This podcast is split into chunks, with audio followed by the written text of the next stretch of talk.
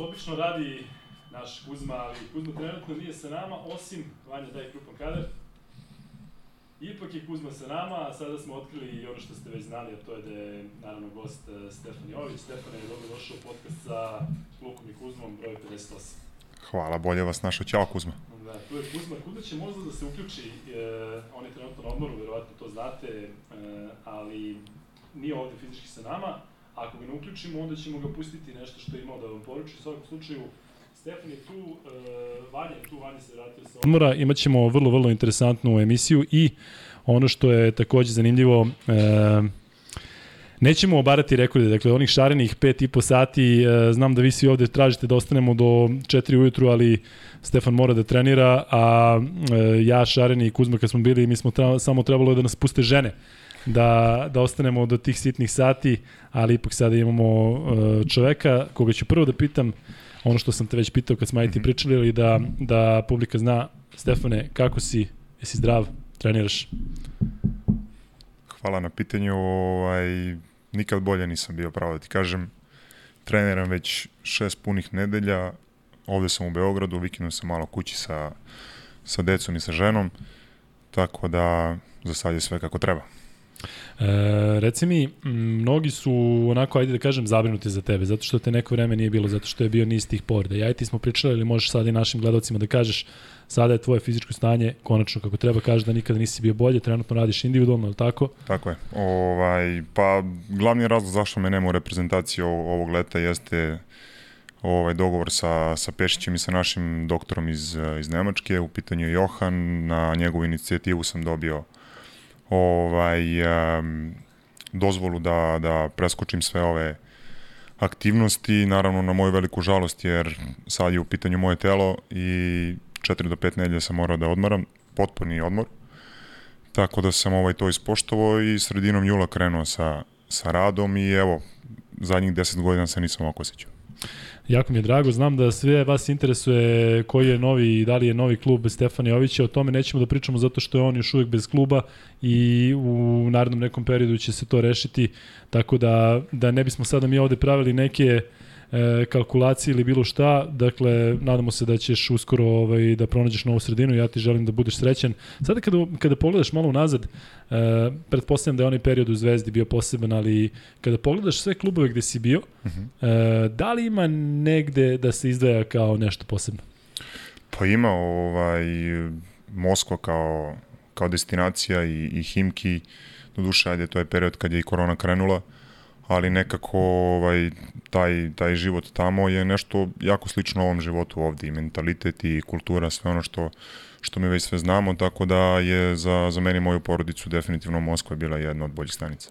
A kada pogledaš sada taj period u Bayernu, u Minhinu, E, tamo si nekako, sećam se i postavljao neke rekorde i sve, kada se vratiš u Minhine su i dalje dobre sećanje i uspomene. Pa jesu, ovaj, to je bilo i prvo pitanje kad sam potpisao za, za Bayern, ovaj, zašto nije bio neki veći klub, ja sam ovaj, jasno stavio da znanje da to je bilo prvo moje inostranstvo i da jednostavno u tom trenutku i ta neka povreda koja me je pratila kroz, kroz zvezdu možda bila i najbolja priča za mene, što se na kraju ispostavilo i sa, sa aspekta rezultata i sa aspekta zdravlja, tako da leđe smo rešili, dve titule back to back smo vratili u, u Minhen i sa Saletom smo uzeli kup posle 50 godina, tako da mislim da je bila prava odluka u tom trenutku. E, sad ću malo da te vratim još unazad, jer to onako priča unazad, čekaj, onako se pojavio. Kuzma, jel da čuješ? čujete? Ja vas i vidim tu. Vanja, ja njega čujem, ne znam da li ga čuje gledalci, ja? Dobro. Ja Kuzma, ga čujem odlično. Gde si Kuzma? Gde si se uvalio? A, u, logično, Max Bet. pa nego gde drugde. I kako je mirno, možda se priča, a? nema događaja, ponedeljak je... A, nema nikoga, da, mogu da pričam, moram no. malo da se da vičem, ali imao sam želju da pozdravim Stefana pre svega. Hvala ovaj, da, da, za, žao mi je što nisam tu jer, aj sad da kažem, jedan od mojih omiljenih igrača, pa da ne preterujem, ali jedan od igrača s kojim sam imao zadovoljstvo da sarađujem kao direktor KSS i bio u tim nekim akcijama i uvek želeo da mu nekako kažem koliko mi je drago što sve što može ostavi na parketu i on je jedan od igrača koji je donosio te rezultate sa onim učinkom koji se redko primećuje i negde kad vratim film i nešto što sam ja činio na terenu, nekako mi Stefan Jović dođe onako vrlo sličan uh, uh, uh, igrač, tako da mi je posebno drago što je došao večeras, a s druge strane mi je žao što nisam tu. E, ja ne planiram da budem baš pretrano dugo u programu, jer ovo je malo naporno, znaš, ne znam koliko e, će Kuzma, ljudi ulaziti. ne planiramo ni mi da te uključimo dugo, da znaš, znači, tako da ne, tu se slažemo. E, e, e, sad ćeš da vidiš. da. Jesam ti nekad pričao o BFC-u ja? Nije, možda jednom samo, da. Možda jednom. E, sad je zgodna prilika. A, A, pre svega da pozdravim sve gledalce i da kažem da mi je žao što je došlo do one zabune koju smo stavili u naslovu, zato što je trebalo da piše uh, Stefan Jović, stari, pa crtica, novi znak pitanja, playmaker Crvene zvezde, samo zato što je Stefan Jović slobodan igrač i što traži angažman i što e, naravno čim se spomene njegovo ime odmah ide varijanta da postoji mogućnost da dođe u zvezdu. I nismo ništa hteli da prejudiciramo prosto ispalo je tako kako je ispalo ali ovaj, bez neke zle namere jer nismo ni ti ni ja ljudi koji mame gledaoce nekim bombastičnim nazivima, već samo smo želi da stavimo do znanja Ma naravno da ne, ali znaš i koliko, znaš koliko ljudi priželjkuju Stefana Jovića ovde na našem podnevlju u reprezentaciji, da, da, da, to su zvezdi reakcije, da. i zato i ljudi jednostavno jedva čekaju uh, da, da vide šta i kako, ali ja on smo rekli da nećemo uopšte pričati o tome zato što je on trenutno bez kluba i ne, nekako je nezahvalno i uh, neozbiljno pričati o tome šta se dešava i da li se nešto dešava. Tako da pitanje Naravno, tog nema tipa razloga, ka... mogu da postavljaju, ali nećemo nećemo nećemo po, mi da da u programu pričamo o tome. Mislim da Stefan ima mislim da Stefan ima mnogo toga da priča iz svoje karijere, tako, tako da ovo šta će biti u budućnosti nije ni mnogo važno. S druge strane, e, pre nego što vi nastavite neku vašu priču, ja ću pokušati da budem tu što duže mogu. Samo sam želeo da dam osvrt na utakmicu Srbija-Turska Ajde. E, da mi je žao što nismo deklasirali Turke u pravom smislu reči, da im pošaljemo jednu poruku da na evropskom prvenstvu ako se nađemo, nemamo šta da tražimo u, istoj, u istom rangu. Isku, is, izgubili smo to i sad pametovati to se nama dešava zbog mentaliteta ili ovoga i onoga ne pije vodu, prosto dešava se svakoj ekipi koja odigra jedno polovreme na onom nivou na kojem smo mi igrali i žao mi je što nismo to uspeli da održimo jer ipak je krenula jedna igra turske ekipe koja nije se bazirala mnogo na nekom znanju koliko na pokušajima za tri poena, pa su uspeli da pogode i došli na ivicu toga da preokrenu rezultat, međutim e, postoji taj Jokić, postoji taj Kalinić i postoji plejada igrača tamo koji su e, dovoljno sposobni da utakmicu privede u kraju i mnogo mi je drago što su je priveli na način na koji su je priveli da jednostavno ove dve utakmice za koje mi je drago što igramo u protiv najjačih protivnika u ovom trenutku jer smo trenutno najjači koje da smo uspeli da zabeležimo pobede. I to je ono jedino što se računa bez obzira što mora da se napravi analiza kako od 20 do, do, do 0 ali nema veze, ide se na evropsko prvenstvo jednom dobroj atmosferi jednom dobrom ritmu, iako je za nas ne za mnoge reprezentacije, ali za nas je počelo evropsko prvenstvo pre nedelju dana kada smo odigrali prvu utakmicu protiv Grka, sada je za nijansu lakše, ali to ne znači da će na evropskom biti ekipe koje ne žele da sruše nekoga kao što smo mi i treba biti veoma oprezan zato što na svakom evropskom prvenstvu ima iznenađenja i treba zaista biti oprezan u svakom smislu reči. Kari Pešić nisam primetio da je objavio spisak, ispravite me ako grešim. Nije još, pa rekli su valjda koliko beš 48 sati, a nije još 48 sati pred, pred prvenstvom. Dobro, ja mislim da je imao šta da proveri, ja mislim da je tamo ozbiljan e, broj igrača koji e, znaju šta treba da rade i jednostavno zaista verujem da ćemo i evropsko prvenstvo otvoriti u maniru sam se zamrzao. Nisi, nisi, dobro. Da ćemo ga otvoriti u istom maniru i, i da jednostavno krenemo po nešto čemu se svi Uh, ne mogu da kažem očekujemo, ja redko kad očekujem nešto u košaci, ali svima se, svi, svi, svi se tome nadamo da igramo glavnu ulogu na ovom prvenstvu i uh, jedan poziv svim relevantnim faktorima u našoj košarci da ovo što smo uradili ove dve utakmice nikako ne smemo da ispustimo u naredne četiri, tako da sav fokus svih klubova treba da bude na reprezentaciji, da te utakmice koje dolaze, a pre svega mislim na utakmicu protiv Turske u Beogradu, jer kako se stvari odvijaju, verujem da će i Turci i Grci zagristi protiv Belgijanaca, malo ih vratiti tamo da je možda i pripadaju, a da mi to iskoristimo sa tri pobede iz četiri utakmice. Prema tome, zato je potreban potpun fokus da imamo što bolju reprezentaciju i da igrače koji nisu na raspolaganju zamene oni koji ako ništa drugo kao Stefan Jović imaju veteranski staž jer mislim da bi on znao šta da radi u tom trenutku samo kad je zdrav i kada ga zdravlje služi i da imamo što jaču reprezentaciju u tim prozorima jer bit će jako nezgodno uh, završiti ovu seriju a gledati druge rezultate.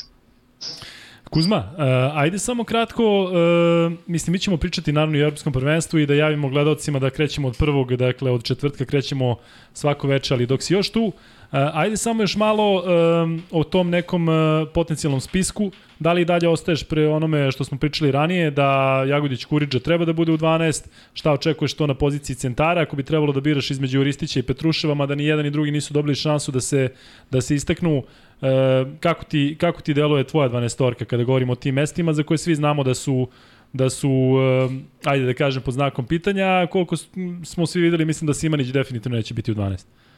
Da, ja ostajem pri onom što sam mislio, a to je Jokić Milutinov kao dve petice, Davidovac Kuriđa kao dve četvorke i Lučić i Kalinić. Uh, Kalinić kao igrači koji mogu, mogu da igraju na poziciji od 2 do 4. Dakle, to je šest igrača.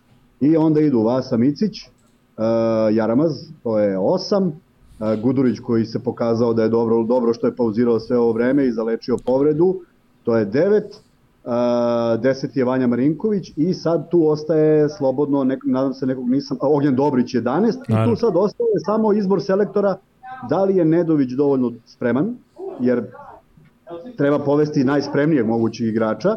S druge strane nekako bi morao da bude bek po vokaciji, s obzirom da nam je potreban jedan, još jedan u rotaciji, mada, kažem, Kalinić može da ide i na poziciju 2 u kombinaciji sa Lučićem, ili je to uh, Ristić koji je najviši, pa neko ko može da skupi malo više skokova, sve ostalo što smo gledali mislim da je bilo veliko iznenađenje da se pojavi među 12 od ovoga što sam ispričao. Kažem, volao bih da je Nedović sanirao povredu i da bude na raspolaganju uh, Pešiću zato što su to još neki ekstra poeni, to je još jedna širina u napadu i to je još dodatnih nekoliko poena iz prodora gde primećujemo da su odbrane dosta bušne i da on to može da koristi na najbolji mogući način. Naravno, neću da izostavim Avramovića, ne znam šta se dešava s njim, nije bilo isključeno da je potpuno završena priča i da li uspio da sanira povredu, ali mislim da je jedan od njih dvojice zgodnije da bude među 12 uh, u, ovom, u ovoj konstelaciji odnosa i u ovom broju uh, niskih igrača. Kuzma, imaš neko pitanje za Stefana dok si još tu sa nama? U, imao bi mnogo pitanja za Stefana, ali kažem, malo, malo mi je naporno ovde jedno vas čujem, a ve, meni je drago da vi mene čujete bolje, želim da mu poželim samo, želim da mu poželim. vidiš, vidiš koliko je naporno. Želim mu puno zdravlja pre svega i da se vrati na parket i da bude ono što je bio i ja ću uživati u njegovim igrama u kom gol klubu bude igrao. Uh, nemam, kažem ti sad u glavi, kažem, skoncentrišno se da napravim neku grešku ono, u ovom uključenju Pratit ću podcast ako bude mogao u nastavku, ako ne gledat ću u odloženom, u odloženom izdanju. Želim da se dobro zabavite i zaista se radujem podcastu, zaista se radujem velikom broju pitanja koje očekujemo od gledalaca, jer kada se danas pojavio kada se danas pojavilo obaveštenje da je Stefan Jović neverovatne reakcije na društvenim mrežama naravno izuzetno pozitivne, žele da čuju od njemu, žele da čuju nešto od njega i zaista vam želim jedan lep razgovor, a ja ću sada da se isključim i da vas slušam, pa ako mi nešto padne na pamet možda uskočim ponovo. Živ bio Kuz, e, Hvala, Kuz. tu smo, uh, uživaješ ovih par dana na odmoru i skuplji snagu zato što cepamo svaki dan tokom evropskog prvenstva, pa dokle stignemo. Tako da Hvala, nema šta da ti, da ti želimo, ovaj, ja i ti smo, e, ne znam da li sam sa bilo kim u životu razmenjivao toliko poruka kao sa tobom, tako da čujemo se mi ovaj, i tokom podcasta, čujemo se naravno i posle i bilo lepo videti te čak i u ovoj varijanti. Zamenili smo uloge. Sećaš se da, da je nedavno kad je Nikola bio da, da si ti ovaj, bio tako ovde je, i dalje si tu, samo nismo imali mene u prirodnoj veličini, a gledat ćemo i to. A, nisam da te video, je. Nisam se video, sam tu. Vanček, stavi. Da, da, tu si. Pa, divno. Ovaj, Malo tako više da, puta kadar na tu stolicu. Ne, ne, ne, nemamo kamera dovoljno, tako da... Nema ovaj, kadar. Nema kadar. Sad ste me odlučali. Ne, ali bolje ovako, ovako, znaš, videti se ove bubuljice mladalačke iz ovog perioda kad si igrao u Šaloa, tako da ovako. Pa mišići, ne baš, znaš. Više deluješ ko manute bol ovde, ali dobro. Kuzma, Ma, uživaj šta ti kažeš. Omanuti bol. to. Drago mi je što si, što si se uključio i drago mi je što smo pričali ovako, pa čujemo se, nema šta. Da, isključujem se i prebacujem se da vas pratim. Važi, pozdravljamo te. Ćao, Kuz. Ćao. E, Stefane, ajde da se, da se samo vratim na ono pre nego što smo videli da se Kuzma uključio, da te vrati malo i na onaj period sa početka karijere. Ja sam se setio, a tebi sam pomenjao kada smo ajte igli jedan protiv drugog na jednom turniru, bio je to 28. april 2012. znam po tome zato što mi je bio rođendan. I reći u gledalcima, mislim da sam ovo nekome pričao, ne da sam pričao u podcastu, igli smo ja i Stefan Jović jedan protiv drugog u nekom, na nekom revilnom turniru, da sada ne reklamiramo gde i šta je bilo, ali um, oni su nas pobedili u finalu. U toj ekipi je bilo uh, još nekih igrača tada iz sloge, ali tako? Pa bilo je, ja mislim da je Marelja bio sa mnom, da je, ne znam da li je Popović isto bio par nekolicina nas iz Sloge, bio je... Jevđa, ali igrao Jevđa. Jevđa, bravo, Jest. Jevđa je bio i igrali smo za, za taj čuvani faks. Da, da, za Da, možda kažeš. Ajde. Možemo, ja, za, za Pep. Da, i razbili su nas u finalu, ja sam nešto zakucao jednom, oni su zakucali 25 puta, ali Stefan Jović je već tada pokazao da je veliki, zato što mi je prišao posle meča, sam bio nešto nervozan, i on je rekao, brate, svaka čast, cepajte, super. Dakle, jedini sa svima je bio pozdrav ovako, ajde da kažem, najnormalniji posle meča, a ja i on smo ostali da razgovaramo i meni je to ostalo zaista u nekom jako lepom sećanju, a posebno ako se uzme u obzir da smo ipak igli na turniru koji je bio, koji je bio humanitarnog tipa. U svakom slučaju, e, kada pogledaš sada u tom periodu, kada si slogi prešao iz, u, u, u radnički iz Kragujevca, e, da li si tada ti mogao da naslutiš u kom pravcu će ići tvoja karijera, da ćeš bez bilo kakvog preterivanja e, postati jedan od najboljih bekova u Euroligi? Pa iskreno nisam, ovaj, sam moj dolazak u slogu je bio onako dosta čudan u tom trenutku, jer je čovek koji me malo te ne izbacio iz ergonoma sreo moje roditelje na, na ulici i tražio od njih da, da sednu popiju kafu i na kraju je rekao kao sloga hoće Stefana. Ja sam se u tom trenutku nalazio u sobi, moja majka je ušla u sobu i krenuli smo malo da pričamo o tome. Ja sam rekao ne moguće da taj isti čovek koji je pred par nedelja bio ovakav, da sad hoće mi završi slogu znao sam ja sve malteno o, o slogi u tom trenutku, da, se, da je to naša mala Bolonja i šta ja znam, najbolji klub za mladi igrače i onda je usledio poziv, zvaničan poziv e, Bojana Kusmuka, koji je hteo da dođem na probu tri ili četiri dana, sad ne mogu da se setim, gde sam ja ovaj pristao. I u tom trenutku se lomilo, upisivao sam fakultet, da li ću ići na faks, da li ću ovaj, krenuti da, da sa profesionalnom karijerom. A još uvijek si bio negde pola-pola, još uvijek pa da, siguran. nisam bio siguran i taj poziv za slogu je jako onako uzburkao sve te stvari. Ja sam nekako već planirao da ostanem, da guram školu, igrao sam tu u jednom domaćem klubu, ušli smo u B ligu, ja sam tada ovaj, igrao sezonu i snova ovaj, za taj tim i umeđu vremenu, eto, na konto toga došao poziv Bojana Kusmuka, bio sam tri dana tamo, posle drugog treninga je on rekao sine ti mora da dođeš ovde. Ja sam rekao, ajde, ok, da odem ja kući pa da vidim šta ću ovaj, sa mojima malo da popričamo svemu. Međutim, eto, posle par dana, nenajavljen, kusmuk je u Nišu. U centru grada zove me Desi, Desi mali, ja kažem, evo tu i tu, kaže, možemo da se vidimo, možemo. Došli smo u taj jedan kafić, ja sa roditeljima, kaže, hoćemo ugovor na četiri godine. Ja sam onako u šoku, ono, izašao šetama, ovamo ugovor na četiri godine. Rekao, ne bi ja na četiri. I on kao, pa dobro, ajde, o, ja pregovaram u ime kluba kao, šta, šta bi ti rekao? Pa ne znam, ajde nešto kraće ako može. I moja majka kao dve. I on izlazi napolje, zove gazdu, kaže, jel može? Kaže, može. Dogovorimo se za neku stipendijsku, ovaj, stipendijski ugovor i ja tako završim tamo. Međutim, prva godina je stvarno bila onako turbulentna. Sveći se da je Tadi Vlahović došao iz Partizana, igrao prvog playmakera, ja sam igrao drugog, u suštini sve maltene ono novo za mene iz neke niže razredne ligi, ideš u našu prvu, tad je prva liga i bila još na nivou. Prva godina onako bila za razmatranje da li ja treba da idem dalje ili da se vratim nazad. Međutim, promenio se trener između moje prve i druge godine, došao je Meca Mijajlović, Seli smo da pričamo i pred Babićem on meni kaže, gledao sam te mali celu godinu, ti si prvi igrač sloge sledeće godine. Ja kažem, rekao, ok, treneru, ali ja sam mnogo malo igrao. Kaže, da, tvoje predispozicije, atleticizam i sve to. Kao, Koliko si godina u tom trenutku? Mislim, 19 ili 20. I ovaj, ja sam rekao, ako ja zaslužem, ja ću igrati. Ako ne zaslužujem, bit ću na klupi i to tako mora da bude. Međutim, on čovjek dava meni potpunu slobodu do 5. decembra dok mi nije stradala kost u stopalu, ja sam stvarno igrao super ovaj, po svim parametrima i tad se pojavila priča da je Muta Nikolić bio zainteresovan, ko je taj Nišlija koji je u slogi. I sad Kusmuk je ovaj, stvarno ispao čovjek u tom trenutku gde je ono rekao, slušaj, evo ti ga ovaj mali, imaš tu neke igrače koji ti igraju u klupu, ne igraju, a čovek može da ih nosi bez problema i da igra sa njima. I desila se ta utakmica ovaj, sledeće godine, prijateljska, ja mislim sad, ne mogu da se setim, nešto u januare je bilo, ja dam uti 27 pojena u jezeru. I odme je krenulo, ti moraš kod mene, ti ovamo, ti onamo, čak je bio i u Kraljevu u ovom čuvenom kafiću pored, pored ove stare sale. Mislim, sada ne davim i onda Slobodno, je bila vole. priča, znaš, onako, da li je ovo sve realnost u tom trenutku sa tako malo godina, ali generalno, svaka prva godina u svakom klubu mi je bila jako teška, jer su to enormno velike promene i u načinu treniranja, u zahtevima, u sistemima i sve to, tako da sam i kod njega sledeće godine imao ozbiljan problem, do duše imali smo i navodno veliki budžet koji je ovaj, e, samim tim napravio prostora za neke, neki igrače poput Dragojlovića, Stivena Markovića, e, bio je tu i Ratko Varda kad se Dragi povredio, neki ovaj, ne, Nemac isto bio, sećam se isto neki talenat i šta ja znam, Triko White i tako, ta, ta ekipa baš je onako bila obećavajuća, ali generalno tu nisam, tu sam znao da nemam šta da tražim.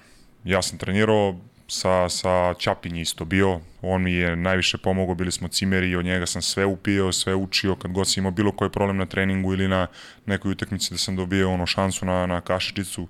Izvini, nisam znao to za Ćapo. Ćapa je meni kada sam došao na probu u Krku, prihvatio, dakle, obe ručke, pomogao u tom nekom periodu, pritom pokažete svojim radnim navikama, dakle, on mi je tada rekao, brate, imao sam samo tri dana slobodno cele godine, umoran sam, a moram da peglam, pritom je bio neki jul, I ja kad do, i pričamo i jedemo i ja ajde da idem do sobe, ne znam šta i odem u halu, Leon Štukalj, on, on tu već tamo. znojav, cepa, igra je nešto, ima neku svoju igru za tri, nešto da veže ovamo, ovamo, tamo.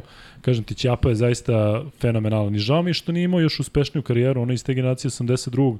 napravio mnogo igrao za reprezentaciju Slovenije kasnije, ali e, nekako mi deluje da je on imao zaista i kefalo da, da. i predispozicije da možda igra i na, na nekom jačem nivou. Nisam znao da ste se ukrstili vas. Da, da, bili smo i, kažem ti, od njega sam maltene ovaj, sve upio, bio MVP te sezone, Tako da, ovaj, mogu da kažem da sam, gde god sam bio, imao stvarno playmakera za primer i to je bio Marcus Williams prve godine u Zvezdi, ovamo sam imao Ćapina, pre njega Stevena, Steven je onako dosta bio povučen, tih, onako koliko nije... Koliko je Steven pričao jezik, koliko je razumeo?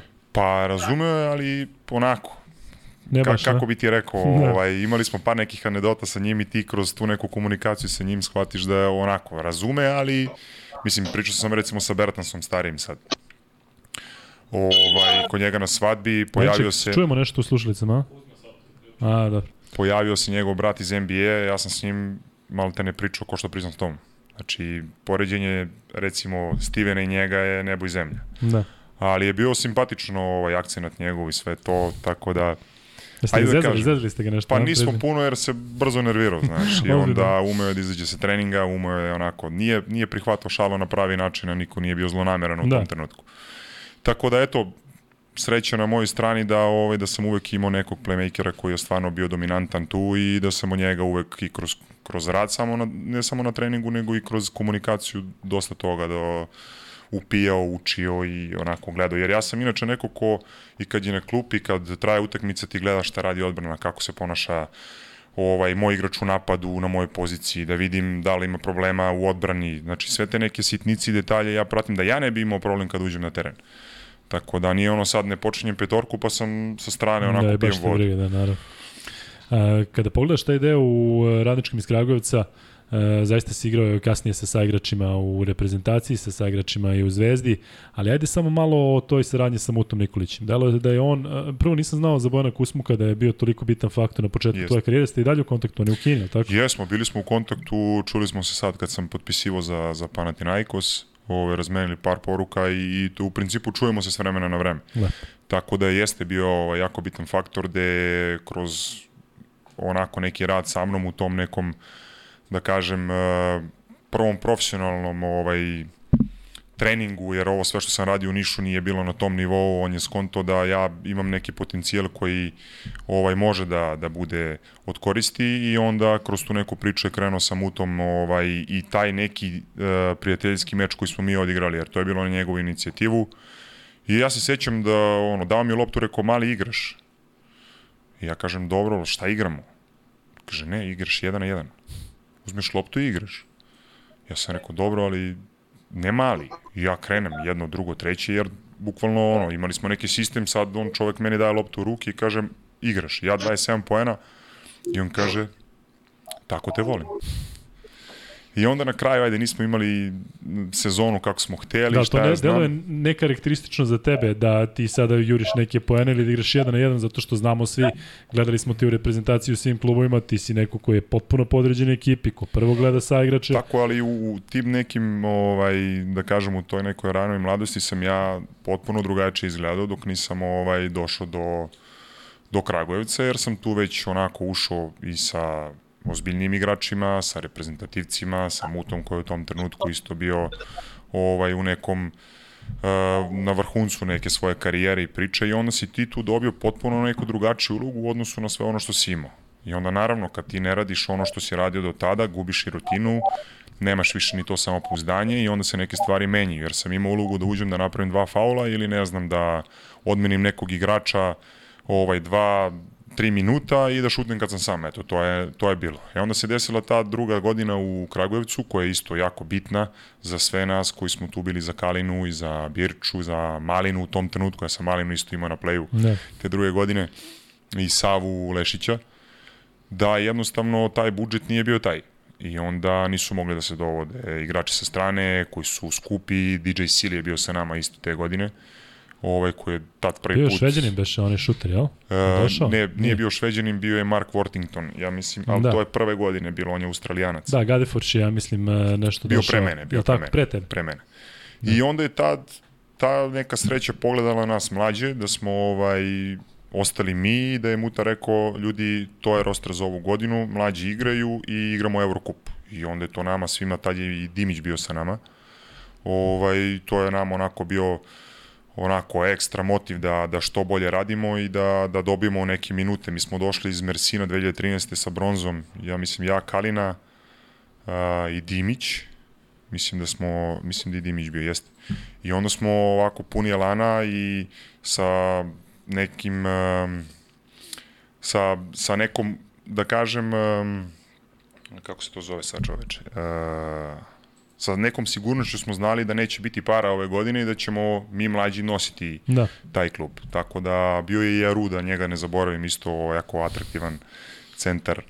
Tako da eto, opet neka, da kažem, i Bog nas je pogledao, ja mislim tu drugu godinu da, da smo mi ovaj, dobili to, onda sve već ide svojim nekim tokom. Kalene isto vrhunska sezona, Birča sa, sa Malinom i Savom kao najiskusnijim igračima u, u tom trenutku. Tako da, eto, jedno lepo sećanje. E, ajde samo malo o Muti Nikoliću. Dakle, njega ljudi ovde koji manje prate košarku, gledaju kroz reprezentaciju, vide ga kao neko ko pravi atmosferu, kao nekoga, ajde da kažem, ko je zadužen za neke nekošarkaške stvari. Međutim, i Kuzma mi je pričao i svi oni koji su radili sa njim da je on zaista košarkaški geni, da, uzme da, pre, da ume da prepozna nešto na terenu. Kakva je bila saradnja sa njim te da Pa jeste ovaj... Uh, I kasnije kroz reprezentaciju. Da, kroz reprezentaciju je bilo potpuno nešto drugačije u odnosu na klubu. U klubu je ovaj, on imao taj neki svoj sistem rada i, i načina gde su sve njegove igra, e, ekipe uglavnom bile ofanzivno orijentisane, mnogo manje defanzivno, ali opet kažem, ta druga godina koju smo mi imali, mi mlađi, smo imali jednu i drugu stranu. Možda je u tom trenutku malo delovalo čudno, ali opet nismo menjali ofanzivni način uh, igre i mnogo šutnutih trojki, Dušan Mlađan, isto njega da ne zaboravim.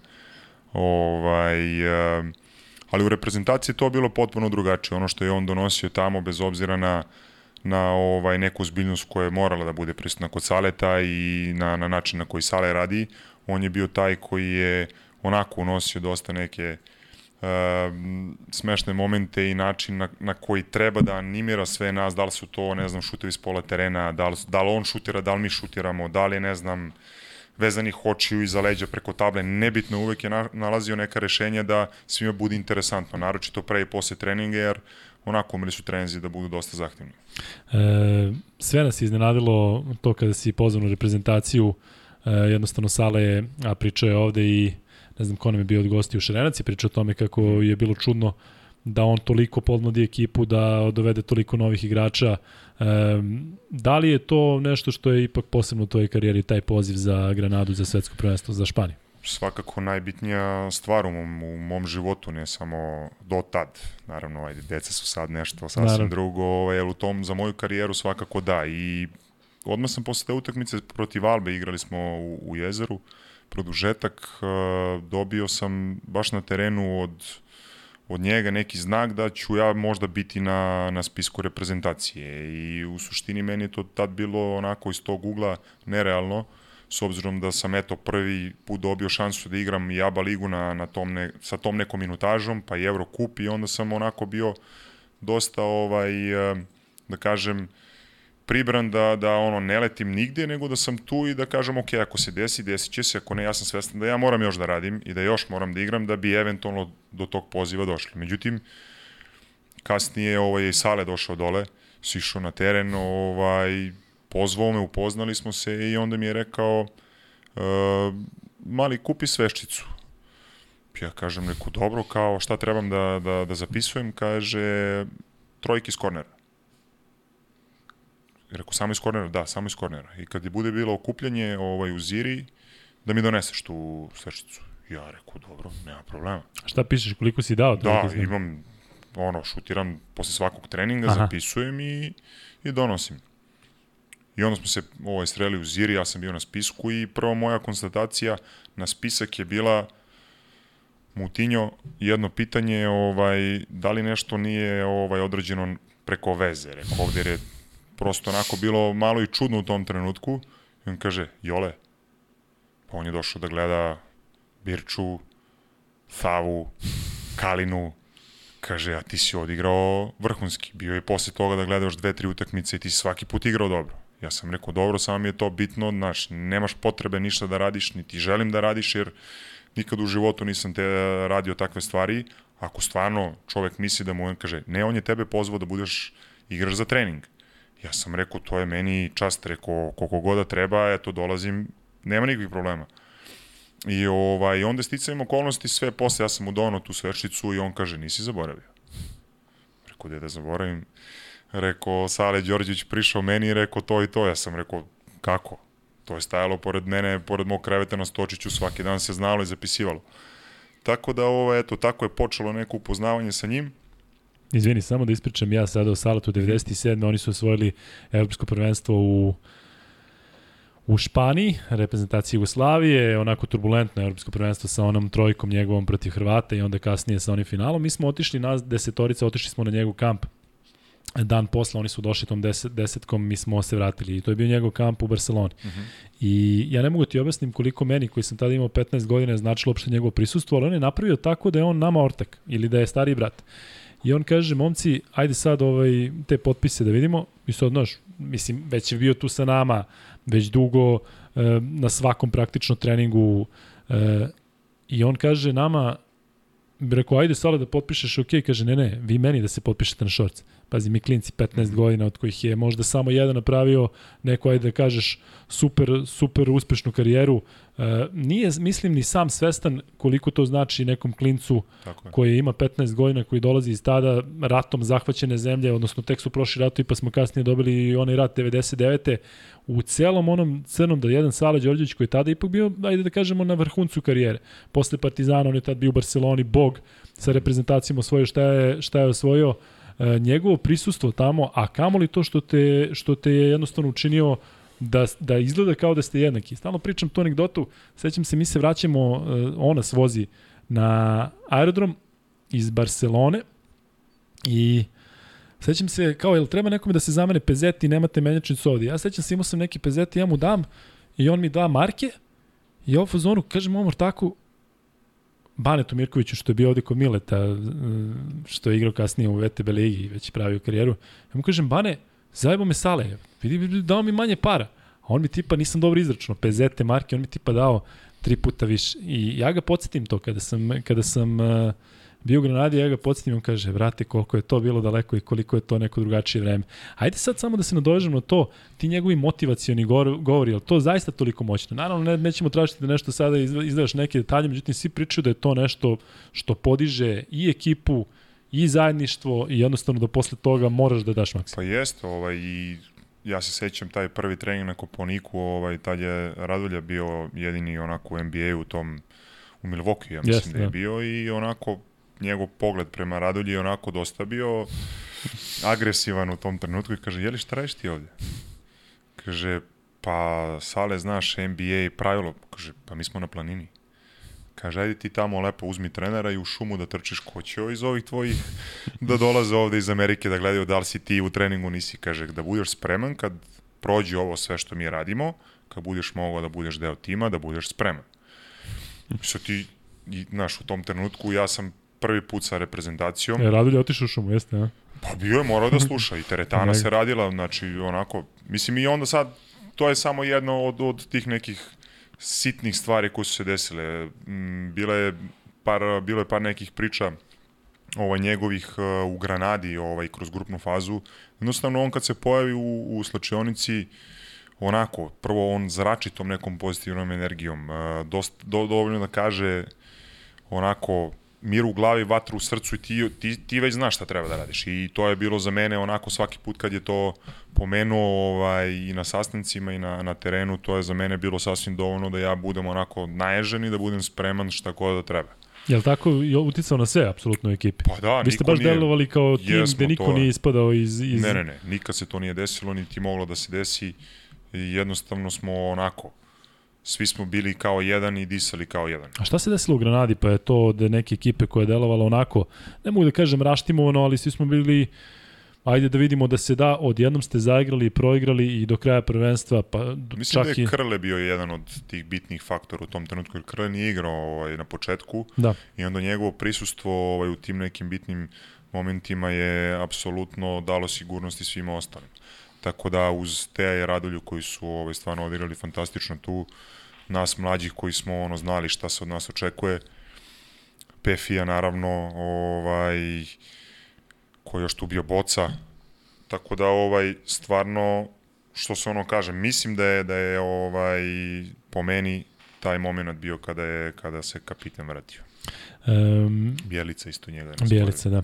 E, ajde da pređemo sada na te olimpijske igre, do pošto ćemo još da se držimo na reprezentaciji. E, Rio, je to isto neka vrsta ostvarenja sna? Kako ne, ovaj, igrati za svoju zemlju na olimpijskim igrama, ne znam šta više čovjek da poželi, osim zlatne medalje, ajde. Ovaj, ma dobro, mislim, onako, generalno smo se svi dobro zabavljali tamo, radili, ispunili neke ciljeve koje smo zacrtali, ali u suštini taj boravak u selu je nešto opet onako što ostaje za, za ceo život. Jel e, to finale protiv Amerikanaca 2014. i 2016. se razlikovalo, ovde su ipak bila, ajde da kažem, u tom trenutku jače zvezde. I Durant, uh, govorimo o Riju. Riju da. Ovamo su naravno bili Harden, Kyrie, Steph, Steph uh, Clay je bio... Bio ovaj Davis. Bio je Davis, da, ali oni u tom trenutku možda nisu bili... Bili. Da, a, a svi su bili kao, znaš, Demar DeRozan kao igra, on postade jedan od najcenjenijih igrača u ligi. Ali praviš možda razliku između ta dva finala protiv Amerikanca? Pa generalno, za mene su Amerikanci, ono sad kad pogledamo i 2019. opet je to neka treća, treća utakmica, ali kad igraš sa njima ti, za mene recimo ne pravim razliku. Jesu možda bila imena ovaj, u tom trenutku jača, ali ovaj, igrati protiv njih je opet nešto što se, što se ne, ovaj, ne opisuje rečima, pogotovo u finalu olimpijskih igara. Generalno to su onako zveri koje stvarno ovaj, po meni igraju stvarno mislim, nemaš konkurenciju sa njima. Jesmo se mi ovaj, držali, igrali kako treba, ali opet s druge strane nekako u tom trenutku su delovali kao druga dimenzija. Durant e, na terenu. Koliko si igrao? U, u, ja sećam se da si bio 2014. si igrao u finalu. Da. I znaš čega, čega se sećam?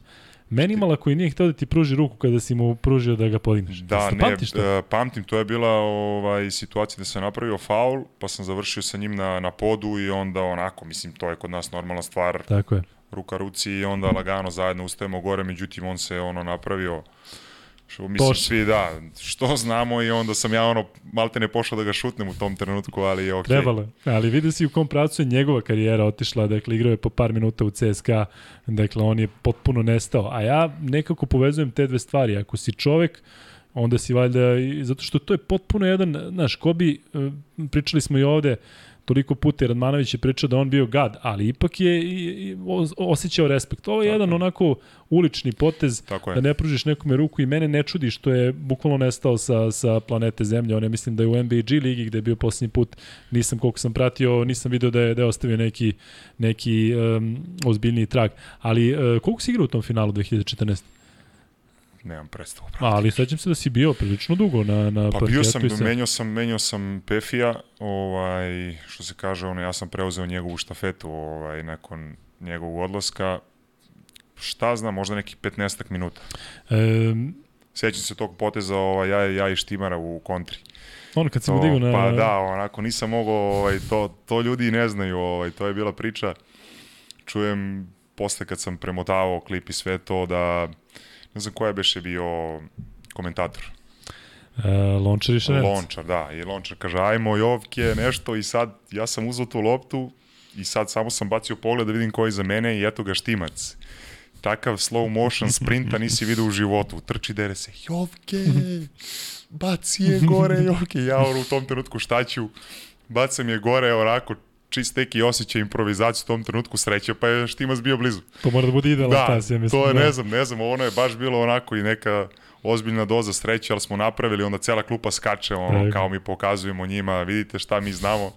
ne znam da li Štimac u životu, ja se bar ne sjećam da je uhvatao neki eliup. Tako, pa ali... da, i to je da, i to je vrlo da. diskutabilno. Kaže, mora da bude idealan pas.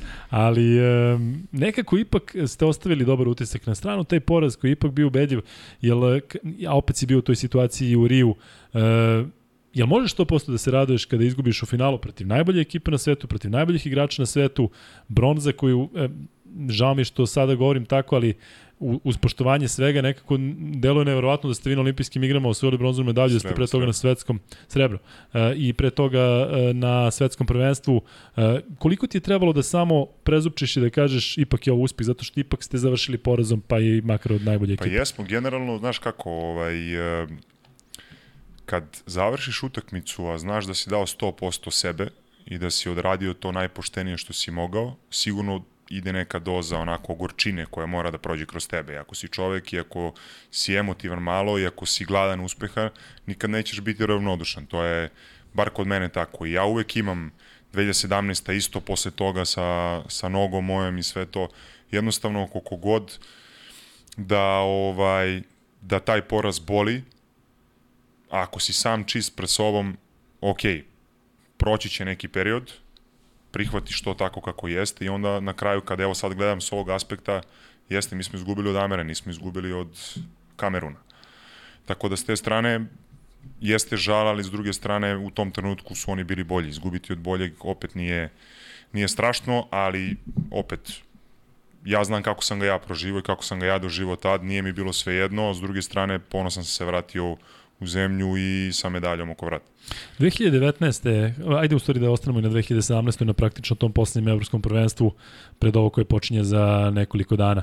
Opet situacija, opet finale, e, ti si u tom trenutku bio povređen, tako? Da, ovaj, ajde da počnemo kako, kako su nas ispratili, to je ovaj, jako bilo onako upečatljivo sa moje strane, gde su možda dva ili tri novinara bila samo to veče. Mislim da smo bili u Belom dvoru gore gde se obeležavalo 20 godina uh, uh, Saletove generacije tog zlata.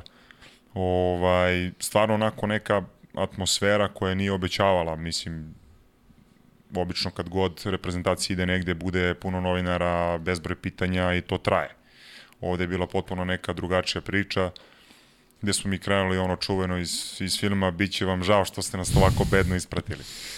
Nekako to je onako bio i neki motiv, dosta smo mi pričali između nas, ok, nije bio Teo, nije bio, ne znam, pola tima u stvari nije bilo tad, e, bio je Bogdan, e, bio je mislim Bjelica i, i Marjanović od ovih malo jačih igrača u tom trenutku i to je bilo to. Mi smo imali jako tešku grupu, onda je bilo priča da li ćemo proći grupu ili ne.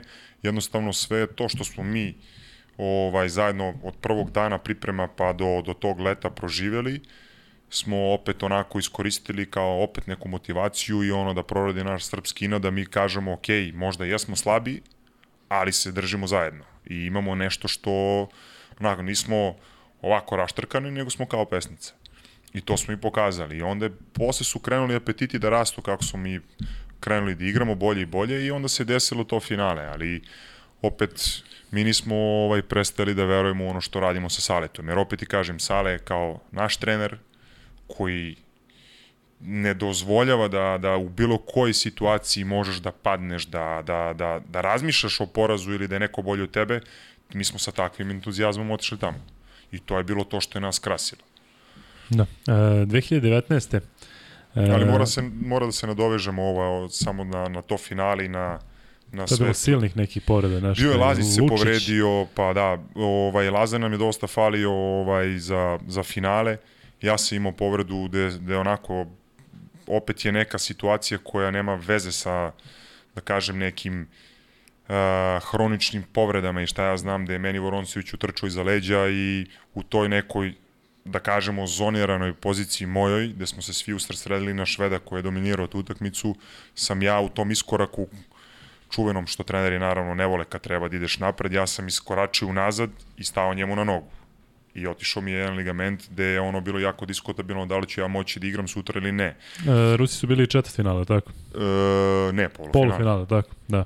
I onda tri dana kasnije mi igramo protiv, uh, ili dva dana, ne sad da ne ulazimo u, u problematiku, igramo sa Slovenijom. I sad Tomašević ulazi u, u kako se zove, slačionicu, ja skinu bandažu, meni odmah ovako jedan mehur veliki na tom ligamentu, Đoković na telefonu, to je isto jedna ovako jako bitna stvar, sutra je poslao neko čuveno sirće ovaj, za oporavak ligamenata i svih tih stvari, tetiva i šta ja znam, tkiva. I sećam se da smo napravili veliki cirkus ja i, i celo ovaj ceo staf ovaj medicinski da smo mi u onom ručnom ledu sipali to sirće da sam ja morao dva puta po dva sata da držim nogu unutra da bi se ovaj eventualno poboljšala situacija sa tim ligamentom. Međutim, to sirće je toliko smrdelo da je ceo sprat smrdeo na sirće. To Ovi, što je poslao... Što je Đoković poslao avion. Dobro. Ovi moji se vraćaju sa treninga, penju se gore, onako, jedni komentarišu da li je nešto crklo, ovi drugi šta ste ovo radili, a nas, četvorica, meni noga u onom ledu, u ovoj kanti za ručni frižder, a mi igramo karte. I to je ostalo onako upečatljivo. Čekaj, sva četvorica... Saja, Velja i doktor je bio tu da. i ja. I, I, znaš, ja sam i morao... podnosite to sve, a? Pa mo, mi se navikli, znaš. Ajde, prvih pola sata je bilo diskutabilno, već druga tura kad je morala da dođe dva puta po dva sata, nismo imali šta da radimo. Ja da sedim ovako, neprirodan položaj za, za dva sata, Rekao, ajmo ljudi da, da napravimo nešto ako već sedimo. Nemamo laptop, nemamo ništa, ovi su na treningu, mi sami, ajmo malo, kaže Saja, imam, imam karte. Jesi se sećaš šta ste igrali? Igrali smo tablić. To je pa šta drugo? Šta drugo da, igraš, da. znaš. I, ovaj, I onda, znaš, sutra dan, Dolazimo mi u salu, Gaga gleda moju nogu i kaže, Jovke, nije ovo dobro. I bili smo u Aći Bademu, tamo radili snimak. Gaga Radovanović? Da. Da, bio nam je nije bio, nije bio uopšte dobro. I ja mu kažem, rekao, ja moram da igram sutra. On kaže, ti nisi normalan. Ja rekao, mene ne zanima, rekao, ja sutra moram da igram koliko god mogu, daj samo da nađemo modul kako ja da budem na terenu. I onda je on meni došao i rekao kao, Jovke, pa to je ona najgora opcija, kao neka vrsta blokade.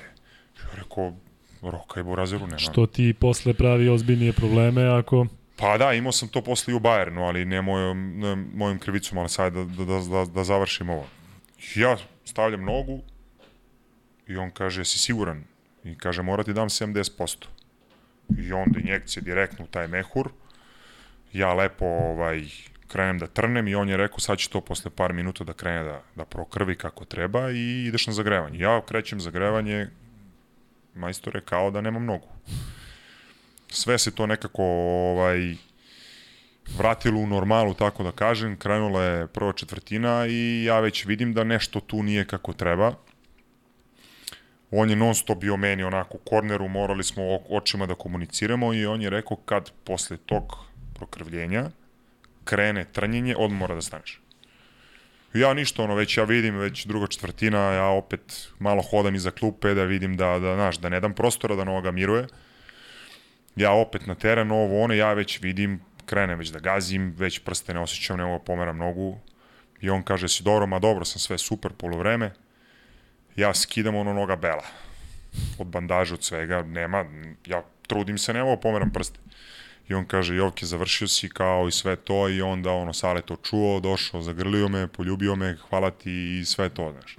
Tako da opet, priča. Mislim, generalno, znaš, Lepo, igraš finale... svi smo znali da, da si ti uh, igrao sa tom povredom, svi smo znali da nisi igrao u drugom polovremenu, ali nismo znali te neke stvari iza i hvala ti što si podelio sa nama, reci mi to za Đoković, je se on javio ili kako je, to je komunikacija I, sa njima? Iskreno, mislim da se on javio jer ne verujem da je Tomas, Tomašević upalo na pamet to što Novak Fenomenal, radi posle da, da. i hvala mu na tome i onako pokazuje koliki je čovek. Da. E, kako su ti delovali, verujem da si bio potpuno koncentrisan na svoju nogu i na dešavanje na terenu, ali e, Dončić i Dragić, pošto govorimo iz aspekta ovog što nas čeka sada već za nekoliko dana, da li su već tada delovali onako kao jedan neverovatan i nezaustavljiv bekovski tandem? po meni ono, ja sam njih pratio od prve utakmice tamo i za mene nije bilo iznenađenje s obzirom na to da ti celu njihovu ekipu vidiš da su oni konstantno nasmejani, da su opušteni, da nijedna situacija koja je da li je teška ili poluteška za njih je onako lagana. Kao da su na basketu, kao da su u školskoj sali na času nekom. Tako oni meni deluju ovo što sam uspeo da gledam i protiv nas. I ovaj, da, da ne pričam, nije bilo uopšte iznenađenje za mene to što su oni ovaj, došli do finala i na kraju osvojili. Da, oni su i u grupi nešto pobedili Grke, oni su pokazali pa odmah od starta ja, su oni peglali. Da. Tako, i oni su, ovaj, po meni uopšte nisu bili iznenađenje to evropskog prvenstva, po načinu na koji su igrali. Da. Tako da što se tiče ovog sad uh, evropskog prvenstva i sa Dragićem koji se vratio, mislim da će oni opet imati apsolutno uh, razlog da razmišljaju na visok plasman. Ajde samo da pređemo na 2019. pa ćemo onda na ove aktualne teme. Otišli ste 2019. čini mi se nekako ipak e, pod drugačijim uslovima kao veliki favoriti, kako će se pobediti Amerikanci. Da li je to možda bio i ne, neki pritisak koji vam nije prije u tom momentu? Pa moguće da jeste. Onako nesvesno ili podsvesno, kako god, ovaj, više podsvesno, pretpostavljam da jeste. Jesmo mi igrali dobro i kroz te pripremne utakmice koje smo igrali ovde i tih sedam dana što smo provali radi adaptacije u, u Kini, onako imali smo i mi tu, tu nekih problema sa nekim povredama, pa su neki igrači morali da miruju manje, manje ili više, ali generalno ovaj nije se ništa ovaj nije ništa slutilo na na ovaj taj problem koji koji se kasnije desio prvo protiv Španije, onda posle posle protiv Argentine. Protiv Argentine mislim da je već bilo viđeno da smo onako dosta malo poljuljani što se tiče i, i samopouzdanja i, i svega. Ovaj, ali za Španiju recimo baš smo onako i, i dobro pripremili utakmicu i, i onako nekako smo verovali u to. Sad taj uh, problem oko Jokića što je bio isključenje njegovo je onako tu već verovatno unao dosta nervoze kod nas.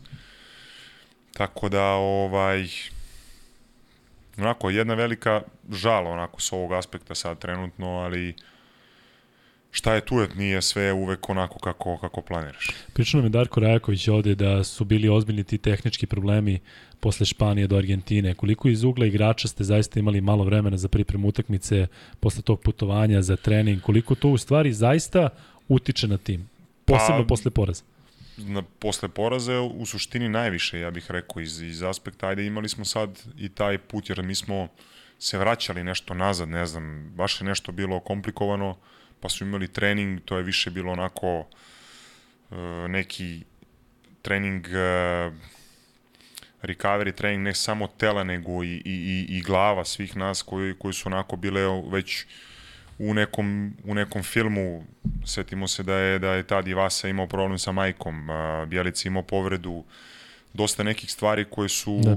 uticale na to i onda pretpostavljam da, da smo svi onako već dobro bili onako poljuljani u tom trenutku. E, pobjeda protiv Amerikanaca je bila bar neki mali melem na ranu? Pa jeste, dobiti Amerikance u bilo kom sastavu, ono, seća se da Tatum nešto nije igrao, pa je onda i Smart nešto napustio igru tokom utakmice, onda je bila priča kao pa oni su bili slabi, ok, kakvi god da su, nisu sigurno slabi, tako da, eto, s tog aspekta dobiti Amerikance je velika čast sa svojim zemljom. Da. Da pređemo na ovo sada što je aktualno, dakle koliko si, videli smo te naravno u hali u meču protiv uh, Grčke, ajde malo da pričamo i o tom duelu, uh, koliko si ti onako kao igrač, znajući uh, šta se dešava na terenu, koliko ti je bilo stresno, način na koji smo dobili utakmicu? Pa jeste, ovaj, imali smo to opet sad kažem ti ono što, što kod mene kao možda neka profesionalna deformacija uh, i sad iz ovog aspekta kao navijač naša reprezentacija malo je više vremena da se bavim ovaj sa strane i nekim taktičkim momentima koje mi radimo u napadu ili u odbrani, jednostavno nije mi jasno kako smo uspeli da ne napravimo faul gde Kalates daje Dorsiju loptu u korner. Generalno Kalates kao neko ko nije dobar penalđija je ili ti ade tu kompo ovaj, su trebali da budu igrači jer smo mi bili u bonusu na koliko smo imali, dve, tri, tri razlike smo imali, to je jedan lagani faul koji je trebao da odvede Kalatisa na liniju slobodnih bacanja. Tako da, to su neke stvari i ovo sad protiv Turske isto super prvo polovreme, perfektno, što sam malo pre rekao i, i način na koji mi igramo je nešto potpuno novo i ono što što se meni sviđa da tu i novi igrači preuzimaju neke drugačije uloge od Gudurića koji igra playmakera do, do Kalinića koji onako više nije neko ko, koga smeš da pustiš da šutne pored onih standardnih stvari koje on radi na low postu i u defanzivi. Tako da Milutinov i Jokić nema, nema tu šta da se priča, po meni najbolja centarska linija.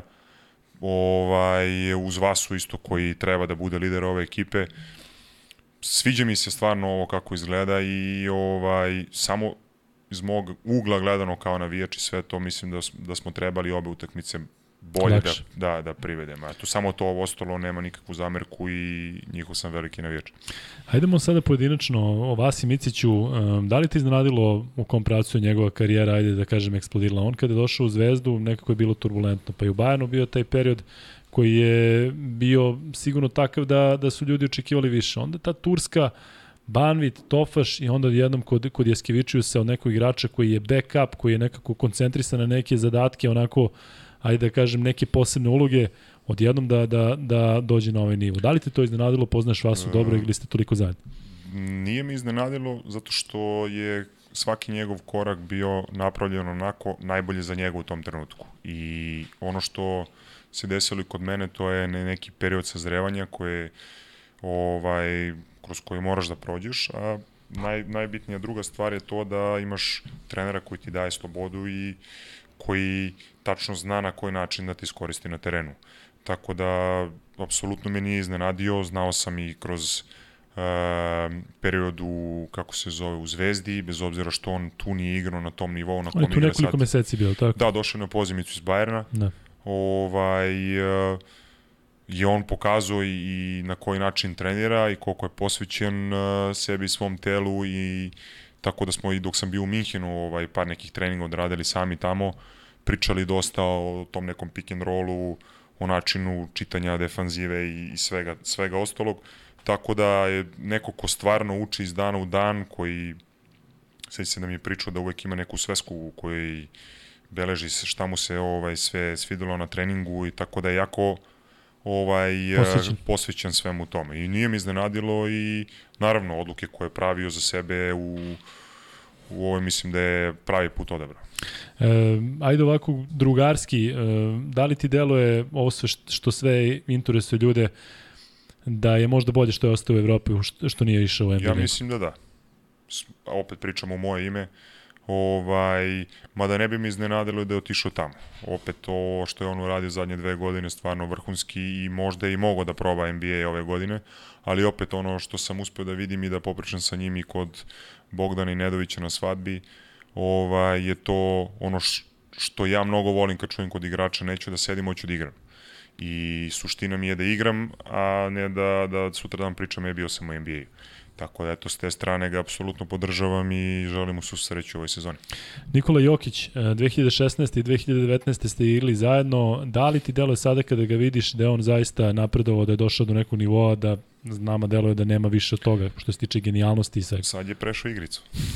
Bukvalno. Dupla. Da, ono što sam vidio sad u areni je onako, kao kao sa decom. A drugačije u odnosu na 16. i 19. kada ste bili sa igrači?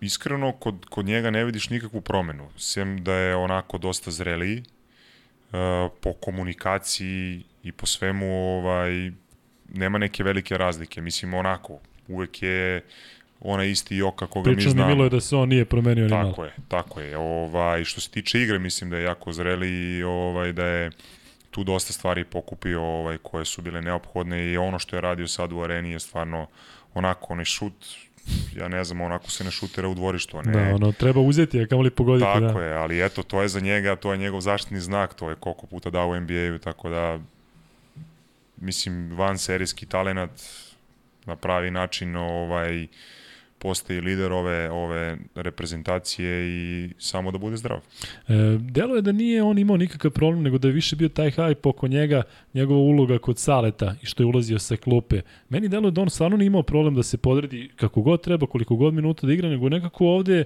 je bila atmosfera kao pa trebalo Jokić ovako, trebalo onako, nije bilo nikakvih problema u timu, tako zbog tog nekog... Ne, ne, nije nekog... bilo, nije bilo. Ovaj, sad ne znam šta je njemu više odgovaralo, da li da bude na 4 Da. ili na 5, to je sad opet između njega i Saleta. Ovaj, generalno, njemu je lakše na 5, koliko, koliko sam ja ukapirao, ali opet, s druge strane, ne možemo da očekujemo da, da Joka iskače u piku, to, Naravno. to se ne dešava, ali opet, ok, 2016. Joka i 2019. nije ista priča, pogotovo ne sad. Da. E, ajde malo da pričamo i o tom tandemu nekako E, mada ćemo da odvojimo. E, ljudi nekako kada pomenu Lučića, odmah se tu nekako nadovezuje i Kalinić, njih dvojica, ajde da kažem, imaju taj isti e, vibe, imaju istu, istu ulogu u ekipi, da jednostavno mogu da urade sve i u odbrani i u napadu i da su baš e, onako e, za sve zadatke, ali nekako mi se čini da ne postoji neko ko je sa Kalinom više vremena provodio u smislu igrački, vi ste bili u radničkom, pa toliko e, akcije u I reprezentaciji. B reprezentacije, A I- reprezentacija, i Zvezda. E, koliko e, te iznenađuje to što je Kalinić postao toliko dominantan da je čak i Pešić za njega rekao da mu je možda i najbitniji igrač u Pa reprezentaciji. mene ne iznenađuje, iskreno, ovaj, kažem ti, od 2000... Igrao sam ja u stvari dok sam bio u Kraljevu protiv njega, on je tad pokazivo sve ovo što pokazuje sad. Ovaj, samo je sad opet ono sazrevanje, nešto što se stiče i, i ovaj nekim kontinuitetom i igrama i svime. Ovaj, po meni su njih dvojica naši glavni motori. I ovaj, što se tiče energije, što se tiče ovaj, a, i fizike i atleticizma, nešto što njih dvojica daje ove reprezentacije stvarno ono što ja mislim da bez toga ne može. Tako da uz kvalitet, uz iskustvo, ovaj nešto što Kalina svakako ima sad i ovo što je pokazao kroz Zvezdu, pogotovo da bude jedan od nosićih igrača tu i da ovaj bude MVP na kraju, samo je potvrdio svoj kvalitet. Tako da mene ništa tu ne iznenađuje za Luču, isto igrao sam sa njim, veliki borac, veliki pobednik, tako da Koliko ste igrali i vi zajedno gore? dve godine. Dve godine, tako? Da, obe. E, I mislim, igrali smo i u, i u Turskoj. da. E, Ajde malo da pričamo sada o toj bekovskoj liniji gde su ljudi bili prilično zabrinuti i neko mi se čini da je Jaramaz imao taj neki sličan put kao ti, da je odavde iz Beogradskog kluba otišao u Bayern i da e, su se nekako kockice složile za njega. Da li te on pozitivno iznenadio posebno tim e, učinkom protiv Grčke, gde je bio, možemo reći, neki e, X faktor. E, koliko ti se čini generalno ta bekovska linija gde je, ajde da kažem, ljudima nekako i najproblematičnije Vanja, Jaramaz, Gudurić koji nije, koji nije spreman, Nedović, ne znamo kakva je situacija sa, sa povredom. E, je li imaš neka predviđanja ko bi tu možda mogao malo da iskoči? Pa za mene Jare nije bio neko veliko iznenađenje, ovaj poenterski da. Ovaj što se tiče načina na koji igra, podsjetio me na neki e, na neke partije koje je pružao u Bajernu. Opet e, iza njega odličan odličan iskorak dalje jer ide kod trenera sa kojim je radio u Partizanu, tako da apsolutno jedan potez na mestu ovaj za njegovu karijeru. Što se tiče Nedovića, apsolutno ne znam ovaj u kakvom je stanju ovaj njegova povreda. Baš ću da ga zovem posle emisije ako ne bude spavao, šalim se, ovaj sutra ćemo se čuti. Uh, tako da generalno ne, bilo bi velika žal da ne da ne, ne bude spreman i da ne može da ide. Ovaj kao neko ko možda pomogne na poziciji 1 iako mu to nije bilo prirodno. Ovaj mesto, ovaj već dugi niz godina što se Gudurića tiče veliko iznenađenje za mene da, da ovaj, i na poziciji pleja može da, da igra jako kvalitetno. Više mi je prirodnije da ga vidim u nekom korneru ili iz neke blokade. Ovaj, ali mislim da će za njih dvojicu biti lakše ako, ako ne da bude bio zdrav. Onako da, da prirodnijem, ja mislim Nedoviću nego, nego Gudriću da bude na, toliko sa loptom ovaj, u nekoj organizaciji, a više bih volao, pogotovo što sam sad vidio protiv Turski, da iz to nekog pick and popa imamo Gudru na strani, kao eventualnu opciju za, za taj neki nastavak akcije, a po meni bi najviše volao da vidim Teatu. Da. Ajde kada već pominješ Teja, prvo mi reci kakav je bio kao sagrač u reprezentaciji, on deluje da je bio ne samo motor tima, već neko kom jednostavno može da daš loptu i da očekuješ da, da će i svake akcije da izvuče, da izvuče najbolje. Vi ste bili, dakle, 14. 16. 19. i 19. On je 17. propustio zbog povreda ovo posljednje evropsko da, prvenstvo. Da, zbog liste, ja mislim da, da je bila priča. E, kakav je bio kao saigrač? Posebno govorimo sada, znaš, ljudi su igrali sa njim, dakle nije to ništa spono, ali ipak ste vi na, na bekovskim pozicijama i potrebna je neka posebna komunikacija i saradnja. Pa on je od prvog dana prema meni onako baš drugarski ovaj bio nastrojen, jer uh, imao sam tad Saleta kao nekog uh, idola u tom trenutku i playmakera od koga sam isto učio i dobio savete šta bi trebalo da radim i njega koji je za svaki za svako pitanje imao vremena i svaki put je bio tu da, da popriča sa mnom. Tako da s te strane, apsolutno, kao igrač svi vrlo dobro znamo, kao čovek, ja mislim da onako, imati njega u tom trenutku je pravo blago bilo. Zato kažem i sad, ne želim da ulazimo u, sad u, u, u selektorovu odluku i sve to, iskreno i ne znam šta, da li je bilo problema, nije bilo problema sad na, na, na ovaj, nije više ni bitno, ali opet sa nekog ovog aspekta gledano iz mog ugla, ovo što sam video kako reprezentacija igra, pogotovo u tim nekim situacijama gde gde ne znam, je sav fokus na, na Vasi, na, kako se zvaše, na, na Joki, da recimo on bude tu na strani koji će da igra tu zadnju minijaturu sa, sa Jokom ili da Vasa bude recimo u korneru, to je nešto što, što je sigurno rasteretilo i ostale igrače. Uz naravno iskustvo koje on posjede. Je li te iznenadilo ta odluka o kojoj se priča i dan danas? Pa je sad malo zateškano zato što ipak e, naravno reprezentacija igra dobro i niko ne želi da na negativan način utiče pričam o tome, ali e, nekako je to zaista bila bomba koju niko nije očekivao. Pa jeste nekako ovaj, kroz uh, razne razgovore koje sam, ovaj, kažem ti, vodio i sa ostalim igračima, nekako sve podsjeća na, na 2002. Znaš, sa katovanjem ovaj, Šćepanovića pa Saleta Đorđevića u tom trenutku i onda sve nekako kao mora neki šok da se desi da bi, da bi to bilo, ali u, u suštini mislim da, da, da Pešić stvarno zna šta radi i da, da će ovaj, da je Teo prihvatio to kako treba i to je to u suštini ono najbitnije da reprezentacija igra dobro. Da, uh, Stefan imaš uh, ovde milion pitanja. E, proćemo samo neka, ali hajde samo da se vratimo na ono pa da možda ne moramo da postavljamo ta pitanja gledalaca. E, tebe navijači Zvezde pamte kao igrača koji, ajde da kažem, omiljen, nikada bi nije bio ni jedan problem. Taj prelazak iz, e, iz Kragujevca u, u Crvenu zvezdu, da li misliš da bi bio da nije bilo reprezentacije? Uf, dobro pitanje, ali nemam odgovor na to pitanje.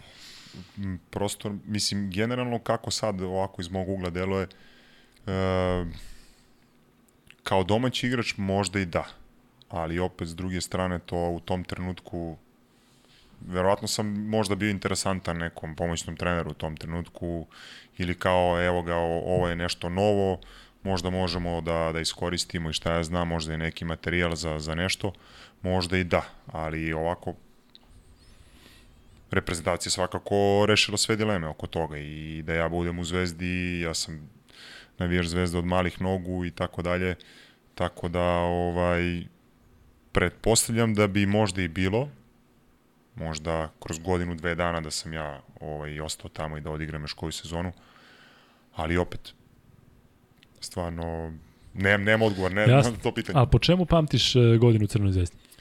Koju? Sve, ajde da kažemo ceo period u Crvenoj zvezdi, dakle sada kada Um, ipak ljudi, teško mi objasniti posebno strancima kakva je ta atmosfera u pioniru, kakav je taj odnos prema navijačima.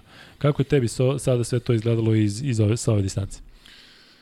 Pa Pa, ajmo prva godina. Prva godina za mene onako bila dosta teška. Kao što si rekao, svuda je prva godina da, nekako. prvo, mislim, na način rada, na sistem i sve to. Jako su mi teško padali trenzi prvih mesec dana, jer smo kod, kod Mute dosta ovaj, opuštenije radili. Nismo imali, nismo imali toliko zahtevne treninge, niti toliko informacija.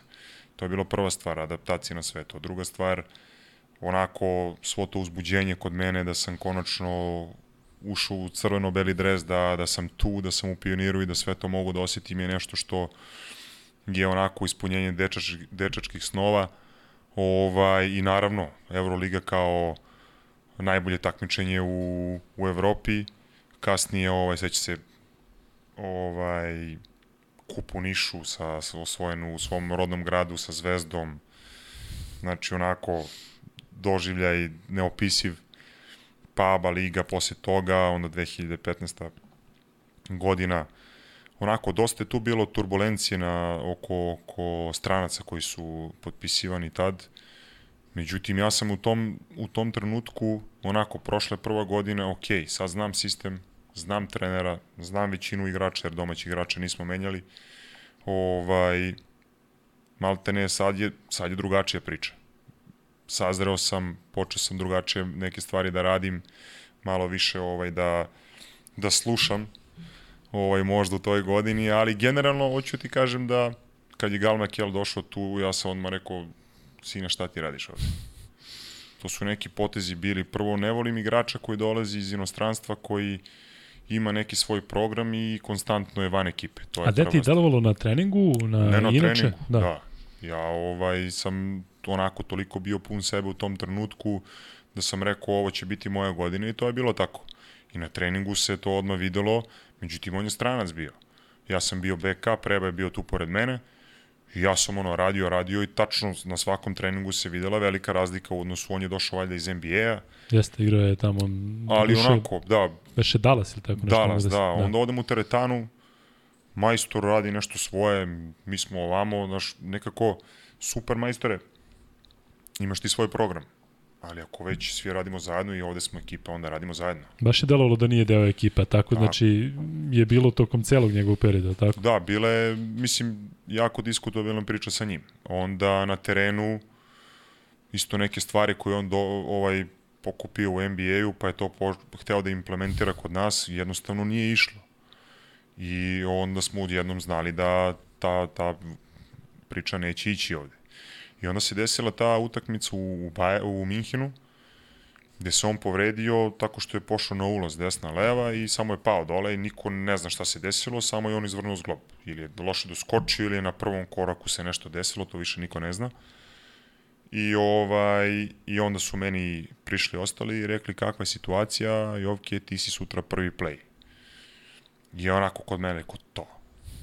Odem ja kod Rebe, rekao, Rebo, ja i ti smo sutra sami, nemamo pomoć, sve šta god ti treba, preko zagrevanja, preko pripreme, ovaj igrač radi ovo, ovaj radi ono, kad budeš ušao samo mirno, stabilno, nema žurbe, nema jurnjave, sve što ti nije jasno, sva, odmah pite, ja ću uvek da budem tu pored klupe.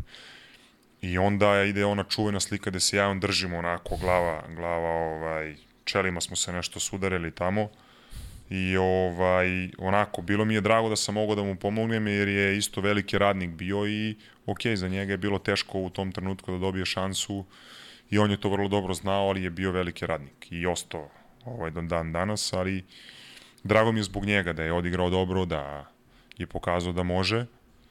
Ovaj, to je u principu to. Onda je sve već krenulo nekim drugim, drugim pravcem i za mene i za klub Uh, šta ti kažem?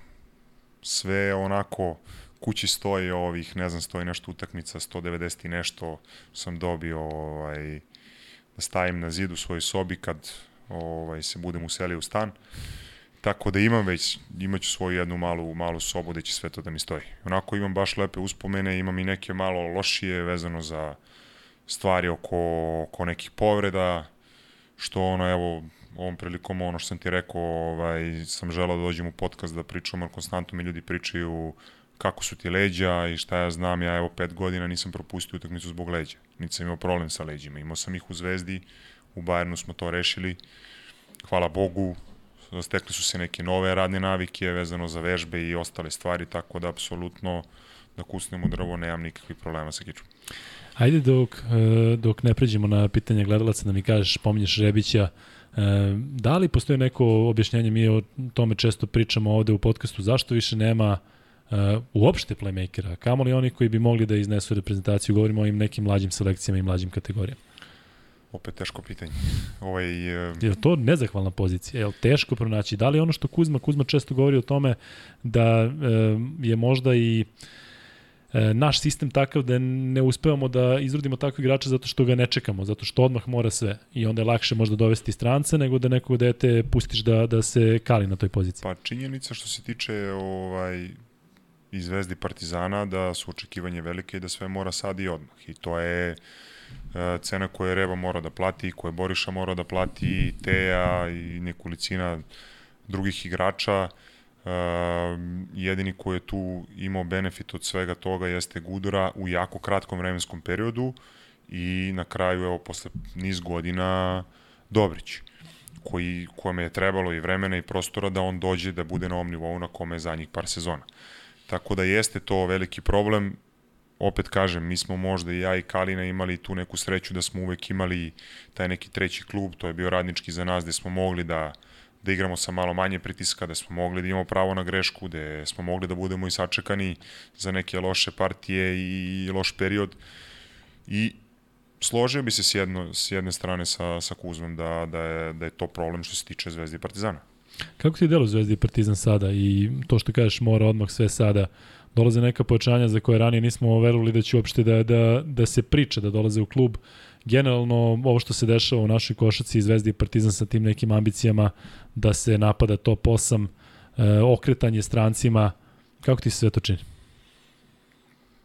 Pa iz perioda kad sam ja bio u Zvezdi, za nas ovoliko stranaca nije bilo pojmljivo. Iskreno, ne sa aspekta para, nego generalno smo kroz Radonjićev sistem imali tu okosnicu domaćih igrača uz neophodne strance koji bi trebali samo i kroz uh, to neko zajedništvo i kvalitet da Popune podignu ekipu, i da. nas da. i da ovaj, odrade svoj deo posla. Uh, generalno, mnogo stranaca u ekipi je problem, recimo da sam ja trener, za mene bi bio problem zato što uh, je to po meni nešto što, zašto nemaš puno vremena, moraš jako brzo da uklopiš. Ono što sam ja u Panathinaikosu video za ovih šest meseci što sam bio tamo je nešto slično uh, ovaj, mislim, ne da je Bože da je nešto slično, ali opet kažem, toliko stranaca sad u Zvezdi, u Partizanu isto bilo prošle godine i to nije ovaj, garancija za uspeh odmah. Znači, i kad smo pričali prošle godine, ja i sa Kalinom i, i sa ostalim igračima sam rekao razlike između Partizana i Zvezde u domaćim igračima. Stranac će da odradi svoj deo posla, ali domaći igrači su na strani Zvezde. Ono što Radonjić zna i on je na konto toga prave. Sad je ovo sve potpuno novo. Partizan ima kontinuitet sa, sa Željkom, ima tu stranci koji su svi ostali maltene, doveli su ono što im je falilo, Zvezda ulazi sad sa potpuno, da kažem, novim, novim imenima i novim igračima i mislim da će možda tu u Zvezdi biti malo teže ove godine. I sa novim trenerom, koji da. sve treba da upokomponuje, pritom je mlad. Da, to je onako, kažem, Zahtevno prilično. Ovako kao neko sa strane ko gleda, ali opet uh, mislim da taj sistem koji je Radonjić imao, da će taj sistem verovatno i biti nastavljen ovaj, uh, i ove godine. Kako ti dalo ajde, kada smo već kod Radonjića, nadovezujemo se sa jedne na, druge, na drugu priču, ali taj njegov prelazak u Panathinaikos, nekako iz ugla nekoga ko je bio u Panathinaikosu i kažeš sam da tamo nije nekako sve baš funkcionisalo. Telo je da može da bude samo bolje sa, sa Dejanom na, na klupu. Pa sigurno, ono što oni nisu imali ovaj, ove godine, to je neka disciplina i neka odgovornost. To je ono što, što sam ja gledao pre što sam potpisao tamo i ovaj, ono što sam doživao i sam tamo sa njima.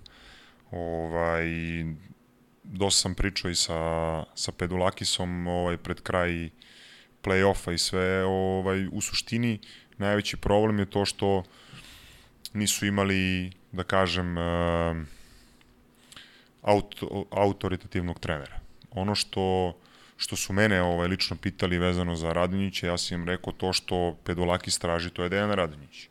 I ovaj, ta disciplina, to zajedništvo, odgovornost i sve ono što, što on traži, jer je on old school, čovjek ima 70 kusur godina.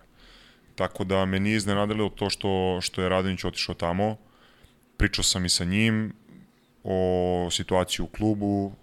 Ja sam mu samo rekao da to što je ove godine sigurno neće biti sledeće godine, to jest u sad njegovom mandatu tamo, tako da ne znam koliko će mu značiti da mu bilo šta kaže, me nećemo ostati dva igrača, što se na kraju desilo. Ovo što sad on radi je opet s jedne strane biramo provereno, dovodimo igrače sa kojima sam radio, što je apsolutno okej, okay, jer treba da taj svoj sistem implementira tamo da, da ga i drugi shvate.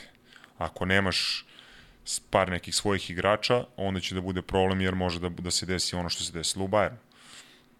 Tako da ovo, ja mu želim svu sreću i nadam se da će da ostavi dobar, dobar utisak tamo. Da, e, vreme je za pitanje gledalaca, već sam ovde video, ali hajde e, da, da krenemo od toga. Pozdravljaju te zaista brojni fanovi i brojni gledalci iz Niša.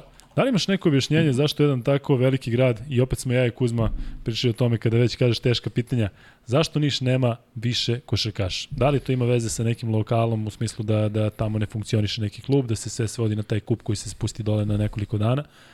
Pa iskreno, ovo što sam ja uspeo da vidim za, za ovaj period gde sam radio oporavak ovaj, od povrede prošle godine, nekako jeste Niš i, i ovaj veliki grad i studentski grad i po toj logici bi trebao da ima jednog dobrog prvoligaša svake godine, međutim ovaj tamo se neke čudne stvari dešavaju i evo sad koliko sam uspeo da pošto ne stižem da pratim sve da oni da to jest da mi nemamo nikakav nikakvog predstavnika u prvoj ligi. Sad što je to tako to je verovatno pitanje za, za ljude koji su dole i u, i u Konstantinu i u ostalim klubovima da da oni kažu nešto više o tome da bi mi imali približniju sliku šta se zapravo dole dešava. Kao, kao Nišli ovako sa strane je apsolutno neprihvatljivo da neprihvatljivo da u stvari imamo samo taj kup i da svi čekamo taj kup.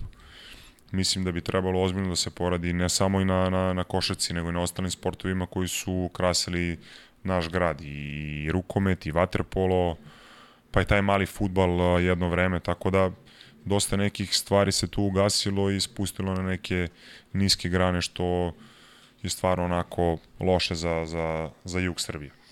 E, pitaju te za Markusa Williams, e, saradnja sa njim i period kada stigli zajedno. Tata.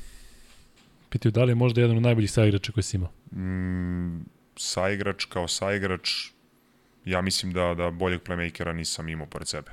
E, jeste u kontaktu i dalje? Nismo u kontaktu, ovaj, uh, slabo smo i bili u, u komunikaciji. On je više sa Đenkom bio tamo konstantno ovaj, partner i onda su njih dvojica ovaj, pravili show program. Kad si već kod toga Đenka, ili malo drugačiji tip od Markusa Williamsa?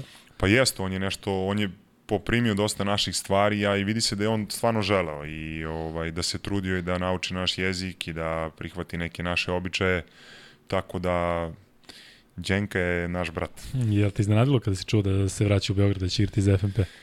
Pa i jeste, pravo ti kažem, ovaj, ali opet, očigledno je vezan za, za Beograd i za Srbiju, tako da s te strane možda i ne čudi toliko. Da, pitaju te za e, opet te silne povrede leđa, ali mislim da si ovde najbolje objasnio o čemu se radi, da leđe više nisu problem već toliko godina unazad. Pitaju te za diskus herniju, da li si imao neku operaciju, ali kažem ako nisam, hoćeš... Nisam, rešavao da. sam isključivo injekcijama. Ovaj, prvi kontakt sa, sa Johanom sam imao preko Saleta i Luče, pa sam onda 9 dana proveo tamo, to je baš bilo pred, uh, mislim, finale protiv Cedevite ovaj, u Zagrebu. Bio sam 9 dana u, u Minhenu, ponedjak, sreda, petak sam primao te tretmane, utorak, četvrtak radio vežbe i to je Kari Pešić bio sa mnom tamo ovaj, na oporavku svoje desne noge, ja bih rekao, ako se dobro sećam. Tako da, u suštini, kad sam uporedio magnetne rezonance, ovaj, kad sam stigao u Bayern i kad sam napustio Bayern, to je potpuno druga kičma bila.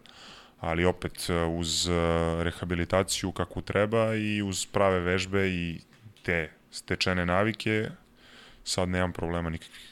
Ajde idemo malo... Zato vozim i, i ove malo ni, niže automobile. e, malo revijalnih pitanja. Šta je već preporučuje kao specialitet u kafani u Voždovoj na Pevcu? U Voždovi na pevcu, uh, teletinu ispod sača. E, pitajte kako je bilo igrati sa reperom Koronom. Ja ne znam čemu se zove. E, reper Korona je kako ne znaš repera Koronu iz Leskovca? Ne, znam da je reper, ali ne znam kako ste svi u Mi smo bili uh, playmakerski tandem u Nišu. Ozbiljno? Da, on je bio prvi playmaker, znači, ja sam to bio ja drugi. sam mislio da ste se sad nešto neki... Ne, sad ćemo, to ćemo lako sad, nego tada u tom periodu... Sad mislim neki spotovi sad, znači on je bio basketaš, On ne? je bio dugi niz godina, da. On je bio dugi niz godina i bio je ovaj prvi playmaker u našem timu, ja sam bio backup. A čekaj, godište ste isto? Ne, on je 88. Da, ja sam mislio da je, da je nešto ovaj, sad nek, nešto se dešavalo nedavno. Javit će se taj ako je budan. Jel? Um, ovde kažu da postavimo jedno revijalno pitanje, odnosno za ovaj prvi free bet. Ajde, uh, pitanje je naravno u vezi ovoga što se priča Stefan. Ko je bio, uh, kako se zove ime čoveka koji je uticao na njegov prelazak iz uh, Niša u slogu i prvi koji odgovori naravno dobija uh, free bet. Znate kakva je procedura, pošaljete na uh, Instagram Luka i Kuzma, sve to Kuzma rešava pritom dole iz, iz Crne Gore. Iz I onda Bet. tako je, dakle sve je uvezano, dakle ko je, kako se zove, uh, košarkaški radnik, jel sam lepo rekao, koji je uticao najviše na prelazak uh, Stefana Jovića iz Niša u slogu iz Kraljeva. Uh, ko prvi odgovori, dakle dobija, dobija uh, free bet. Uh, umeđu vremenu, ajde malo o toj saradnji i uh, godinama i utakmicama i svemu što si proveo sa Stefanom Markovićem. Nekako ljudi vas uh, poistovećuju u smislu da ste uh, jednako posvećeni svakom detalju u košaci, da imate jedno, je, jednu posebnu energiju i u napadu i posebnu u odbranu. Pa, iskreno, prvi su, prvog susreta se ne sjećam sa Pefijem, ovaj, kroz trening i sve to je malo ovako uh, lakša priča. Ovaj, da, znao sam apsolutno koja će moja uloga biti. To je prvenstveno jako bitna stvar gde god da si. Druga stvar, imao sam njega koje je uvek, kao i Teo, bio taj koji je uvek bio raspoložen za šerovanje ovaj svog iskustva, da uvek može da ovaj nađe dva minuta da ti kaže ok, ovo si radio dobro, ovo nisi radio dobro, tako da sam ovaj možda smo malo manje komunicirali, ali ja sam onako ono što sam ti rekao dosta pratio, to je meni onako useđeno od malena da sve stvari moram da pratim, da vidim i od tačno sam znao kad Stefan bude otišao u penziju, drugi Stefan je tu i onda ću ja morati da nasledim tu štafetu i da ja moram da što pre ukapiram šta treba da radim, ovaj, lakše će mi biti, tako da kad god sam imao nekih problema, uvek su oni bili tu da mi, da mi, da me posavetuju, da mi kažu, pogotovo da je 14. godine, tako da ovaj, nema šta, veliki borac, veliki pobednik, Vi ste u Himki koliko zakačali zajedno? ništa. Ništa, Ja tako? sam došao posle njega. Pa da, dakle jednog menjaju, menjaju drugim. E, ajde samo malo kratko o Rusiji. E, raspad Himkija, na stranu sve ovo što se dešava sa ruskim klubovima, nekako li ti teško to palo? Zato što ipak si e, malo pre rekao, a i nekako je delovalo da je Moskva bila sredina gde si se nekako našao. Pa jeste, ovaj, stvarno je bilo prelepo ovaj, do te korone, posle korone, ovaj, Mučno, jel? pa, ne znam, o, ne znam kome je bilo lepo u tom periodu u koroni, ali opet s druge strane, mesec dana sam proveo sam bez porodice tamo. Dosta je tu bilo konfuzije u klubu. Jedna osoba priča engleski, ostali ne, ne, ne pričaju uopšte. Pa onda kad će, kad će moći da, na, da obezbede letove i sve to da porodice stignu. Tako da ta druga godina bila dosta, dosta ovaj, turbulentna, pa sam onda opet, kako se to kaže, opet doživo povredu, što opet ne znam na koji način ću više da, da izbegnem te neke situacije, jer jednostavno ovo nisu stvari koje, koje hronično vučeš. Banalna prim, banalan primjer, igrali smo protiv Lokomotive i subotu i nedelju, imali te dve pripremne utakmice, ja sam trčao pored playmakera, Cummings je bio pored mene, i klinac koji je ovaj, dobio šansu da igra i počeo da trči ka meni. I on je majstor iskoračio ka meni, jedno čovek je ko skakavac, ima 4 metra raspon. Čekaj, kako se zove? Znamo iz lokomotiva. 25-ica je, ne znam, u čovek iskoračio, ja s obzirom da njega nisam ni video jer sam igrao odbranu, u punom sprintu ja levom nogom nagazim na njegovu desnu i pokidam dva ligamenta, treći bio pred kidanjem isto. I to je bila priča da li ću ja otići na operaciju ili ne. Znači, apsolutno se de, dešava nešto kao Evo Ronceviću što sam stao na nogu tako sam stao i ovom. I onda Jovića nema tri meseca. Treba od tih da... Rusa na terenu izgleda treba bežati, a? Nekako. Pa, mislim, stranci nisu hteli da dođu. Da, stranci da, da. nisu hteli da dođu da igraju. ovaj, ali okay, prva godina je bila stvarno dobra. Igrali smo fino, bili smo prvi 19-1 smo imali u, u domaćem prvenstvu, sedmi smo završili ovaj pred, pred koronu. Onako, jedna od uspešnijih sezona, hoću da kažem, uh, kroz Euroligu. Ono što su oni igrali pre toga, mislim da, da je ono nije bilo vredno ni pomena. Ali sa ove s druge strane, opet pričamo o, o situaciji da su ruski doktori, jel tako, vrhunski, ono što sam ja opet imao, nije uopšte, sad ne aludiram i niti vređam bilo koga, jednostavno razlog što sam napustio Himki jeste korona s kojoj sam igrao mesec dana. Jer se nisam osjećao lepo i niti dobro u, u, u Kaunasu kad smo završili utakmicu sa Žalgirisom i ušao sam u autobus i u tom trenutku sam počele su ono da mi se vrte neke slike, sve da mi se vrti u glavi. I onda sam pomislio u trenutku, ajde, završili smo utakmicu, dugo sam bio na terenu, možda je šećer pao da uzem neku čokoladicu. Međutim, već vidim da krećem teško i da dišem. To je bio 8. januar.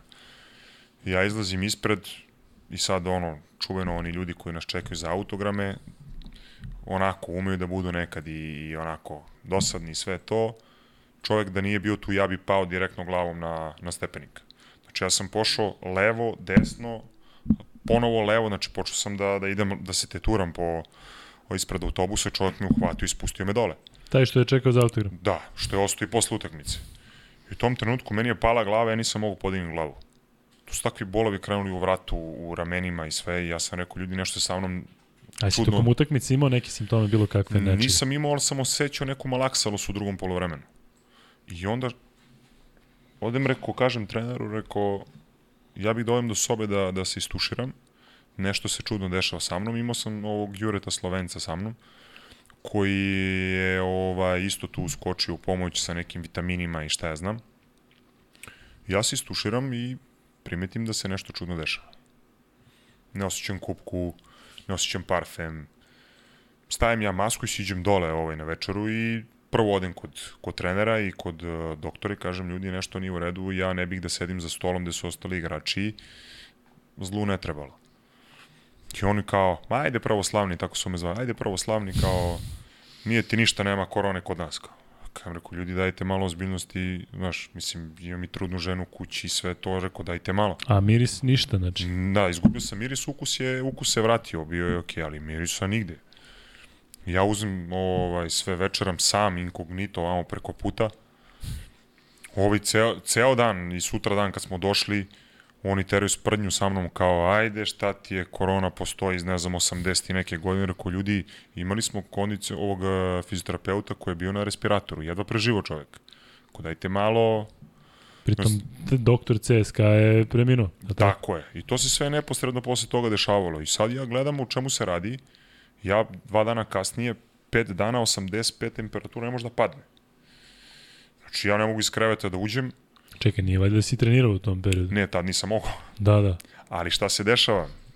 Ja se ovaj, javim tamo lekaru da je meni malo bolje. I on meni četvrtak i petak dođe i daje infuzije za da mi osveže organizam i sve to. Mi u nedelju igramo protiv Unixa. Kaže, ajde ti majstor u subotu dođeš na trening ja se onako gledam, ok, bolje sam, nisam više tako umoran i šta ja znam, ajde da krenem ja malo da, da probam pa da vidim. Jer tako kod mene, čim sam malo bolje, ja odmah u patike i na teren. Krenem ja da trčim, imali smo ono standardno 2 na 0 nešto polaganje za zagrevanje i ja posle treće dužine krenem da kašljem I to baš onako u kontinuitetu i kašljem i kašljem. I rekao, ljudi, nešto nije kako treba, ne mogu više da trčim, jedva borim se za dah. Kaže, dođi ti majstore sutra da igraš utakmicu. Ja sutra dođem da igram utakmicu, odigram prvo polovreme. Krene opet kašalj u drugom polovremenu, ja peškir i sve i sklonim se i trener kaže, ajde Stefane na izmenu. Ja kajem, majstore, ja ću da umrem, rekao ovde, ne pada mi na pamet. Ja se rekao, mora da razumeš, rekao, ja nisam u stanju. Kao, ne, ne, ne, ne, kaže, ajde, ajde, ajde, kao, treba da zameniš tamo šveda. Preko, ja sam... Čekaj, ja sam out? Ne, bio je ovaj pomoćnik, uh, prvi trener uh, druge ekipe koje, koje ga je smenio. Ja kajem rekao, majstore, ne, ne pada mi na pamet. I sutra dan sam došao ponovo na infuziju i on me gleda kaže, Jovke, ti si juče bio žut. Ja sam rekao, podakle ti ideja da me teraš da igram? Rekao, evo, došao sam, 5 dana sam ležao, nisam ni za šta, došao sam da probam i sve to, video sam da ne mogu, rekao sam ti ti me teraš da igram. Kaže, korona, a? Pa rekao, izgleda jeste, jer sve simptome imam. Nema miris, bolovi u gornjem delu, leđa, ramena, ne mogu ništa vratiti. Čekao, bilo nekog testiranja tada? Ja sam sve radio privatno. Onda igramo 21. igramo protiv Panate u Atini, stiže meni izveštaj, akutna faza, korone. Bio sam ono, ne znam, AGG, kako se ono zove već. Da. Ja pošaljem ovde svude u, malo te dajem sad, izvini, ali hoću ti kažem... priči, pa ovo ljudima bre neverovatne stvari, ovo ne može da čuješ. Ovaj, Da. ja dođem i kažem, rekao, pošaljem i men menadžeru i, i kumu dole i sve to da, da pogledaju te analize i oni meni kažu kao, Jovke, sklanjaj se. A ja u avionu bio. Ja stavim masku, odem na zadnje sedište da ne budem pored igrača i, trenera. Ja mu pokažem, rekao, dok, kaže, ma ti si, ovaj, imaš antitela, dobar si ja kod Đureta, rekao Đure, ajde, ne znam, rekao ko je rekao lud ovde, jer sam ja lud, ili su oni ludi, nemam pojma šta se dešava, rekao, imaš puls metar, imam. Stavim ja puls metar, krenuo sam ovaj sa klupe, posle minuti 10 puls, puls 197. Bije srce, znači ja ono, gledam Jureta, Jure zove trenera, vadi ga napolje, ne može meni, radi srce To nisam čuo osim na ovim eh, testovima opterećenja, 197. Imam, pokazat ću ti, imam u telefonu. 73% sam bio u crvenoj zoni. Katastrofa. I on kaže, kako da ga vadim samo što je ušao, ušao na teren? Ja rekao, ok, kakva je priča bila. Ja ono, pozovem lepo lekare i gagu i on kaže, ok, beži u izolaciju tamo, kakvi je Rusi, sedi tamo dok se ne stabilizuješ, nema nazad. Ja dve i po nedelje, tri, ne znam sad, ne mogu da se setim, uzmem voljno. I samo im kažem, reko, ljudi, ja moram da, da se sredim, moram da uzmem, kako se zove, da, da odmorim, da popijem terapiju koju treba da uzmem, pa da odradim posle toga sve testove da bi mogo da dođem. I onda se pojavila ta priča da je glavni ovaj sponsor nešto trebao da dobije, tako su bar Rusi pričali sad, ja ne znam da li je to tačno, politički se tu nešto izdešavalo i onda je on rešio da digne sidro i ovaj, počeli su da kasne plate. I sad, ja sam u tom trenutku već krajem januara mogao da, da se pokupim i da odem kući. Ja sam rekao i ženi mojoj i ovima rekao, ljudi, nisam ja taj tip da ću ja sad da se skupim i da odem. Ja moram da odigram utakmicu. Želim da odigram utakmicu, da ne bude, evo ga, pravoslavni je rešio da, da, da, ono, da odle prša. Što ste zvali pravoslavni? Pa tako, pravoslavni, pravoslavni. Tako su, mislim, i Pefija zvali. I ovaj... Mislim, znam zašto mi, Da, naravno, i pravoslavci, da, ali... Zbog toga tako da. je bilo lakše. Neko me zvao Jovke, neko me zvao pravoslavni i onda je tako ostalo. I hoću ti kažem, najgore gostovanje Astana. Sirijarka Preko- arena. Male krsne do tamo. Nismo dobili nikog mesec dana. Mi dobijemo na kraju, ja odigram super i to ovaj sad trener što je došao u CSKA mi kaže, prošle godine si mi dao koš za pobedu, sad te nema mesec dana, sad si došao da igraš i ja odigram najbolju utakmicu protiv njega. I mi dobijemo i ništa, skupimo se sve, odemo u hotel, ode večera, sutra dan trening, ja dolazim, rekao, ljudi, ja sam rešio da odem. Rekao, evo da dođem da vam kažem, rekao, nije sad toliko, ovaj potez koji trenutno ovaj koristim je za zbog mog zdravlja. Rekao, da nisu pare bile problem, Vi ste imali tada pravo da odete, tako? Da, svi. Da, Da, već su pre zbog- mene četiri da. igrača su već otišla. Ostali smo ja, Bertans i tim. I onda smo svi tu vagali šta ćemo, kako ćemo, međutim, način i odnos je bio dosta turbulentan. I onda sam ovaj, ja zvao mog agenta i rekao sam, slušaj, rekao, molim te, znači, ovo više nema veze sa, sa košarkom i sa svim stvarima, samo me vadi odavde. Znači, zamisli ja koji, koji ono, Da, mogu zamisliti. mogu da se prilagodim svemu i da, da trpim, razumeš, nije sporno da je naš trudna žena kući, ovamo Jasno, mi kažu životne akutna stvari. faza, razumeš, trudnice umirale u tom trenutku i ja sad slušam nekog ko mi kaže, e, korona ne Još postoji. pritom si osetio u, svom organizmu, ajde, pa, papir je drugo, ali osetio Razumeš, si to... i sve sam privatno išao da radim i onda sam rekao, ej, ovde je bre moja glava u pitanju. Ja Bukvalno. sam, ono, pokazat ću ti, rekao sam ti posle da, da vidiš. I jednostavno to je bio razlog, jer ja nisam znao više kako se borim sa njima. te ovo, te ono, sam rekao, ok, ljudi, nema problema, ja sam rešio da odem, došao sam da vam kažem javno svima, rekao da ne bude, ja sam otišao, a skupio sam kofere kao što su radili pojedinci. Ko beše? Miki? Ko beše? Ne, Miki je ostao, ovaj, bio je Buker, bio Buker. je Jerepko, Da, je Repko je ostao. Bio je ovaj, što je sad bio u, baš u Šehiru je bio posle nas. Isto je Digo Sidro, Robinson, on je isto otišao, Monroe su oterali, tako da... Hajde kad si već kod Himke, reci nam uh, sa Švedom, kako, biti, kako je biti sa njim u ekipi? Jesi imao nekada to iskustvo da neko ima toliko slobodu da radi šta god hoće? Nisam, nisam iskreno, ovaj, ali mi nije jasno kako, jeste on van serijski igrač ovako, ali nije mi jasno kako se niko nije, jeste jednom Kurtinaitis je pokazao zube ovaj, na polovremenu protiv CSKA u domaćem prvenstvu, kad je ovaj video da, da je Šved u svom nekom filmu i da on radi ovaj, ono što inače radi, ali samo što to nema efekta sad i onda je na kraju rekao ćeš ti da igraš ili nećeš da igraš za tim. I on kaže pa ja igram, ako nećeš ostani. I onda je ono, on mu je nešto na ruskom rekao ovaj, onda ga je ostavio u slačionici, mi smo dobili utakmicu. Tako da imao sam ja par nekih situacija sa njim, jer naravno ja ok, što, što ono što svi znamo, igram za tim i nije mi problem.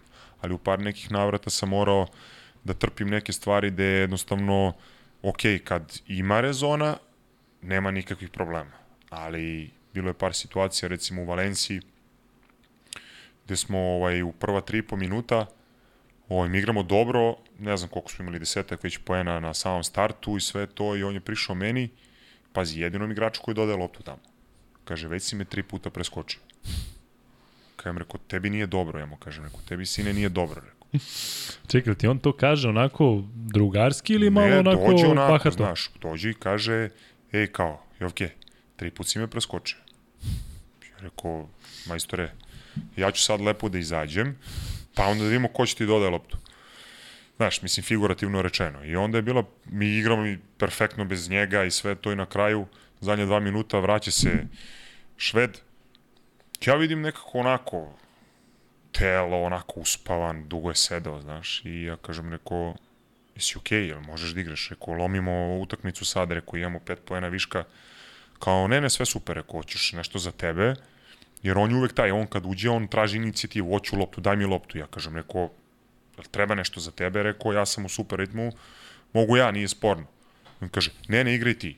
Ja odigram isto, ono, snake move, je Repko bio u korneru, je Repko trojka i sad oni su već osetili nisu ni oni naivni, znaš, pick and roll mi sve preuzimamo i Šved je u svakoj izolaciji tamo sa Dubljevićem i onda je to krenulo. Jedna trojka i jedan koši faul, jedna trojka i jedan koši faul i sad se lomila priča Šved u korneru opet ja pick and roll, opet ja pick and roll ovaj, na sredini sa Bukerom. Oni su nešto iskakali i to, to sam sa Dubijem pričao posle, kaže, brate, da smo igrali ovako, ti bi 700 puta prošao na ovaj snake move, kaže, ovo je katastrofa. Ja pas na 45, ovaj, Jerepku korner. I sad Jerepkov igrač i igrač iz rotacije trče na Šveda. To je povratan pas, povratni pas. Jerepko već tri trojke ubacio odatle. Ovaj šutne granatu majstore iz kornera. Mislim da sam prenosio te meči, sećam se da sam I se ja... šta je uradio? Pogodio tablo Da. vrh tabla. Ono. Jeste, oni. Da, da. I sad mi stojimo, mi gubimo utakmicu. Ja ono u slačionici i čekam ga 45 minuta, se tuširam sam. Ovi svi ulaze, izlaze, ja čekam njega. Kažem, rekao, je li Ljoha, na šta liči? Rekao, kao, na šta, kao šta? Pa rekao, igramo dobro, treba da dobijemo Valenciju na strani i sve to da nastavimo neki kontinuitet. Na šta ti liči ovaj šut iz kornera, onako? Rekao, to je ekstra pas Ste nazad. sami bili tu, a? Sami, ja on zadnji došao se tušira, ja čekam, njega sam teo da sačekam i čekam ga. Ja ga pitam, rekao, što smo se mi onda klali ovde, igrali celu utakmicu, ginuli, krvarili, kad si ti majstore došao i jednim šutem rešio sve. Kaže, pa nisam ja korner igrač. Ja rekao, dobro, sve si mi rekao, majstore, ja razumem sledeći put ako ćeš tako da igraš, Jovki će da bude na klupi da te bodri peškirom. Šta drugo ti kažem, rekao. Ja igram 34-5 minuta tamo, poginu smo tamo svi, ti si majstor ušao zadnje dva minuta i rešio meč. Ekstra. Mislim, hoću ti kažem, s jedne strane, znaš, niko se ne, ne obazira, onda dođe i trener kaže, a imali smo teš, teško gostovanje, imali čarter. Paradoks, razumeš? Ne znam, ne znam kako da objasnim, da li smo mi ludi, glupi ili šta smo, kad uh, trener i svi jasno vide o čemu se radi. I onda sam mu rekao, kad smo izgubili kući, igrali smo back to back, igrali smo Valenciju i Real. I mi izgubimo Valenciju isto nešto pred kraj, on isto imao ovaj, svoju neku epizodu i to i imali smo Gila protiv Reala, se, protiv Reala, Gil je falio, ja nisam igrao prvo polovreme, ja sam nešto bio ovaj, kilav taj, taj dan, ne znam šta sam beše imao, ovaj, neki stomačni virus. I ja mu kažem, reko, pred trening, reko, Ljoha, reko, sedi, molim te, mora ti kažem nešto. I on kao... A Joha... Ljoha ga zovu tamo. Aha. Ili Ljoša, kako već. Rusi. I ja mu kažem, reko, ti majstore kad igraš za, za tim, kad imaš recimo 18 poena, 10 asistencija, mi dobijemo kući ih svakog, bez problema.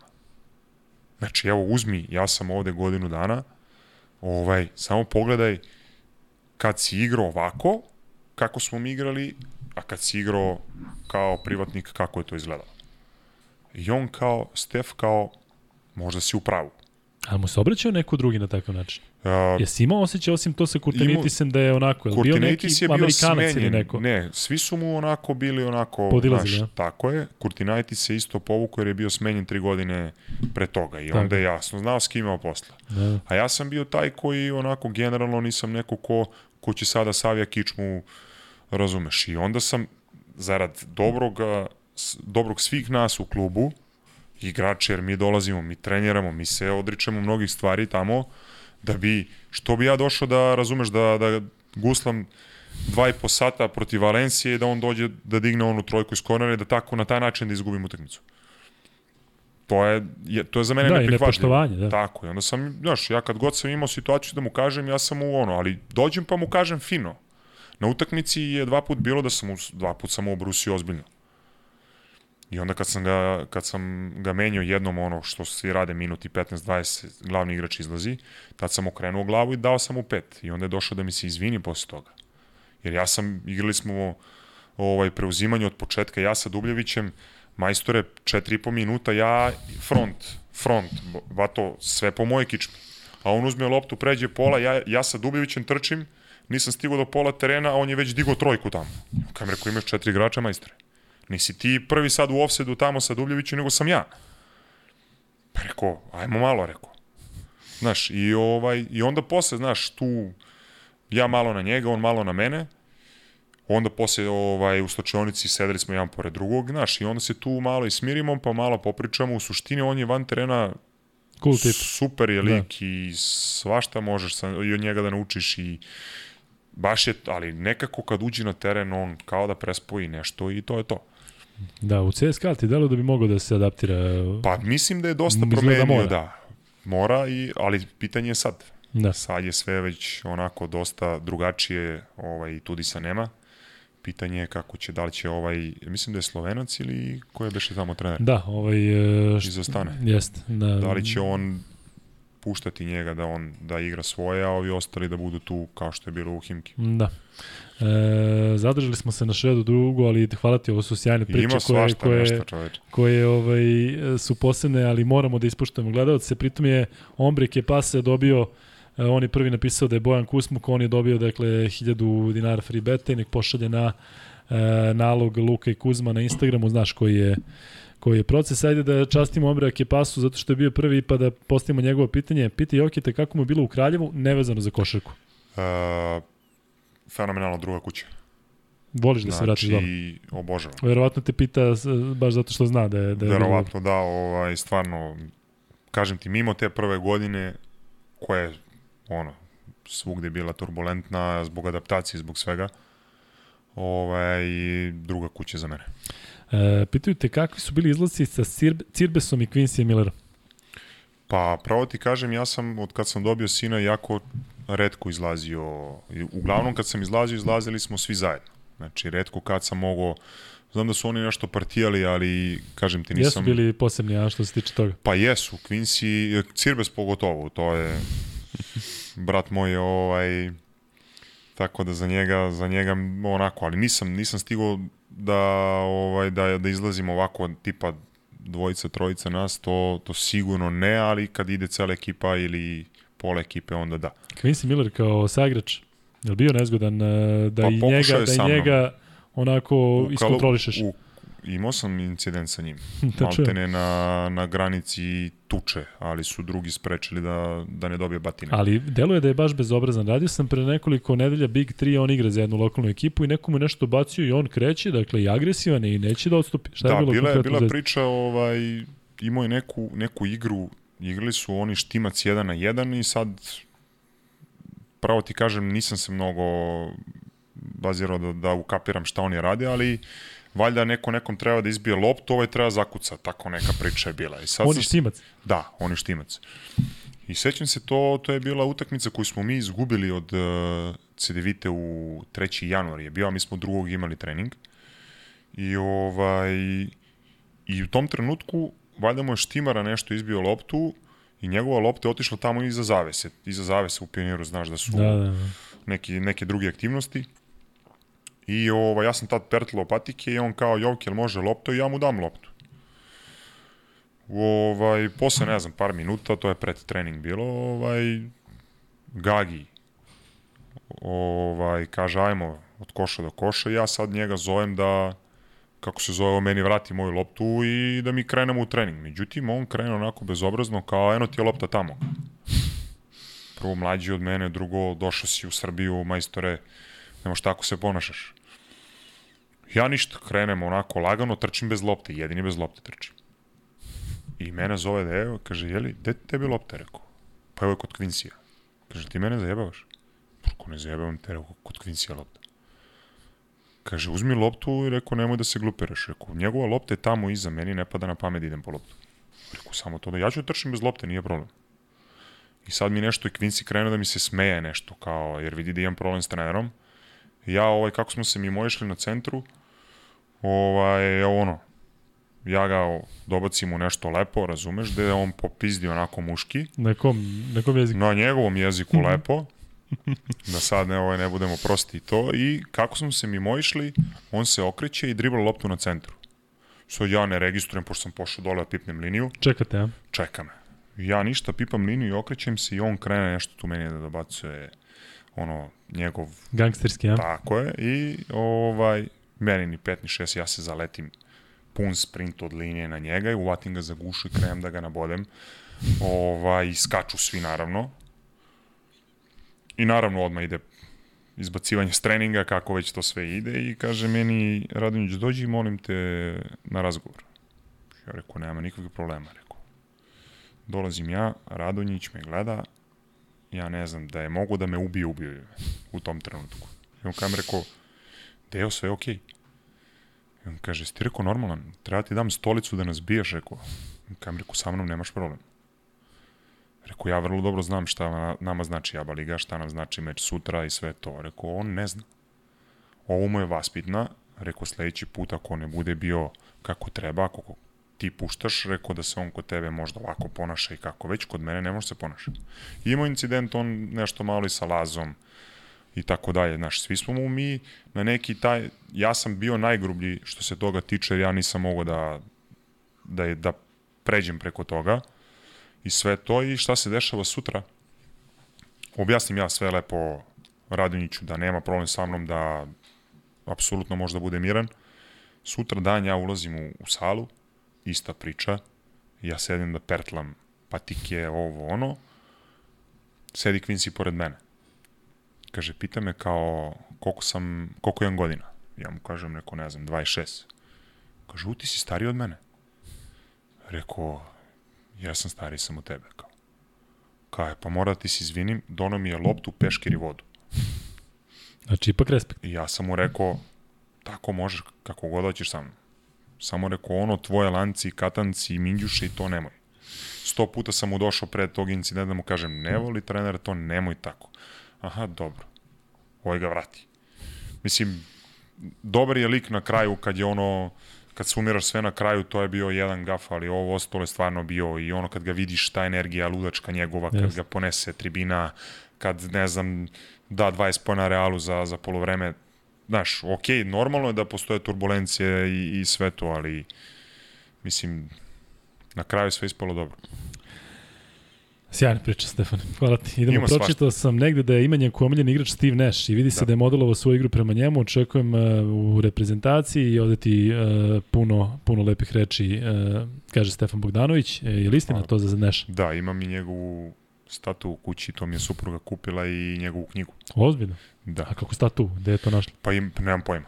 Pravo ti kažem, bio sam na nekom gostovanju i kad sam se vratio tu, gde obično ja volim da, da stavljam mobilni telefon i to kad sam u kući, to u Minhinu bilo.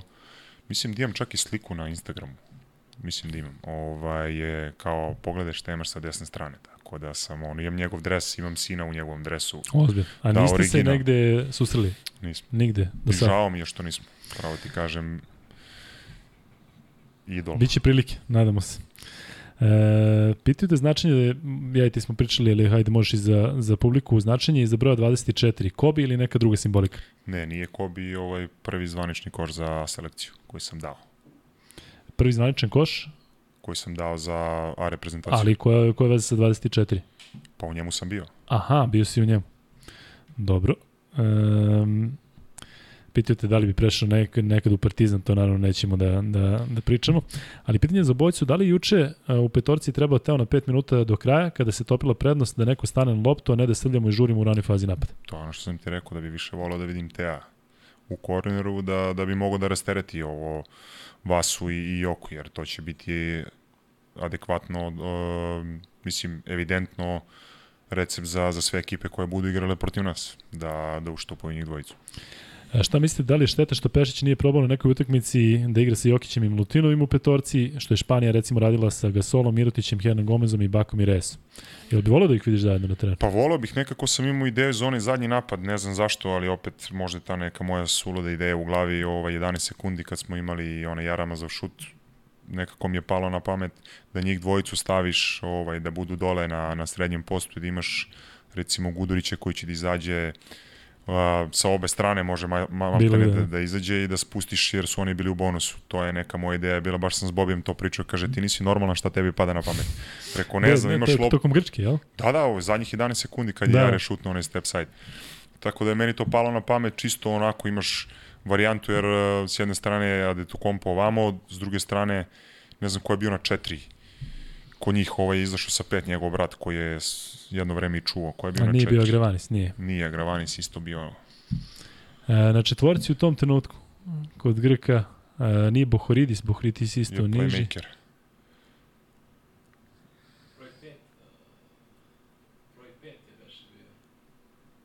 Ne mogu da se Ne mogu ni ja, nebitno, ali to je neka ideja, imaš bonus situaciju i sve to s obe strane možeš da opteretiš. Da. To je ono onako u tom trenutku što mi je palo na pamet. E,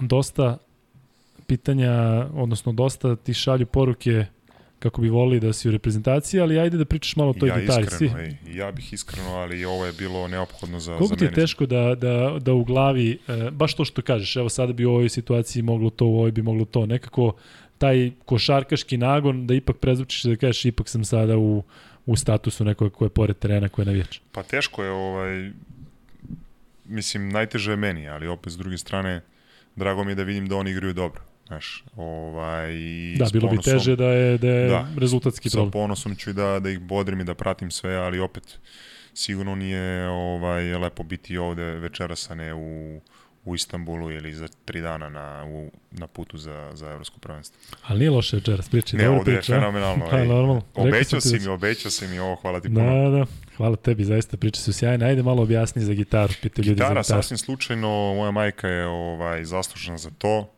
Otac je nešto kratko svirao harmoniku, naravno mene to uopšte ne interesovalo u tom trenutku, ali s druge strane bio sam izviđač 8 godina, ovaj, u Bokokotorskom zalevu, tamo jedno malo mesto Stolevi. I ovaj, kažem ti, primetio sam u tih mal, da kažem, mlađih dana ili dečačkih ovaj, situaciju gde su dva brata svirala gitaru i da je, da je muzika stala kompletno da su dobili uh, mikrofone, da su dobili svu pažnju svih maltene iz, iz tih kamp kućica i cele te smene Tako da je meni palo na pamet da kažem, ok, gitara je nešto što može da uveseljava bilo koga, bilo gde, lako je prenosiva. Ovaj, zašto mi ne bi bili sledeće godine na toj terasi i mi radili sve ovo.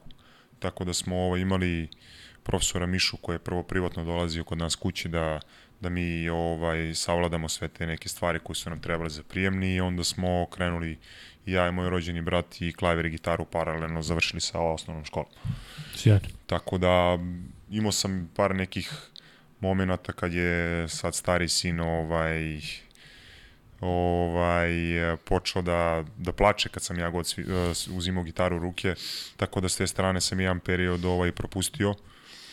Ali evo i sad kad sam bio kod Bertansa na svadbi sam napravio jedno iznenađenje za, za njega, pesmu koju smo do duše više slušali u Moskvi i manje svirali, sam uspeo da skinem... Kače go Dairisa? Uh, Dairisa, da. Ovaj, I on je znači ovog leta, jel? Ne, on je odavno, ali je sad Aha, su se stekli pravi. uslovi, da. da. Ovaj sam mu napravio iznenađenje i svirao tu pesmu na čak i dobar deo peva na letanskom. Sjajno, svaka čest. Da na koji svadbi bilo najbolje? Kod Nedovića. Kod Nedovića, ja? Dobro, da ćemo tu da se zaustavimo, a? Pa, bolje. bolje, a? Dobro. Um, A i Bogdanov e, rođendan je bio perfektan. rođendan? Da, ali ako pričamo o svadbi, onda je ne da. Posle mm. moje. e, kaže, nema klubu Niš. Kaže da pikamo basketicu na trošarinu. Nemamo vremena za manje po čajr. E, znaš e, šta je trošarina ili gde? Znam, tamo mi je teren otvoren, ovaj, tako da... Znači ima i Niš trošarinu, imamo ovde trošarinu na, na Banjici hmm. u Beogradu. Pa ima na trošarini dole, se, pored, pored ovog uh, filozofskog fakulteta, filozofski je bio, ajde da kažemo, najbolji basket teren posle toga koliko sam ja upoznat troš, trošarina. Da ne, da ne, ovaj, da ne uvredim nekog, igralo se na još par, par lokacija, ali sam na tim mestima bio pa znam. Uh, Mihajlo, hvala za donaciju. Uh, Mihajlo ti kaže da si bratina i gospodin pre svega i mislim da se svi slažu hvala, da Mihajlo, se zaista puno. i jedno i drugo. E, za Jović je pitanje zašto konstantno reprezentacija zadnje četiri utakmice loše brani protivnički šut za 3 poena, loše koristimo faulove, a defanzivni skok loše gradimo. Jel imaš utisak da je to možda sve što kaže u pravu, ali da možda ima e, veze sa uigranošću ove ekipe? Pa ima, ima ovaj, e, verovatno dosta sa, sa taktikom koja se ovaj, e, sprovodi kro, kod, kod Pešića. Činjenica da, da Jokić nije toliko visoko u tom pick and rollu i da dosta ostavlja prostor da za recimo za dobrog šutera koji može iz jednog driblinga odmah da uz dobru blokadu može da, da, da dođe do tog šuta. Ovaj, da, slažem se sa, ne znam ko je samo postavio pitanje. E, prošlo je već, ima da, milion ovaj, pitanja. Slažem, da, slažem se da, da ne koristimo adekvatno ovaj, te bonus penale. To je ono evidentno bilo protiv Grčke, ali hoću da kažem, imali smo ovaj, a, i te pripreme i šta ja znam, nemam nešto mnogo vremena za, za, za uigravanje i odmah smo imali ove dve utakmice. Tako da videli smo šta nam dobro ide, šta malo slabije, sigurno da će, da će na tim slabostima da se radi za prvi meč na, na Evropskom prvenstvu. Ovo pitanje za mene, a hajde da zaobiđemo, ali Nemanja odgovorit ti brzo, da li pre Bijelice ili Kurđe, stvarno ne znam. Dakle, to je do trenera, dakle, znam, znate šta Kuzma misli. Ajde, e, pitali, pitao sam to svemu e, i o svim tim nekim bivšim saigračima, ali koliko Beli e, donosi reprezentaciji. Delo je da je zaista neko ko poput vas, ajde kada govorim ti, Stefan Marković, Teodosić, ti neki igrači koji vide neke stvari i ono što se kaže drži košaku u malom prstu. Pa da, nije za džave profesor. Ovaj, ostaje sad poslednji ovaj, iz te generacije koja, od koje smo mi maltene sve i naučili i, i upijali. Tako da ja se nadam da će on biti spreman. Ovaj, videli smo se, pričali smo malo, za ove utakmice nije bilo realno da bude u sastavu, ali se nadam da će biti za, za evropsko prvenstvo jer će biti od velikog značaja, ne samo zbog, zbog iskustva koje ima kroz NBA ligu i evropsku košarku, nego i kroz ono ljudsku veličinu. Kaže da Nebojša Damjanović da se svoje vremena u Nišu fotografisao sa vama ispred Čajra, sa tobom, Stefanom, Đenkom, Lazom, Simonom, Lukom, Bjelicom. Imate fotografije da vam je poželao da uzmete kup i da ste uzeli kup. Koliko je bilo posebno, što malo pre si pričao, da, taj da, trofej jest. kod kuće? To je bilo ono, onako, Ne, je li bilo porodica, prijatelji, kapiram da je bi, pola tribine bilo tvoje, a? Pa nije, znaš kako, doš, dosta su ovaj, škrti za karate ovaj, bili ovaj, Šone i kompanije, tako da su bile supruga, bio je Šura, mislim da su tu bili još neki prijatelji, kumovi, ovaj, jer onako nije, nije baš zahvalno u takvoj atmosferi dovoditi rodbinu i prijatelje, da, tako jest. da s te strane mislim na ove starije, ovo ostalo naravno, ko voli neki izvoli, ali opet uh, specifična atmosfera kad se igra i treba doživeti, tako da s te strane sam ovaj, doživio i osvojio i onako, to je onako, ne znam da li znaš da, je, da sam posle te uh, tog kupa otišao u, u jedan gradski klub i uzao gitaru da sviram. Nisam znao. Za, za ceo klub. Sjajno. A, reci mi, ili govorimo klasična, električna, šta ti Tad je? sam svirao električnu, ali ovu klasičnu sviram regularno. A šta kažeš, sin počne da pala lače kada... Sad ne, sad je njemu interesantno dobio on svoju, ali to je bilo dok smo bili u Minhinu. Aha. I tu smo imali problema, znaš, ti uzmeš gitaru, njemu je to nešto novo, čudno i onda on krene od, da li od straha, od čega je. Da. I onda smo morali da, da stavimo da skuplja pršinu. Teško pitanje, sledi. Možeš li da napraviš petorku od igrača sa kojima si igrao u Zvezdi? Ajde, ne mora po pozicijama. Uh, Ajde da kažem pet onako naj, najjačih saigrača iz Zvezde. Računajući sve i strance. Uf, pa Rekao bi- sam ti da je teško. Pa definitivno Markus na jedan, Dobro. Kalina. E sad, ako ne mora po pozicijama, Ne onda pričamo, mislim, jako je diskutabilno, ali opet Cirbes iz onog najboljeg vremena sa Bobijem. Da, ono je bilo nevjerojatno. Njih dvojica, kako to da je izgledalo na terenu? Ajde da, da te prekinem pa ćemo nastaviti. Pa Ono je ne delovalo znam. kao da, da, da je nemoguće zaustaviti. Ali mislim da je Cirbes tek ovaj, sledeće godine eksplodirao. Jeste, eksplodirao, ali oni Bobi su nekako, kažem ti, se dopunjavali, baš je bilo, ne znam da li je ikada jedan domaći klub bio toliko dominantan na centru, naravno u Partizanu, oni period Peković i Krstić, ali Rekit je tad bio, barem se nama Pa činilo sa dobro, strane Kinzi. Kenzi. E sad, pazi sad pričamo o pozicijama, ovako nekako kad, bi, kad sklopiš sve ovo, to će da funkcioniše ok, ali malo je, malo je jedna petorka za, za ono što... Kakav je bio Kenzi ovako i kao delo je da je, da je malo drugačiji od, od eh, ostalih Amerikanaca?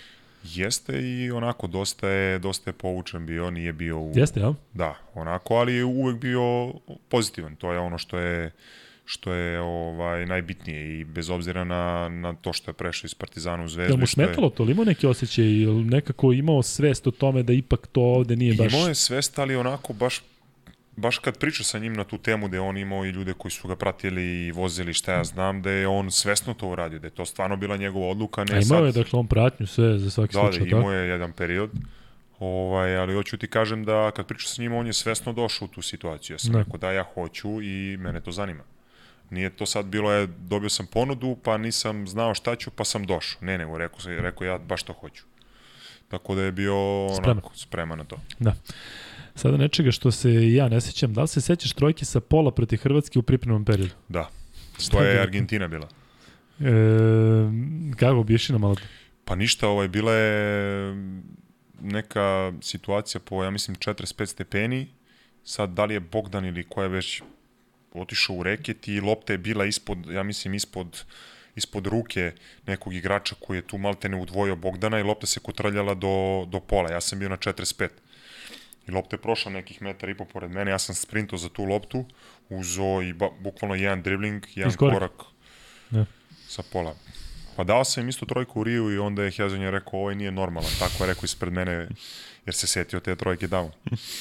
E, ajde kad si već kod Hezonje, kako ti se čini on? E, u Unixu je nekako eksplodirao, sada potpisao za Real, on ajde da kažem tamo ima tu konfliktnu situaciju da je ipak dete Barcelone. E, nama deluje kao neko koga je teško ukrotiti na terenu, a opet ima oni koji su njegovi sagrači koji kažu da je on i super momak. Ja sam ga upoznao u Barceloni, zaista je bio vrlo srdečan e, i ovako delovao je super s tim što je tada imao 17-18 godina. Ali Da me ti deluje? podsjeća me na Šveda nekako. Taj neki tip, Da. ovo što sam video da ono, da onako ima... Teško kontrolisati, ja? Da. Da, ali vidiš, Mislim, Unix je nekako sa svima njima ipak imao pro, ovu sezonu poslednju pre Ja izbacivanja. mislim da je bila priča onako gledajući sa strane da, da su svi skontali da njima treba dati samo slobodu da oni Da. uz neke smernice ovaj, i da je to rezultiralo takvom sezonom. Inače da je tu bilo, ne znam, da je bio neki drugi trener koji je imao, ne znam, svoj sistem, pa onda je ne može ovako, mora onako, pitanje šta je bilo sa toliko stranaca i crnaca. Da li bi, meni je najveće onako, ajde da kažem, pitanje u glavi, da li bi izdržali tako do kraja? U kom trenutku? Meni je dalo da je samo pitanje da bi u nekom trenutku pukli, već su moguće, bili, ajde da kažem, sigurni moguće. u play-offu. Ali svaka čast, ja, ja moram priznati da nisam očekivao. Ja sam mislio da je ono sa, sa Zvezdom u, u Pioniru, ajde ono dan, ima ide sve, međutim oni su tako vezali nekoliko pa, utakmica da. i to protiv ono što se kaže najjačih timova, tako da meni je to bilo veliko iznenađenje, čak smo ja i Kuzma ovde, tad smo i počinjali, pričali o tome da je samo pitanje trenutka kada će Unix stati, ispade da ih je ovo sve sprečilo, a da nije, ovaj, da nije bilo nekog pada u formi, ma da ih je Zvezda dobila tamo i vratila da, da. me i to onako prilično... Pa Zvezda prilično... je uradila ono što je trebalo da uradi, nema jurnjeve sa njima, pozicije da. na igre i to je to, jer oni su ekipa koja uopšte nije voljela da bude što dužu u defanzivi, što je ipak jako bitno kad igraš protiv neke ekipe da znaš šta, šta voli, šta ne voli. Da. Tako da i mi smo imali problem sa njima i u domaćem prvenstvu i sve, ako ih pustiš da krene running gun sa njima, to je problem. Da. E, ovo, ovo je sad moje pitanje. Pričaš kao trener, daleko Završio si od... od sam licencu, imam licencu. Da li razmišljaš o tome? Nekako za igrače poput tebe se podrazumeva da će posle karijere da uđe u trenerski vod. Da li te privlači? Pa s jedne strane da, ali opet s druge strane bi pažljivo sebe razmislio da li probao bi definitivno i onda bi video ovo što je recimo radio Simonović sada je nešto što bi trebalo da bude neki normalan put, valjda, ovaj, da, da prođeš kao asistent, da vidiš o čemu se radi, jer je potpuno druga priča. Ja sam i sa Dejom pričao više puta, on je rekao da, tebi je Jovke lako ti dođeš, skineš ovaj stvari sa sebe, uđeš u marker i to je to, ne razmišljaš o 20 glava koje ja mora da spremim i da imam plan A, B, C, jer ne znam šta će da mi se desi kad dođem i pitam lekara ko može da trenera, ko ne može. Tako da s tog aspekta sigurno da, da, da je drugačije, ali za početak je onako neka, da kažem, normalna stvar da počneš kao, kao pomoćni trener, pa onda da, da vidiš da li to ima, ima smisla. Ovde pojedini gledalci kažu 24 asistencije u Bayernu, pa onda ovi drugi ispravljaju 19. 19 asistencija u Bayernu, tako? Da, piši nam malo tu utakmicu, to zaista deluje za evropske, deluje u stvari neverovatno i za NBA standarde. Vanja, ali bilo nekog u NBA da je 19 asistencija ikada? Da, ali sad ovo, ajde ovo što ja i ti pamtimo, pričamo da možda kažeš neko. Imao, jel? Mislim da je i Chris Paul nešto isto imao. Da, ali za evropski standarde jeste rekord, ali deluje nedodirljivo baš. Kako, kako to ide uopšte? Jel baš pa, onako osjetiš da je jednostavno... Nisam pravo da ti kažem, nisam za tu utakmicu, to sam čuo prvo od, od Cirbesa, a onda sam čuo i od uh, Mićka, našeg fizioterapeuta tamo da kaže ti dečko nisi svestan šta si ti uradio. Sad, meni je bilo bitno mi dobili utakmicu tamo cela tribina naša, mi skačemo tamo, radujemo se, koga briga šta sam ja uradio, niti ja znam šta sam uradio u tom trenutku, radio sam onako i igrao sam, bukvalno sam uživo, ne znam koliko sam igrao, 30 i nešto minuta, tako da uživo sam u tom ambijentu i to mi je bio cilj. Naravno, uz to da pobedimo utakmicu jer je bila jako bitna ovaj, za, za dalje tog takmičenja. Ali opet na kraju I dan danas kad mi kažu, okay, kažem ok ljudi, ja sam samo radio ono što, što volim da, i, posao, i da. radio da. svoj posao na terenu. Tako da ono što kažu asistencija uvek u sreći dva igrača. Da, jel, jel, I anegdota, prva utakmica Quincy-a kad je uhvatio ono loptu i tražio timeout. Se sećaš toga? Sećam se, da, da je bilo. Tako da, ovaj, pa ne znam. Pravo ti kažem, možda ni sad nisam svestan koliki je to broj, ali opet uživam u tome, tako da Pitaju te ovde za Rebića i kako bi bilo opet da se negde opet susretnete zajedno, nekako delo da njegova karijera otišla u potpuno drugačijem pravcu nego što smo svi očekivali.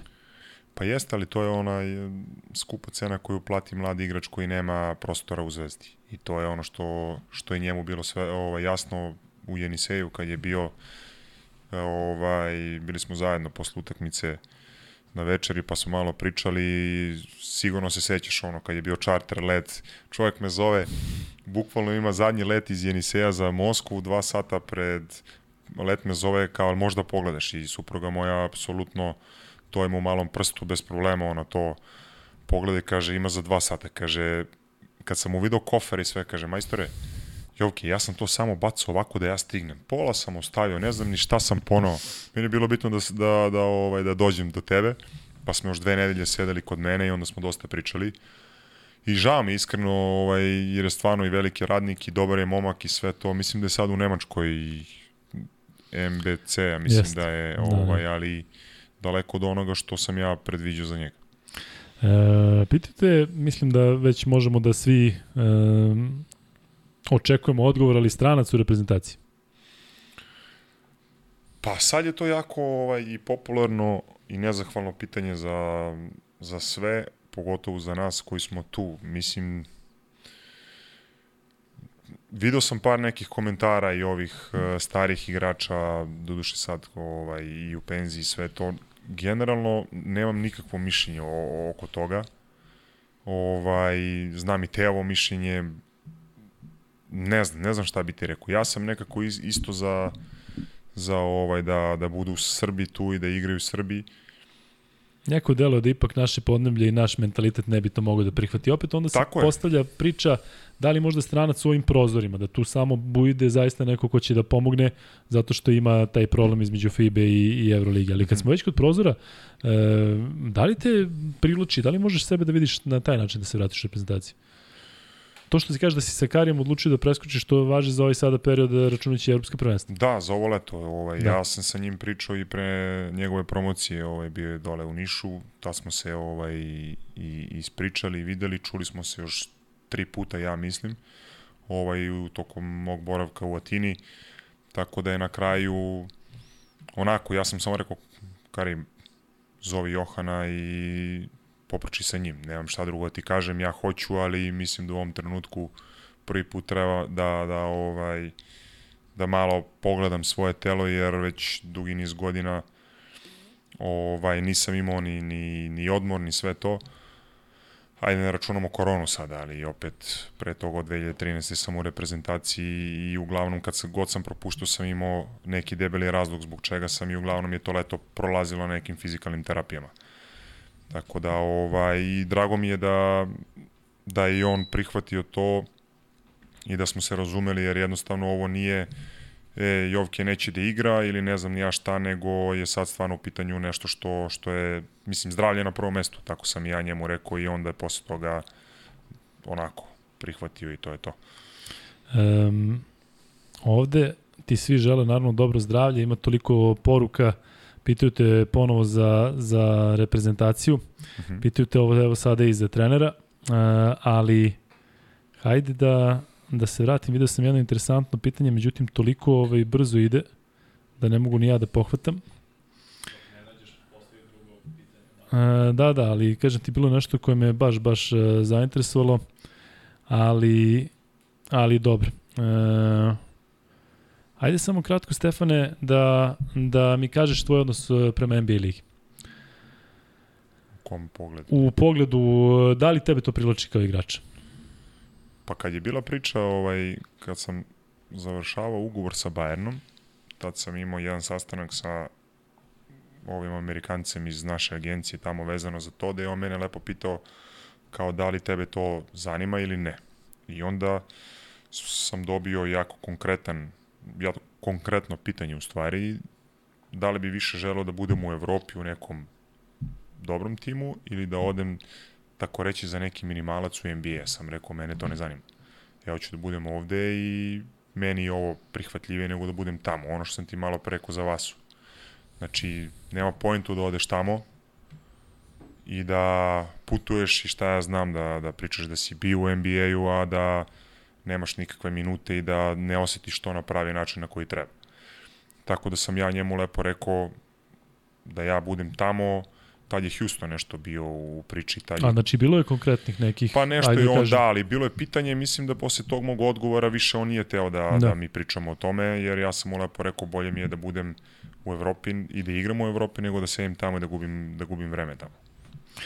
E, kažu Luka Natara i Jokite da pomeri trening za sutra ujutru, štete da ovo ne ide u 5 sati. Nećemo ići od 5 sati, ali ali ovaj u 11. Ali ovaj zaista interesantno. E, kažu ovde javljaju da igrač koji se povred, koji te povredio da je Martjuk.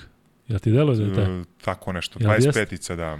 Imam e. u stvari imam snimak negde. Baš je onako jezivo izgledalo. Evo, ovi naši sve znaju. Kaže Andrej Martjuk. Da. E, tako da zaista svaka čast. Mislim da klinac ima 20 godina sad.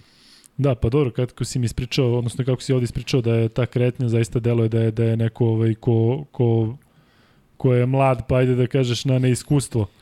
Može ovaj, da se desi. Kad sam gledao, uh, kad sam gledao ovaj snimak, da on napravi onako neki neki dakin unutra da primi tu loptu. On je bukvalno krenuo na mene ovako nogu. Znači, da, ali delo ti da nije bilo namer, već da je ne, nije bilo, nego da je, on da, da krenuo je nešto i sad njegova kretnja uopšte nije prirodna. Da. U tom trenutku da je bar otišao s druge strane pa da napravi onaj mali prozor dole za, za taj pas, za završetak, ne, on je pošao na mene. Prvo, to je, da nisam stao, bio bi faul u napadu, verovatno bi mi stradalo rame u tom trenutku. Jer, znači, ja trčim ovako i njega ne vidim ovako s te strane uopšte. I kad sam gledao snimak, bukvalno sam stao, cela noga je otišla. Šta kažeš, tri, dva, tri, koliko? Dva su pokidana, bila treći je bio diskutaba. I koliko, tri meseca? Da, a moglo je da budi sedam meseci sa operacijom. Da. Mislim da se iz ovog narodnog pitanja, odnosno iz odgovora, krije možda i neka anegdota. E, kako Ajmo. je bilo sa Big Sofom u Zvezdi?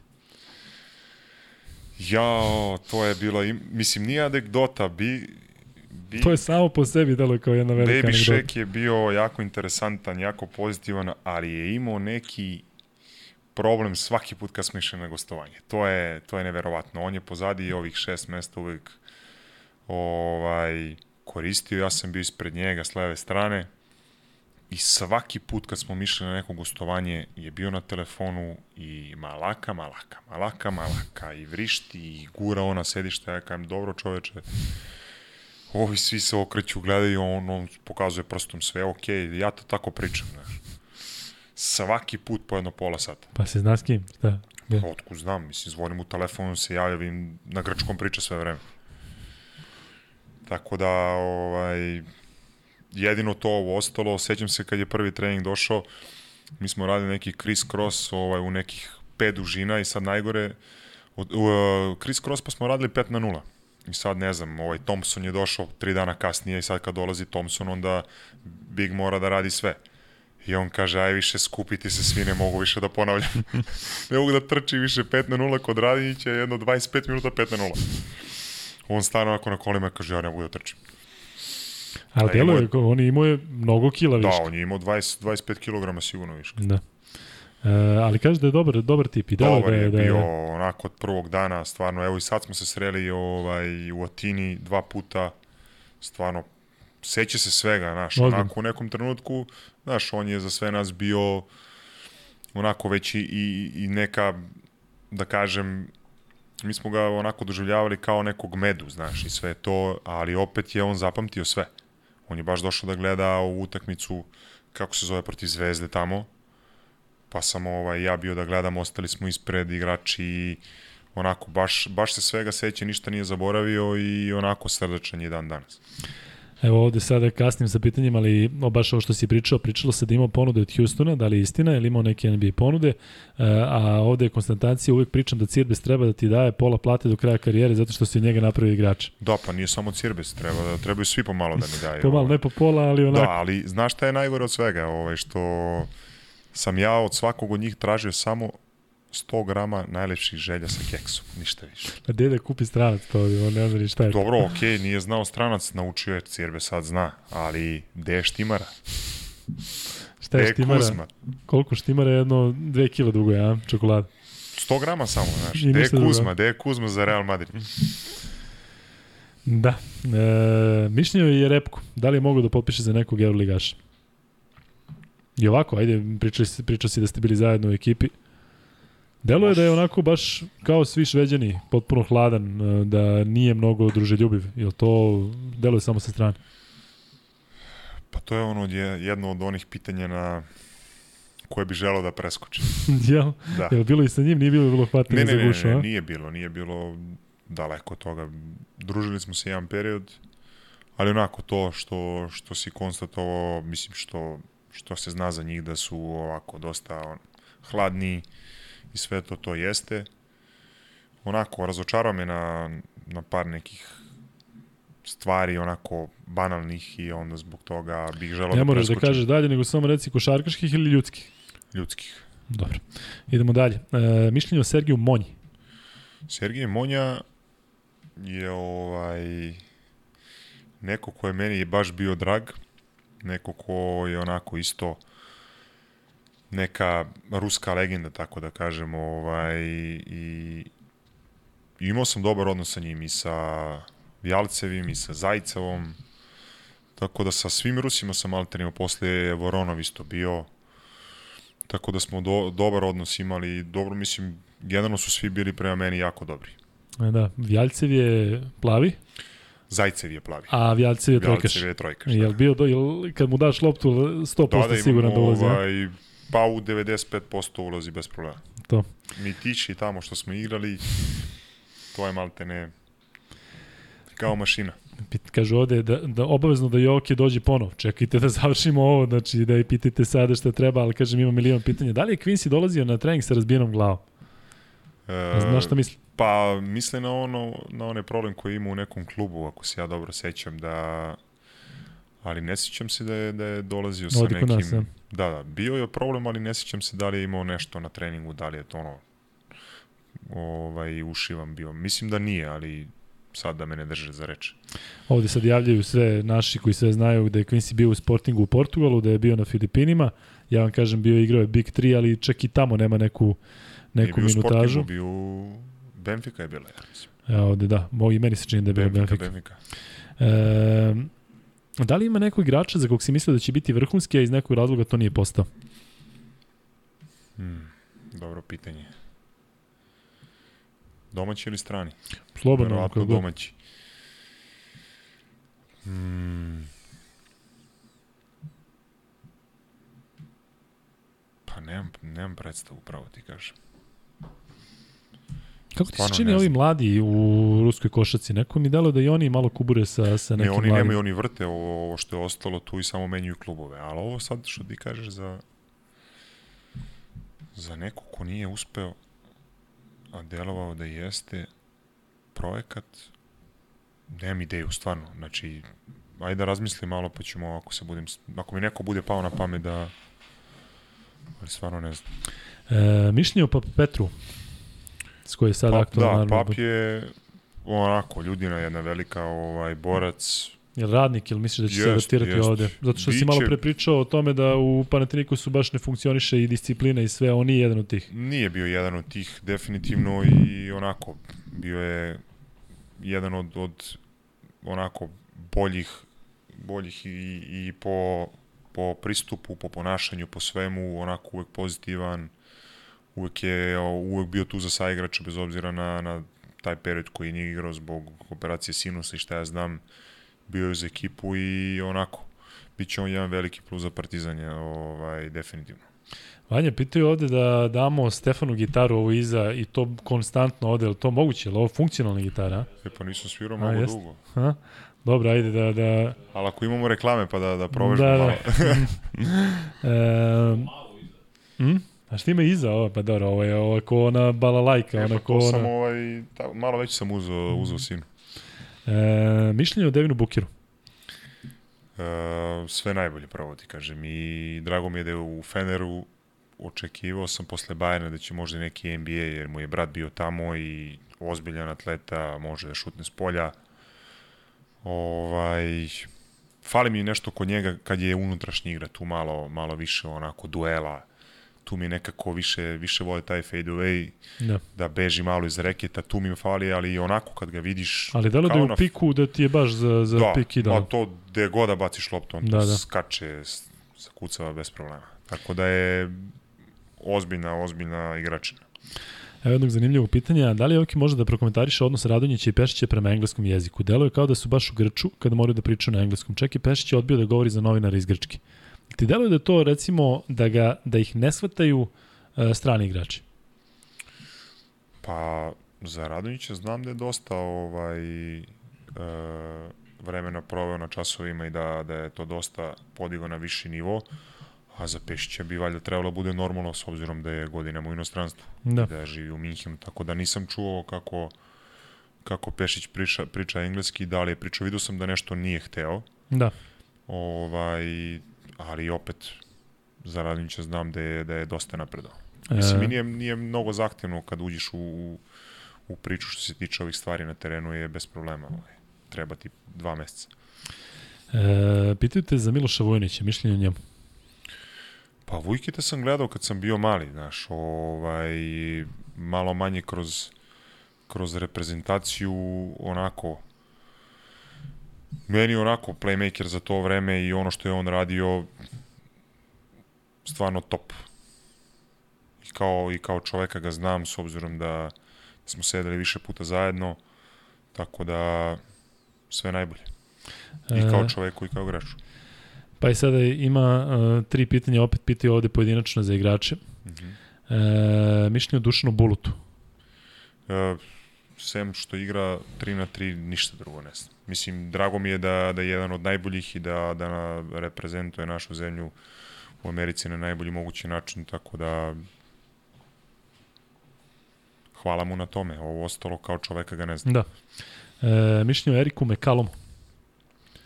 Erik je kao neko dete, pravo da ti kažem. Ozbiljno. Ovaj, da, ovaj, provodili smo vreme, imam... Čekaj, on, ja mislim da mu je CJ mlađi brat, tako?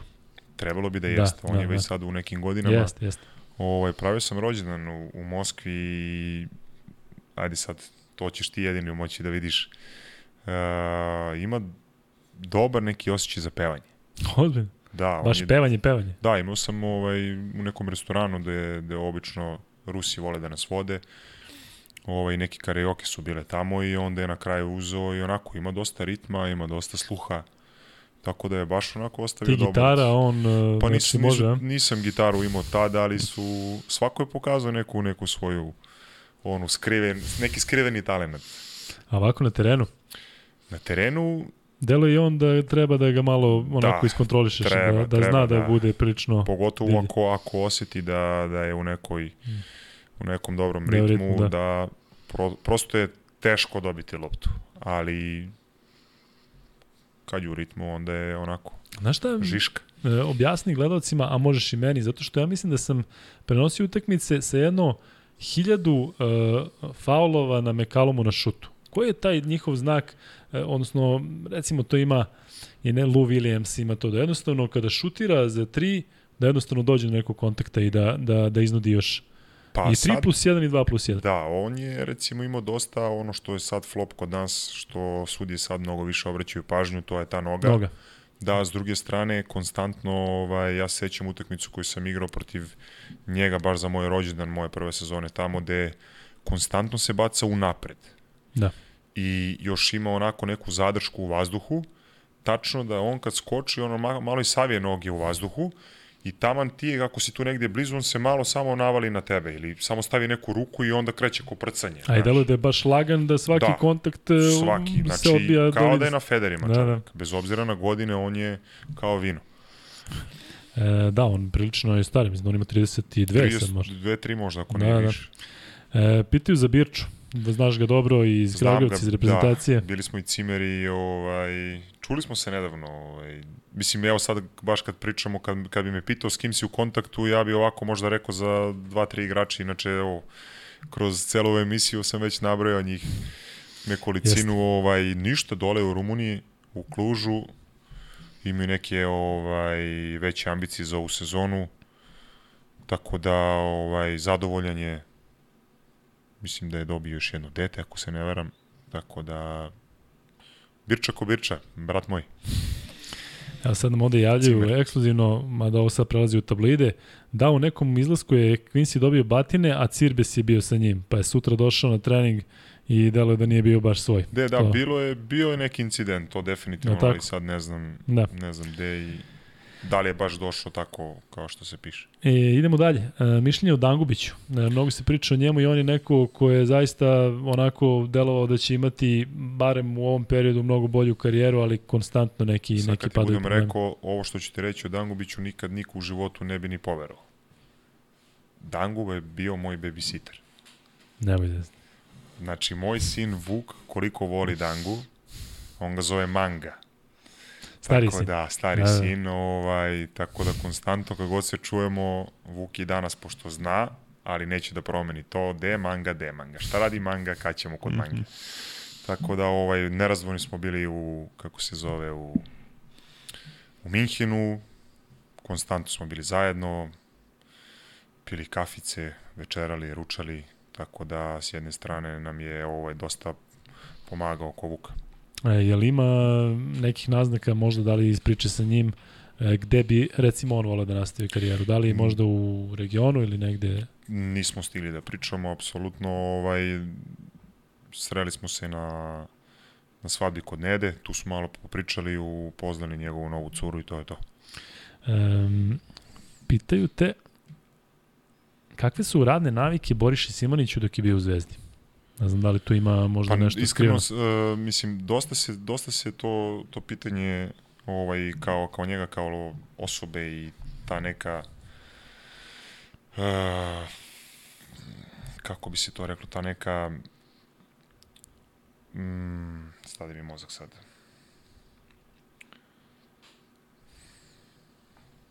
Ja, blokirao sam. Ma, dobro, samo pegledaj. Mislim, govor tela, kako se to kaže kod nas. Stade mi sad skroz mozak. Znaš, kao da je tu nije, ne znam kako, sad kažem ti baš... Da, delo je malo da je nezainteresovan e, možda. bravo to, baš to. I ovaj, u suštini on je takav. On je nenametljiv, on je povučen, on je, on je tako i privatno, on je samo na terenu tako.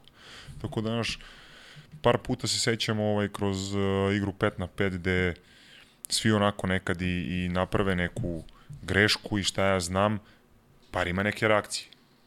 Kod njega je sve ravna linija. I to je ono što je u suštini možda i njega koštalo sad da svih da, da, ovih i stvari... tako deluje sa strano, nema ime istri izraz lica šta god se dešava. Tako je. Znaš, i onda sad, ali treba nekad i, i sagledati malo dublje celu tu priču. Da li je on to tako zato što jeste generalno i van terena takav, da li je to on, ili je to, nemam pojma, posledica nečeg drugog. Ja mislim da nije, da je on takav i da u suštini ti samo treba da nađeš način kako da dođeš do njega, da dopraš do njega da bi on bio to što se pričalo svih tih godina. Da, A, ali ovako je povučen, je tako? I da, da, zna. isto, kao na terenu, kao kad ga vidiš tu, on onako ćuti, sedi, znaš, potpuno kao da, nenametljiv, kao da nije tu. Da.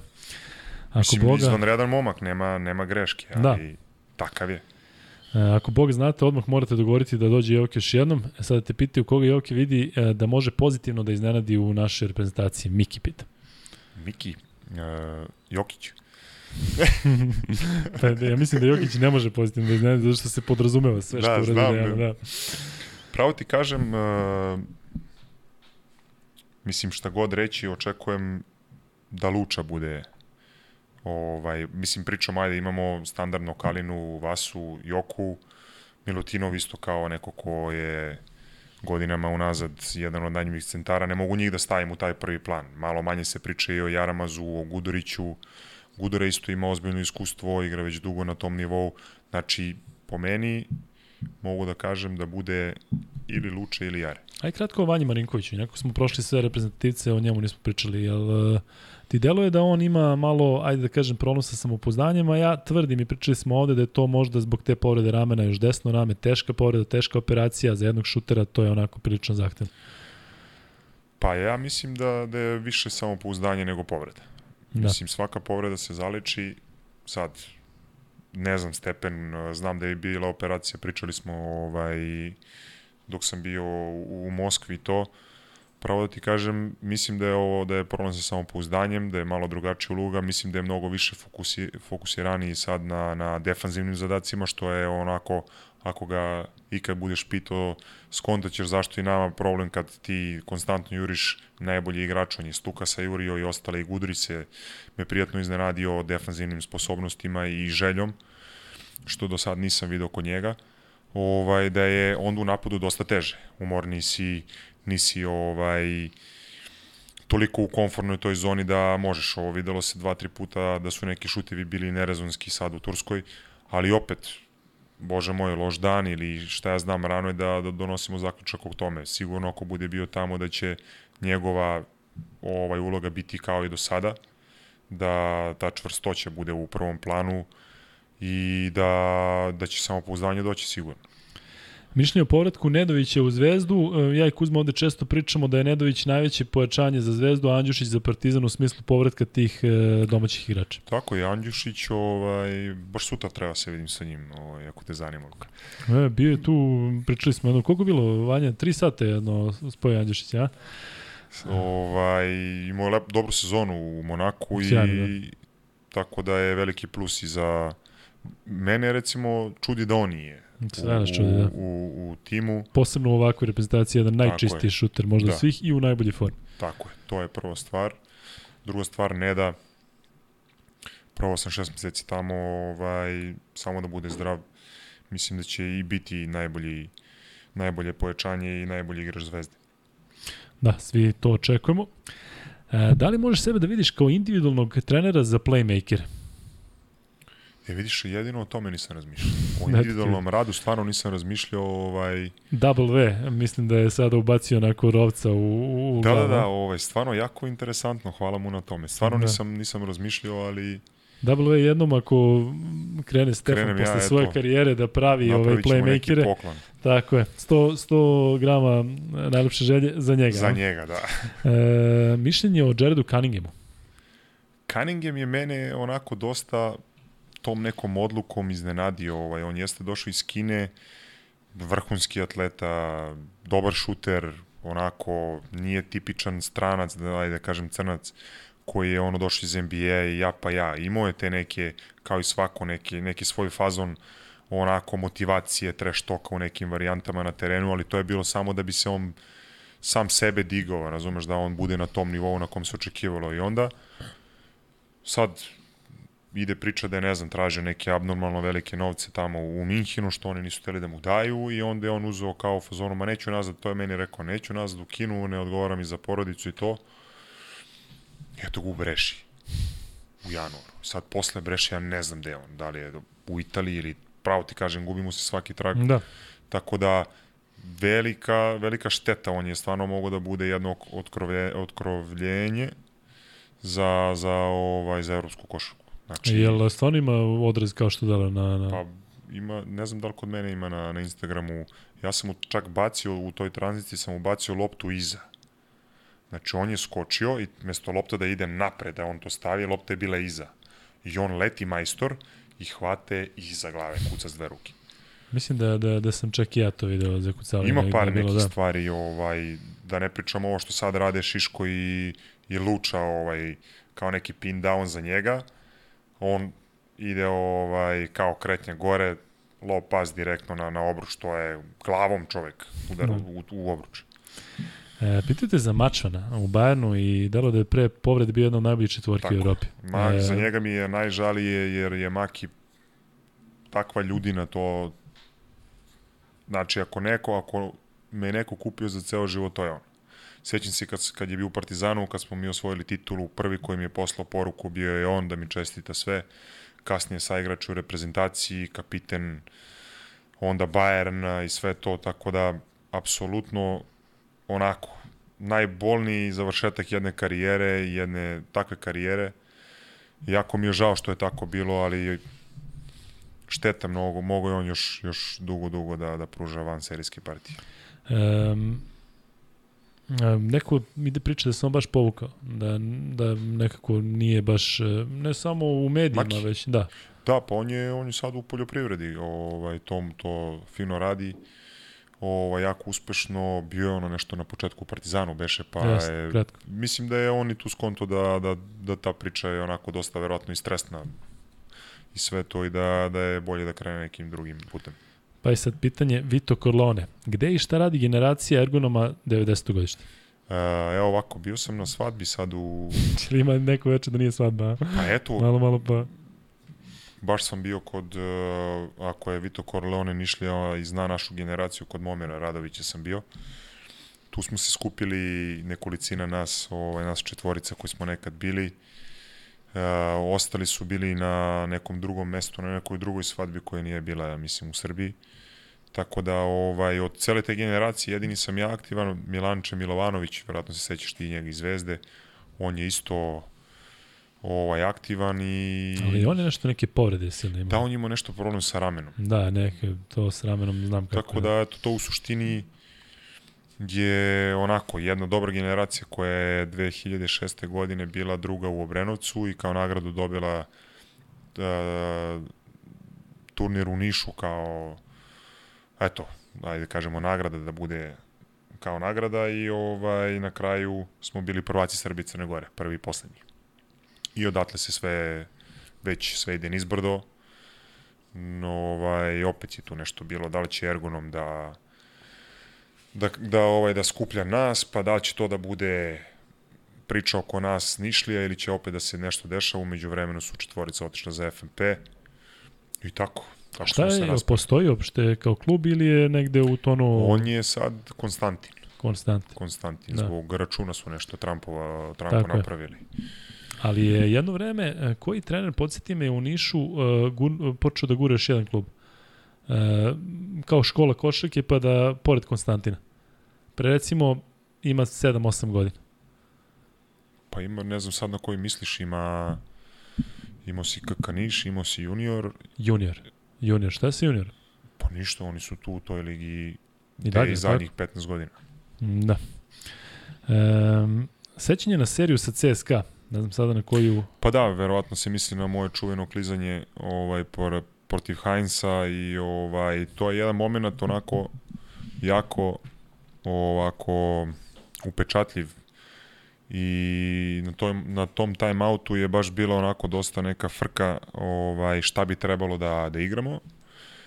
I na kraju je timeout završen, evo tebi Jovke lopta ti igra i pick and roll sa pet, ja kažem reko čekajte ljudi, pa mi celu utakmicu igramo na jedan način, pripremamo je na jedan način, znači ne napadaš Heinza u pick and rollu, ne igraš izolaciju sa Heinzom, ja kažem Radonjiću, reko, daj da se svi sklonimo na liniju, i Quincy Miller da igra izolaciju sa Voroncevićem.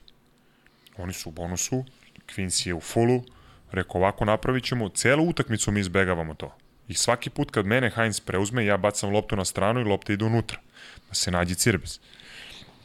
I na kraju smo mi uradili ono gde Quincy prvo nije teo da igra. I ja sam rekao, majstore... Šta nije hteo da igra? Da, kao ne, neću kao loptu, znaš. I onda kad rekao, dobro, neće, šta da radimo? I onda posle kad sam se ja ukliznuo i kad sam pao, e onda je bila priča, je trebali ste meni da date loptu.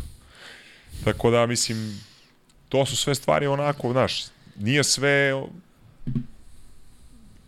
da ono, da, kako bi ti rekao, da, da bude sve onako kako hoćeš, razumeš? I ja sam teo da, da napravim dobru stvar i sve to okej. Okay opet uradili smo nešto što smo spremali da, da nikad ne uradimo, uradili smo i onda to pokazuje našu neozbiljnost u tom krucijalnom momentu, razumeš, ali opet sve je za nauk, tako da eto, imali smo dobru utakmicu tamo, na tu loptu smo igrali sa njima, kasnije smo izgubili ovaj, u toj seriji, što je opet onako, bila, kad se sve sabere, jedna dobra sezona.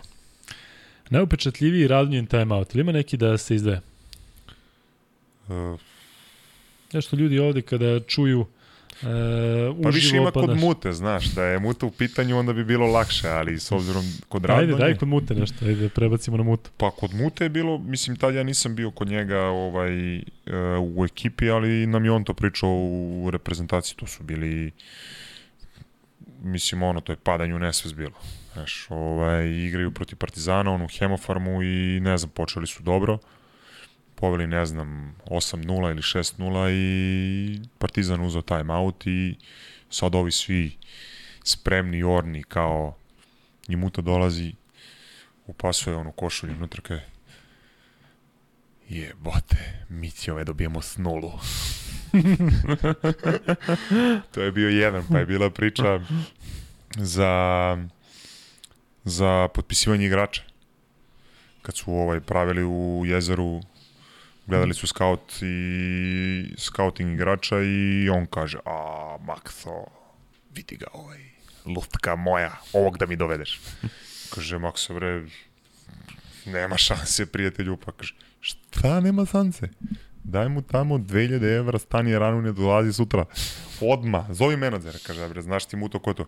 Šta me boli ko je? A be to Durant. Pa stanik dođe sutra, šta me briga. Zovi mu menadžera odmah. za Durenta. Za Durenta, to su bile Mislim, ima puno, možeš pričamo tri dana. Kad Meni je... najdrže što sam čuo za Mutu je kada je šutalo. Ne znam da... Budi malo dodavalo. Da kaže, trebali su nas, dodavalo, on nije šutalo. A ima jedno sa Bogdanom i u areni. I sad kraj treninga, ono što ti kažem. Sedim uh, ja, sedi Muta pored mene i pored uh, Mute sedi Bogdan.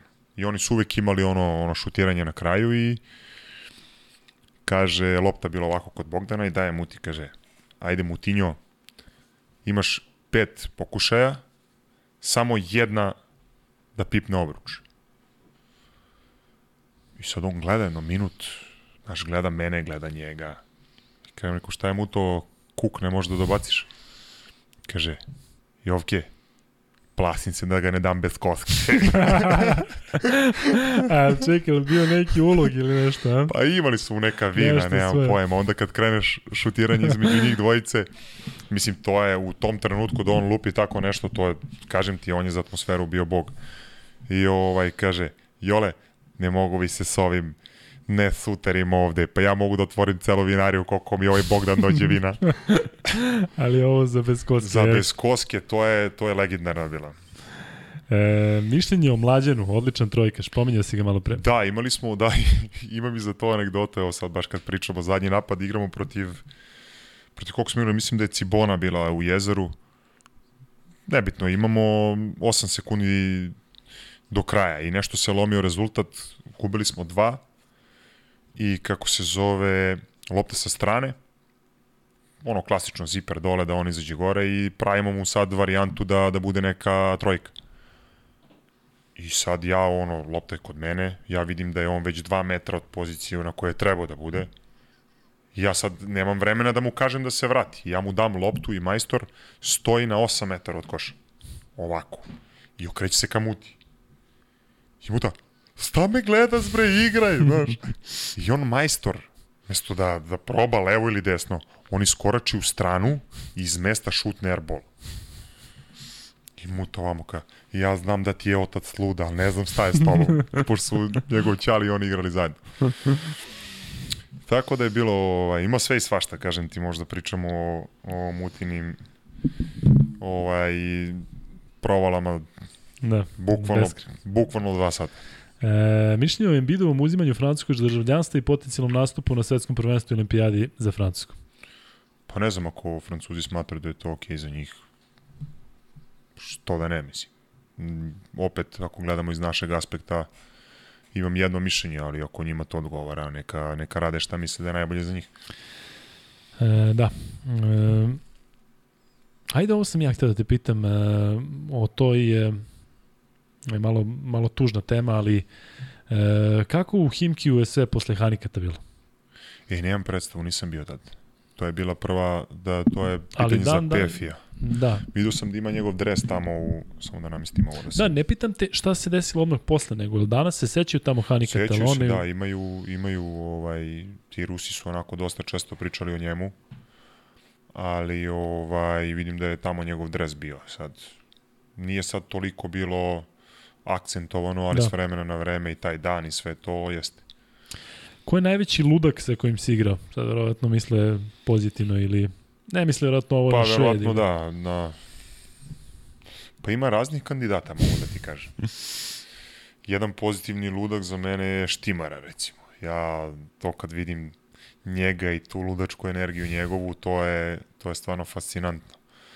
Ovaj, Pa eto, njega bih izdvojio sad, ajde da kažem, po, po tome, po, nekom, po nečemu specifičnom. Onda Quincy na svoj način. Cirbes isto pomeranje konstrukcije, zakucavanje preko noćionija. Znači, svako ima nešto svoje. Tako da, Laza, recimo, isto, ja i on nebrojeno puta u reklamama tamo u, što se kaže, u komšiluku za svaku loptu i to ima svašta nešto. Evo sada pominjali smo Buluta i kaže da ga ne znaš, ali jednom je Bulut izjavio dajte mi Jenkinsovu platu i Jovića na pleju i garantujem 25 pojena u proseku. Da, to sam vidio, to mi se iskreno nije svidelo, jer onako, znaš, ja, ja sam otprilike, evo sad mi se nešto mota po glavi da sam sa Kalinom nešto pričao o njemu i da je on valjda igrao za Novi Sad ili u Novom Jest. Sadu košarku i da se tu nije igrao proslavio. za Meridian ili gde je e, igrao nešto. E, negde igrao valjda i da se nije proslavio u svemu tome i sad je u, u kako se zove, u, u basketu i on je sam svestan da, da jedno i drugo nema baš mnogo Tako. sličnosti. Tako da prvo me je iznenadila ta nepromišljenost da takvu izjavu da, A s druge strane... Dobro, mislim da je ovde mislio pozitivno za tebe, u smislu da... Ne, ne, okej da, okay za da mene, možeš... ali Đenka znam da je bio baš nešto Da. u lošem momentu tad. Samo zbog toga, inače, ovaj, generalno, nemam ništa protiv čoveka, niti imam razloga da imam. E, Samo mi se nije svidela Jasno, ta U konstatacija. kontekstu tom, da. Da. E, šta misliš o Nikoli Joviću ili Pokuševskom i ko će imati e, bolju karijeru u NBA ligi? Jesi imao Pa, neke dodirne tačke sa jednim ili drugim? Pokuševskog sam sreo u dinamiku, gde ovaj, radim sa loptom, ovaj, par puta, a malog Jovića nisam video nikad. Ali ono što sam video kako stvari stoje da, da je jako interesantan, da je prvo i, i, i veliki sajz i da, da je sposoban da igra i sa loptom i da ume da šutne s polja i tako interesantno jedno telo koje je po meni u ovom trenutku u prednosti u odnosu na Pokuševskog, ali opet to ne mora da znači ništa, Da. sve, sve, sve su oni to tamo lepo skockali, Ameri. Zna oni vrlo dobro i kako će šta da upakuje i koji je vremenski proces. Tako da u ovom trenutku možda je, možda je Jović u, u toj nekoj prednosti, ali i Pokuševski igrao fino ono što sam uspeo da, da pratim, tako da mislim da mora da, da poradi na telu, to je definitivno da bi da bi mogu ozbiljno, ozbiljno da, da razmišlja da igra tamo. E, pitao te da ispričaš neku anegdotu sa olimpijade. Imamo olimpijadu gde, gde smo maltretirali Joku. To je, to je onako bilo, ali Joka je, ono što smo rekli, Joka je Joka, znaš. Njemu ništa nije teško, on dođe onako spontano, gao, znaš kako šeta ovako. Kao balu. I onda dođe kaže, Teo, ajde Joko, ideš u McDonald's, a mi lupam na petom spratu. I sve sa terase vidimo dole, ono red, pa treba se čeka dva sata. Nema problema. Ko će šta? I sad ide od jednog do drugog, mi pišemo, majstor ide dole, M čeka sat vremena, M je natovareno ovoliko, on to sve lepo nosi kući, dolazi gore, do duše neko se spusti dole da pomogne, i onda i svaki drugi dan je to bilo. Nemoj da... To. Čekaj, u, u McDonald's je bio u olimpijskom selu i priča da su Amerikanci prvi pravili red, da je bio red... e, Pa Amerikanci samo njih. i ovi košarkaši nisu bili tu. Bili su ovi verovatno atletičari. Amerikanci generalno, da. da. Ovo, jer se pričalo su ovi na nekom brodu tamo, oni su Da. uvek nešto svoje. Posebno, da. Ali, znaš, ti sediš tu, malo si ono, imaš dobar, dobar pogled, vidiš sve, stoji oka tu, ako maše nam. Nemoj Znaš, da... mi njemu mašemo, svi ono lazy bagove imamo, sedimo i čekamo, znaš, i onda nam posle malo bilo glupo, ali ne, kaže, ja sam najmlađi i nema problema. I bez bilo kakvih... e, Da. Sjajno. E, da li očekivao da će Branko Lazić cijelo vreme ostati u Zvezdi, da se neće probati u inostranstvu? Da, Jel misliš da će ostati do kraja karijere? Da. Zato što mislim da sad već nema smisla da on sa 30 i možda kusur godina posle ovog ugovora e, mislim da će, da, da će biti tu i da će verovatno, sad ne znam, opet pričam iz mog ugla, da će verovatno ostati da bude neki faktor u klubu. Možda i sa mlađim kategorijama, ako ga bude zanimalo, stvar, stvarno ne znam. Ali pretpostavljam da kao legenda kluba da će sigurno da, da bude tu. Je li istina da je Faje volio, voleo da Dobro, ovo sad možemo da pričamo, ipak je ovo vrste emisije, da je voleo po hotelima da, da nosi travu sa sobom. Ne znam, nisam igrao s njim. Ne znam otkud uopšte ovo pitanje, ali ajde. Um, mišljenje o Deriku Williamsu. To su te pitali nekoliko Derek je da, Derek i ja smo jako bliski i u kontaktu smo, ovaj, baš sam i poželao novi početak uspešan u, u Panati. E, ima slika isto kod mene, ovaj, dobio sam njegov dres konstantno gde god smo, uvek se viđamo, kad igramo jedan protiv drugog, čak smo i bili na večeri u, u Moskvi kad smo dobili Fener. Tako da, jako prijatan lik na mestu, bez obzira na, na NBA karijeru, prizeman, kulturan, tako da stvarno jedan od uz Đenku, ja mislim, jedan od boljih stranaca koje sam ja upoznao. Pitaju te i najiskreniji stranac u Zvezdi, neko ko je baš voleo klub Zvezdu, navijača. Pa Đenka definitivno... Pored Đenke, ajde, pored Đenka se Đenke- nekako podrazumeva. Pa Cirbes, ja mislim da je on drugi stranac koji je, koji je doživo to na pravi način. Quincy onako, verovatno uz, uz te neke mahove Da. kroz utakmice, ali otku znam. Mislim da je Cirbes taj drugi. Um, mišljenje o Dobriću. A, Šegi je po meni neko ko, ko je zaslužio sve ovo, jer je i on isto jedan veliki radnik iz uh, vremena kad sam ja bio tamo, nije imao neku minutažu, mislim Gudurić je bio ispred njega, ovaj, i drugi stranci koji su tu bili, ali sa razlogom tu gde jeste i samo da, da nastavi svojim tempom. Davidovac ili Davidovac, e, mišljenje o njemu? Deda. Uvek uh, enigma za mene, pravo ti kažem. Znam ga još iz vremena kad je bio valjda u Smederevu i to, pa onda ja FMP. I nekako, znaš, treba razumeti takvog igrača. On je toliko inteligentan, toliko brzo čita neke stvari. Znam da je bio problem na početku sezone sa viškom kilograma i da su navijači onako, pošto sam pratio dosta toga, onako bili dosta nestrpljivi. Ovaj, prethodna sezona isto van serijski završena i tako da ono što sam ti rekao, znači treba razumeti tog igrača, ne može da teraš da sprinta. Tog igrača ne može da teraš da, ne znam, iskače na pola terena i šta ja znam. To, to mora se uklopi, mora se razume takav igrač ako hoćeš da ti pruži ono što treba. E, pitaju šta spremamo ja Kuzma za evropsko prvenstvo, bit ćemo svaki dan sa vama. Dakle, od četvrtka e, ići svaki dan s tim što će klizni biti termini, zavisnosti kada igra Srbija, ali radit ćemo podcaste svaki dan i vidjet ćemo da ubacimo goste. Još uvijek ne znamo nešto oko sponzora, ali sa Srkijem Mercegom e, koji, koji drži studio smo dogovorili da idemo svaki dan. Vanja, se slažeš što smo ispeglili, tako? Peglamo, nije Vanja baš nešto dušenje, ali dobro. E, I imat ćemo free betove, rekli smo tri free beta svaki dan. Kada smo već kod free beta, ajde da, da podelimo ovaj drugi. E, kako su zvali e, Stefana Jovića u Himkiju? Ko prvi odgovori, dobije drugi free bet. Umeđu vremenu, e, pitanje je za tebe, da li ti čudno što nema Danila, pogotovo što nema Bogdana? I malo prvo komentariši kakav je Bogdan ovako. Bogdan je, opet, moj bivši cimer, ovaj, sa njim sam svakodnevno u kontaktu, Uh, sigurno da, da igrač koji najviše fali ove reprezentaciji. A za Andjušića sam već rekao, mislim da, da je šteta što ga nema posle takve sezone. Tako da jedan i drugi definitivno fale sa, sa te pozicije ovaj, čistog šutera, Bogdan malo više i sa tom kreativnošću i u nekim momentima tom izolacijom kojom može da, da, da rešava. Pa i sad ovo. Da li se sećaš dolaska na maturu u Kragujevcu? Veliki pozdrav i svaka čast za šmekirski potez. E, kroz maglu se sećam, pravo da ti kažem, mislim da me neko doveo tamo da ispuštujem, ali pravo ti kažem, ne mogu da... nešto bilo. Da, bilo je... Znam da sam samo ono ušao na kratko nešto i to je to. Da. E, kakav je osjećaj čuvati Karije Irvinga i ostale američke bekove iz te reprezentacije? Jel ti deluju da su, da su posebni? je bio nemoćan. Kako bi ti rekao, ovaj, sa takvom lakoćom, takvo ubrzanje, generalno, ja sam u tom trenutku onako, do, sa dosta uspeha čuvao sve maltene ove glavne playmakere u Evropi, ali kad sam se sastao sa njima, dva, tri puta su prošli pored mene kao da me nema. Tako da, onako jedno dobro iskustvo. Um, Jovan Gvozdić je odgovorio pravoslavac. Ne znam da li to možemo da prihvatimo, a? Pa prihvati, ispušti čoveka. Pravoslavni. E, pa drugi je pravoslavni. Ajde ovako. E, po pola. Da, stvarno bi mogli tako. E, Joki ima dobre ideje, a?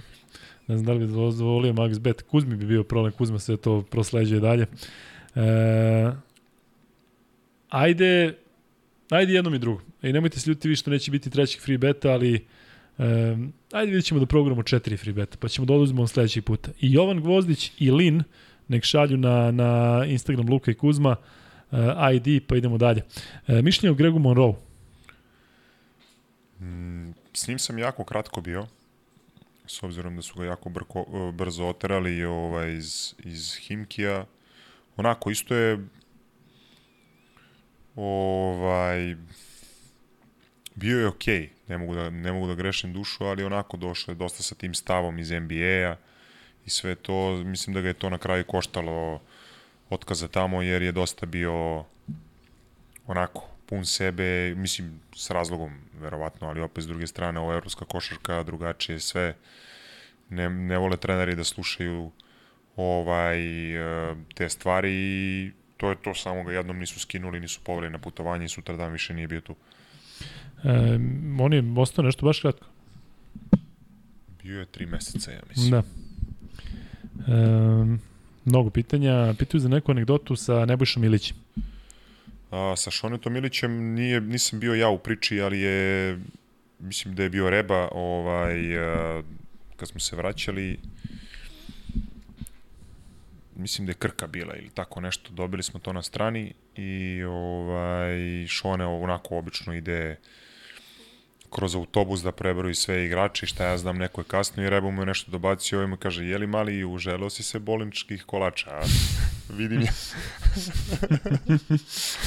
tako da... Znam da će Šone da odgovori. Zna Šone uvek, sa Šone to mi uvek, uvek dobro. Ljudi ovde e, pričaju kako sjajno komentarišeš Mutu, trenutno sam u tom delu. E, pitaju za svađu Atamana i Štimca. Ne, Mišljenje o tome. ne znam stvarno to. Da, ne znam zašto bi Jokić Ne da znao nešto o znam da tome. sam video, pa možda je onako, ali opet stvarno ne znam ni da su bili u sveđi. Ali... Pazi, pošto je opuštena atmosfera, e, neće ljudi shvatiti pogrešno, ali pitate e, Branislav ko može najviše da popije u reprezentaciji, vjerojatno apropo ovih sada svih svadbi i svega. Ili neko ko je, ko je bivši košarkaš, ili ima neko ko je onako, ima baš stomak za to. Pa ne znam, pravo ti kažem, to bi trebalo da se meri ovo, da vidimo sa konobarima ko je šta bio. Uglavnom, pravo ti kažem, ne pije se puno, čisto onako malo reda radi da se malo obeleži. Da. Pa dobro, podrazumeva se nekako. Da. Pa da, bez preterivanja. da. Za koga navijaš u NBA ligi? U, pa diskutabilno jako. Imam, iz godine u godine menjam svo, svoj tim. Ne znam zašto. Ovaj, voleo sam Dallas zbog Peđi Dirka. Pre toga, ajde, Sacramento, kad je ono već divac i, i Peđe dok su bili, ajde, iz tog vremena, pa recimo mnogo volim Boston. Sada ili... Generalno, ceo život njih da. baš mnogo volim i taj tu halu i sve to kako to izgleda dosta drugačije od svega. Vidim da onako i atmosfera je drugačija i to. I New York Knicks je nešto u zadnje vreme. Da, u posljednje vreme, a? Pa da. Da, da se Spus, digne ja malo. volim, ja naš, recimo i kad gledam futbol i sve to, ja mnogo volim uh, da biram uh, timove koji imaju autentičan stadion. Da, Tako da recimo Paris Saint-Germain je moj tim dok je uh, Ronaldinho bio tamo. Ljubo je dok su Pauleta, to je ta priča i dok ovaj Pedro stadion, Pauleta. da, dok Jesi oni nisu, se dok oni nisu napravili ovu sad modernu priču Parka Prinča. Da. Tako da sad mi onako nisu nešto.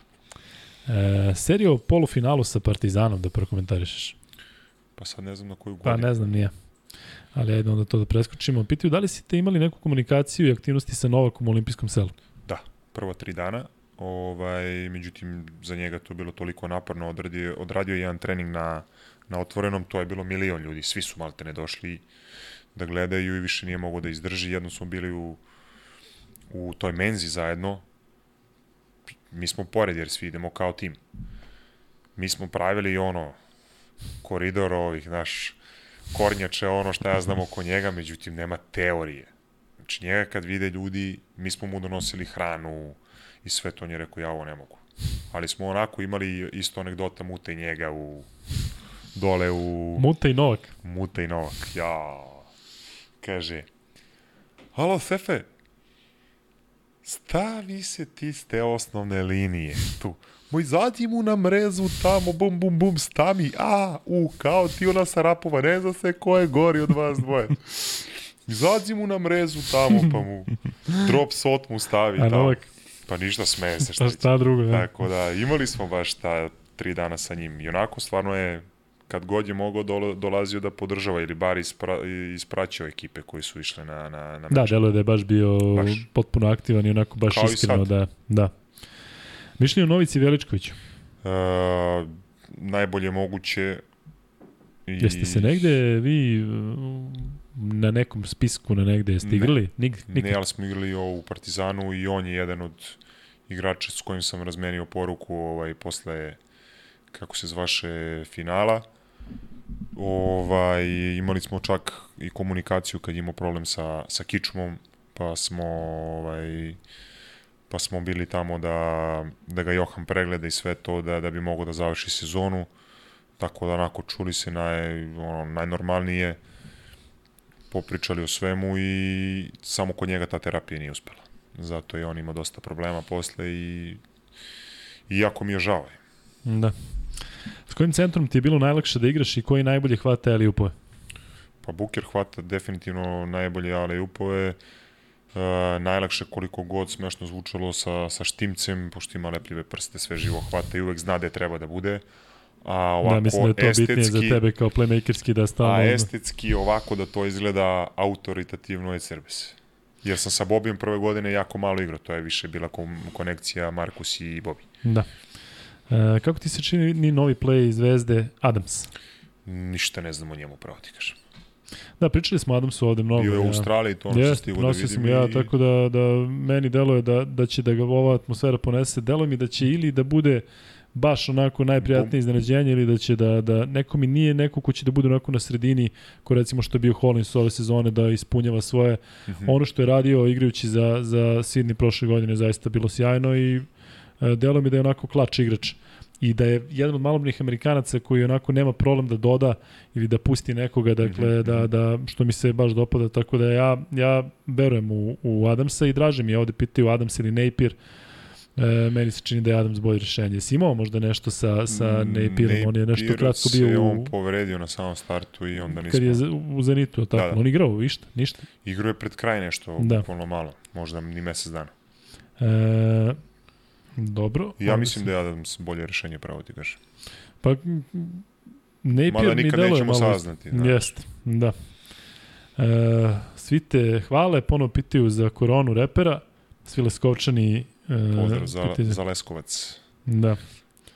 E, Pozdrav za koronu. Da, ne znam da li on gleda ovaj, ovde uglavnom onako e, klot košarkaška publika. Da, da li možda je pisao. E, ma moguće da mu je neko javio, da. Mnogo pitanja o pojedinim igračima, e, tako da ćemo morati malo da da sa odgovorima budemo budemo kraći da bi mogli da pokrijemo barem deo ovoga o čemu pričate. Pitanje je e, o Jordanu Mikiju. Kakav je on? Dobar uh, jako zahvalan igrač. Ako gledamo... Delo onako tipična američka Tako petica. je, više nekako onako middle range dvojka, da. ume dole ispod koša, onako dosta dosta je onako, da kažem, uh, individualac. Redko kad voli da vrati loptu. To je jedina mana da. koja a ovako van terena isto dobar, dobar lik. Družili smo se, mislim, onako, sve što se kaže u roku službe. E, teško pitanje, koji je poraz teže, od Argentine ili od Slovenije? Argentina. Teže, ja? Pa teži, tamo smo da, bili zdravi, je, igrali sve, a ovamo sam finale, bio... medalja, pa... Ne, nego generalno mislim da, da je to onako ostavilo baš onako neku bolnu ranu na sve nas. Da, mišljenje o radničkom iz Kragujevca, zašto je klub propao i e, da li misli da ima šanse da se klub izdigne? Bio nam je ovde, Nikola Lonči rekao je da on radi na tome da se tamo podigne košaka i da, da daje svoj maksimum. Ti žao tako kada znaš da jedan klub koji je, ajde, da kažem, iznedrio ipak se vas na stranu mm to što si u slogi ipak stekao neko ime, ali kada pomisli čovjek Kalinić, Birčević, ti, cijela ta ekipa koju si pominjao i sada odjednom nema ništa.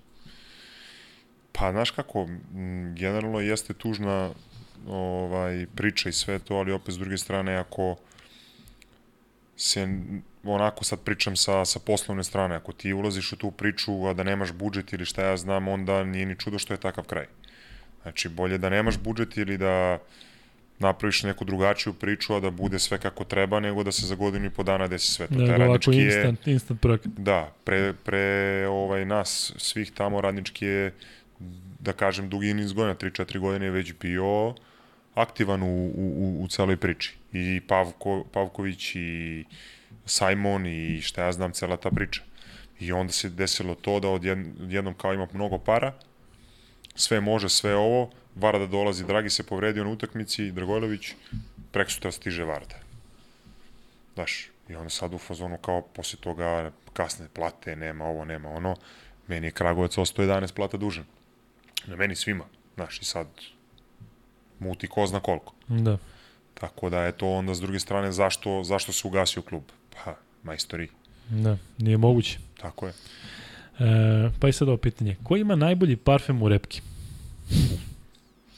Jel ima nekih e, da se neko da se izdaje? Šone. O nešto Koji? to, pa ne znam, neki bućkoriše njegove, nešto tamo handmade, Ilić, da, nešto ovaj, voli, tako da uglavnom se on hvali tim stvarima. Znam još i zvezde zbog toga. Da.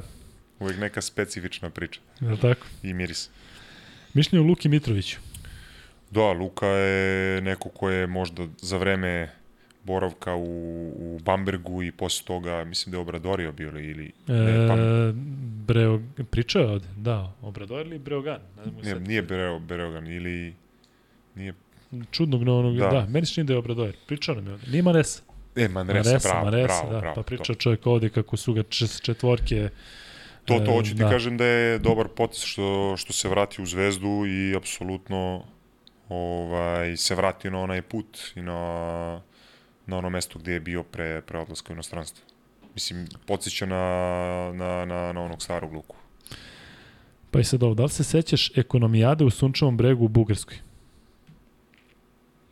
Postoje li to nešto? No? Pa verovatno jeste, ali Bugarska, Bugarska. Trebalo, mi još, trebalo bi mi još neki detalj da bi znao. Mm, da, piti ovde za nešto pred eh, meč sa Argentinom, ali nećemo to da postavljamo, idemo revijalnije.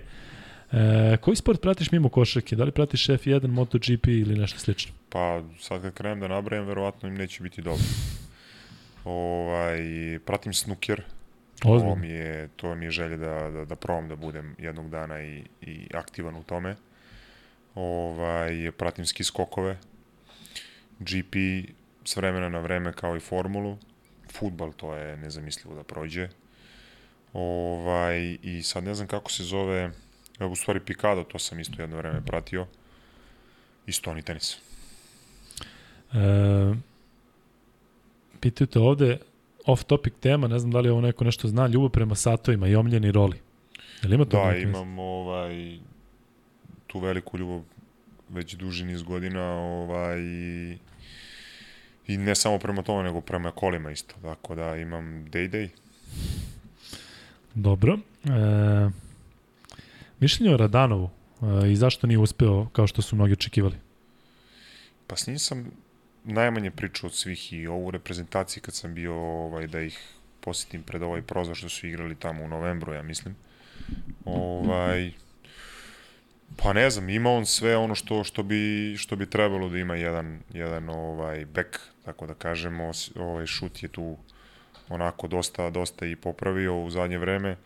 Što nije uspeo, ne znam koliko on ima godina uopšte sad, da kažemo da nije 24, uspeo. 24, ne možemo da pričamo da, da nije uspeo. Da, znaš, ne mislim, sad ću da proverim možda, baš možda, da. možda je sad ova, mislim, ono i UK nije igrao loš, i da. taj euro, da nisu igrali World Cup, nego u Ligu šampiona, tako? Fibino, da. Ovaj, odigrao fino i protiv Galatasaraja, kući, tako da onako, mislim da nije ali, mnogo. Ali definitivno je manje od onoga što je bilo predviđeno. Da, pa dobro. Da, 24 godine, da, 1. februara 98. godište. Možemo da pričamo za jedno 3-4 godine, da li jeste ili nije. E, da, ajde da postavimo i treće e, treće free bet pitanje, pa ćemo onda ovde svi zajedno da se složimo još koliko, zašto imate zaista previše pitanja, nemojte se ljutiti. Prva stvar, zato što ja ne odgovaram na pitanja koje su namenjene meni, bit će priče o komentarisanju Evropskog prvenstva, da li ću raditi, neću raditi. Ovde piše da se javio Srki Radović, E, vidjet ćemo, nek mi pošalje poruku ako je stvarno on, da vas je pozdravio i da, da je postavljao neka pitanja, ali hajde da odradimo treći free bet, pa da onda i sam Jovki kaže koliko, koliko još pitanja da odradimo. Neka treći free bet bude uh, pitanje um, koliko minuta je, pa i sad do, koliko minuta je Jović čekao Šveda u, slači, u Potušem uh, posle meča protiv Valencije. Ajde da vidim koliko Ajde. pratite, koliko pratite podcast kada već idemo o E, dobro pitanje. Da, reci, pitanje. baš jednom si rekao, mislim da si rekao dva puta, ali neko je morao baš, baš da prati. Um, hvale to da svi zaista sada kada bi sve ove pohvale uh, izgubili bismo sigurno jedno 3 sata. Um, mišljenje o trenutnim plevima u reprezentaciji i kako on misli na koji način bi u odnosu na Jarama Zivasu doprinao reprezentaciji kada bi igrao?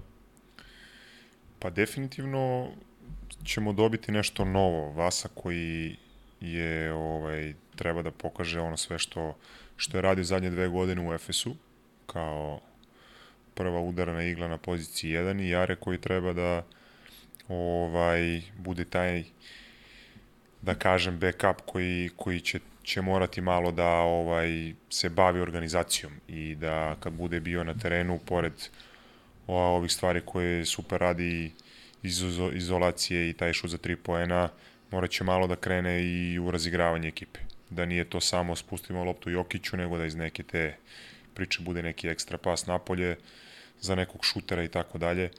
Tako da to je ono što, što je onako evidentno da sam ja tu, sigurno bi ja odrađivo taj deo posla da da se ovaj tačno zna šta se radi na terenu da Ja ti deluje da bi se baš uklopio u reprezentaciju. pa ne bi, deluje mi, da baš da, fali ne bi mi ne bi mi bilo teško jer mislim da da ovaj onako Ne da- samo što fali taj tip igrača kao što si ti, mi smo ovde pričali o tome i bez tebe. Pa ne zato što si tu, ali opet i to iskustvo i ovi igrači koji su, koji su iskusni sa kojima si već ranije i, igrali ste zajedno, i Luča, i Jokić, i, i Kalina. i Kalina, da.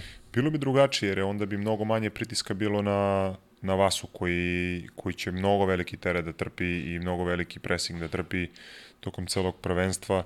Tako da s te strane ono, očekujem i od Gudure da, da igra na nivou na kom je igrao protiv Turske, ali opet s druge strane meni je to prirodna stvar i prirodna pozicija da ja radim taj deo posla da se neko drugi ne bavi tim stvarima, da može da odmori, da ono što smo pričali, ako ono što je upečatljivo, da uvek kad nam škripi mi igramo taj centralni pick and roll sa Jokom, sad zamisli ja igram pick and roll sa Jokom, a vas je u korneru. Ono što sam ti rekao da u ovoj Ili konstataciji ovamo Gudura. ili Gudura na drugoj strani. Oni su Da, da, da. recimo juče ono što mi je ostalo onako ovaj upečatljivo jeste to da su oni tri puta ostavili Kalinu da šutne. A zamisli da Kalinu imaš u jakom korneru, a Guduru da imaš tamo na spot upu. Koliki bi to prostor bio za Joku koji može da igra i, i, i short roll, možda ode i na trojku i sve to, ne bi bila tolika pomoć iz Da, kornera. s Kalinom je baš bilo očigledno, on je jedan Da. tri šutno, tri puta su Tako da recimo da treći. sam bio na terenu, ja bi verovatno i, i sa, sa Karijem pričao o tome da nam treba šuter na toj strani, jer je, da kažem, slabija strana jače na, na stranu na koju obično idemo.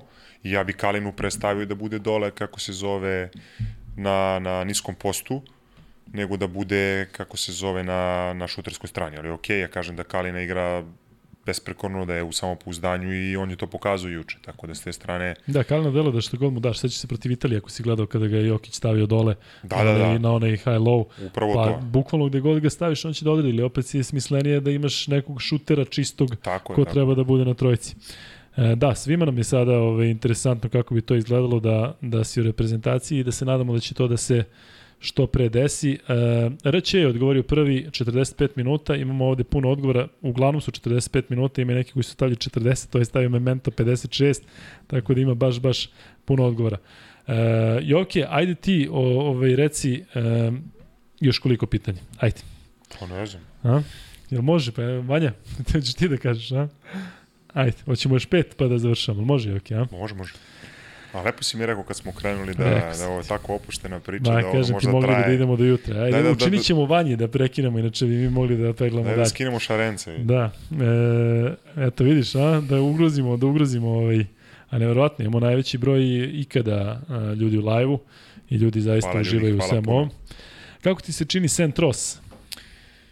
Uh, Centros je neko ko je jako zah, zahvalan igrač za, za svaki tim. To što je ovaj slabiji šuter, tako da kažem, on je recimo dosta igrao na poziciji 1, što nije njegova primarna pozicija. Opet kažem, dobro se snašao tu. Ovaj, e, mislim, da, mislim da je on blizu sada potpiše za Saragosu, koliko sam uspeo da vidim. Ovaj, e, sećam ga se iz e, perioda u CSKA kad je bio dobra ta polodistanca za dva, solidan šut za tri poena, fino telo, onako zahvalna radilica, ono što mi volimo da kažemo. Tako da, žao mi je što je onako dosta, dosta turbulentno bilo kod njega ovo, ovo pred kraj, e, pogotovo mislim na, na finale play-offa, gde se nije baš najbolje snašao. Ali dobro, bože moj, mislim, svi imamo i dobre i loše trenutke. Mislim da će da, da bude od koristi jako, jako veliko u Saragosi. Da, delo da je to možda prava sredina za njega. Dakle, ne neki tim od koji treba u Euroligi da pravi nešto, već neko gde može i da se istekne Pa da, ja će mislim da je on i u godinama isto već, Jeste. tako da... Domet Grčke na Eurobasketu, da li su ekipa za medalju? Pa Grci sa Itudisom definitivno ovaj, mogu da vrebuju šansu ne onako kao neki glavni favoriti, ono što su oni igrali u pripremnom periodu, njih sam baš ispratio jako dominantno protiv Španije, ovaj, e, neugodni, fizički jako dobro pripremljeni nije ni čudo što su s nama u krcatoj areni onakoj atmosferi igrali i produžetak. Bez obzira na, na naše greške, opet neko ko je sigurno zreli u odnosu na neki period 2019. i 17. pogotovo to. Tako da ne bi ja njih uopšte otpisivao za najviše. Da. da. Uh, ajde, svi nešto pričamo, ne, svi mi nešto pričamo, Slovenija, mi, Francuska, Litvanija igra dobro, znači svi su onako nekako Da, ima mnogo dobrih reprezentacija i sigurno će neko iznenaditi. Dakle, Tako ne bi je. trebalo ljudi da otpisuju ni Hrvatsku, ni Crnu Goru, to su timovi koji su spremni, imaju dobre igrače i samo vidio si kakav je sistem, dakle jedna utakmica kada dođe do eliminacije to je to. može da im se namesti, tako da ja sam siguran da će ovo biti jedno od najinteresantnijih i najboljih evropskih prvenstava ikada. Mm -hmm. um, ajde zapali su ljudi za ovo. Da li je bilo neke svađe pred Argentinu e, na... Nije, to, ne znam to sam ja više puta obliko. pričao, nisam pričao javno, ali generalno ne, nije, nikad se to u Saletovoj ekipi nije ni dešavalo, niti je moglo da se desi. Tako da apsolutno nije bila nikakva priča vezano za bilo koju svađu, ne da je Bože tuču, jer to apsolutno nije, nije mesto za takve događaje u reprezentaciji. Da. Ali činjenica da, da je zaista nas... delo da kod Saleta to nije jednostavno nešto ne, što je... kod Saleta se sve da se to lepo koren, znalo. Da.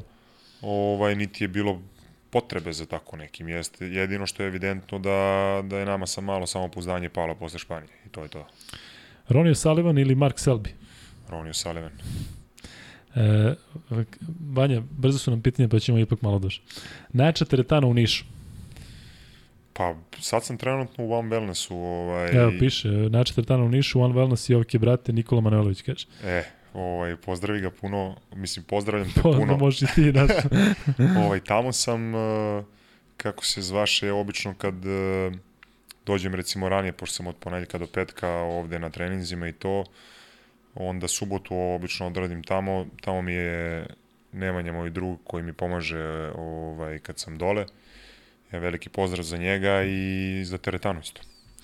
E, neka anegdota sa Đenkom? Uh, pa ne znam, mislim nije anegdota nismo imali ja o nekih anegdota. Ne mogu da se, ili ne mogu da se setim. Ali, uh, je bilo nešto sa tim jezikom što stalno da on nabada malo srpski pa malo razume pa nešto pokušava da, da pa to izgovori? pokušavam da se setim, da. mislim, verovatno je bilo, ali mm, stvarno ne, ne, ne, ne mogu da se setim sad. E, pozdravljate Martin Pavić, hvala Martine i tebi na ome, e, želite da pre svega budeš zdrav, pravi, uspešan i da e, ovaj drugi deo tvojih želja, Martine, ću mu reći posle. E, da, da. da. E, Joviću podcast tope, tope, tope, dobro ljudi, još je tu. Koja je najbolja kafana u Nišu? Pa, pazi, zavisi sa kog aspekta. Ali ništa mehana za mene. Ajde, daj još dve neki koje preporučuješ ljudima. Nemoj da pravimo probleme. dobro, dobro. Ajde, misliš da, da, da, da se neko Šalim ne uredi, se, idem, volim, imaš, ovaj, ima meze kafana, zbog mojih muzičara tamo koje pozdravljam ovom prilikom. Ovaj, oni su i maltene svirali sve od, uh, mislim, na tu akustičnu fazu. Tako da je, ovaj, pozdravljam ih ovom prilikom i to je to, šta znam.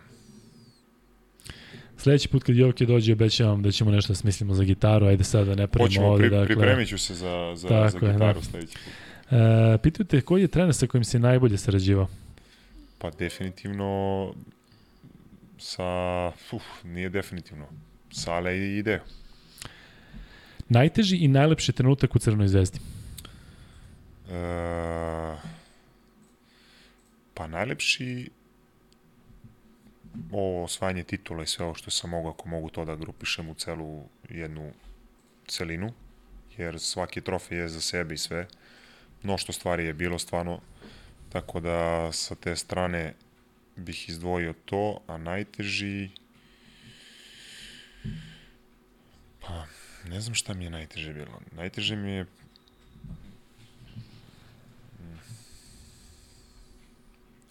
ta serija sa CSKA bila onako...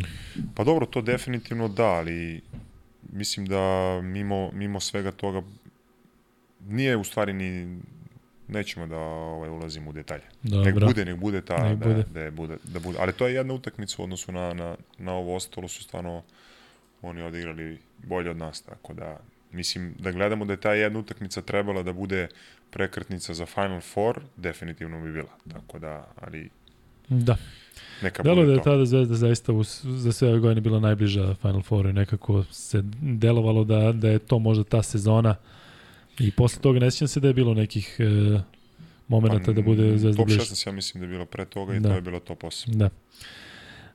Um, mišljenje o Miljenoviću. Šta se desilo sa njim u mlađim kategorijama je blistao, ali nikada nije dostigao potencijala. Zašto ga je Muta koristio na kaščicu, a kasnije izvodio na pres konferencije? Uh, Miljanović je došao te druge sez e, prve sezone u stvari kad je bio i i ovaj Čapin i to on je doveden mislim da je on nešto malo i kasnije, sad ne mogu da se setim tačno, ovaj, i on je odigrao tu jednu utakmicu dobro protiv Partizana, onako, ovaj, super, i mislim da je na kupu čak to bilo.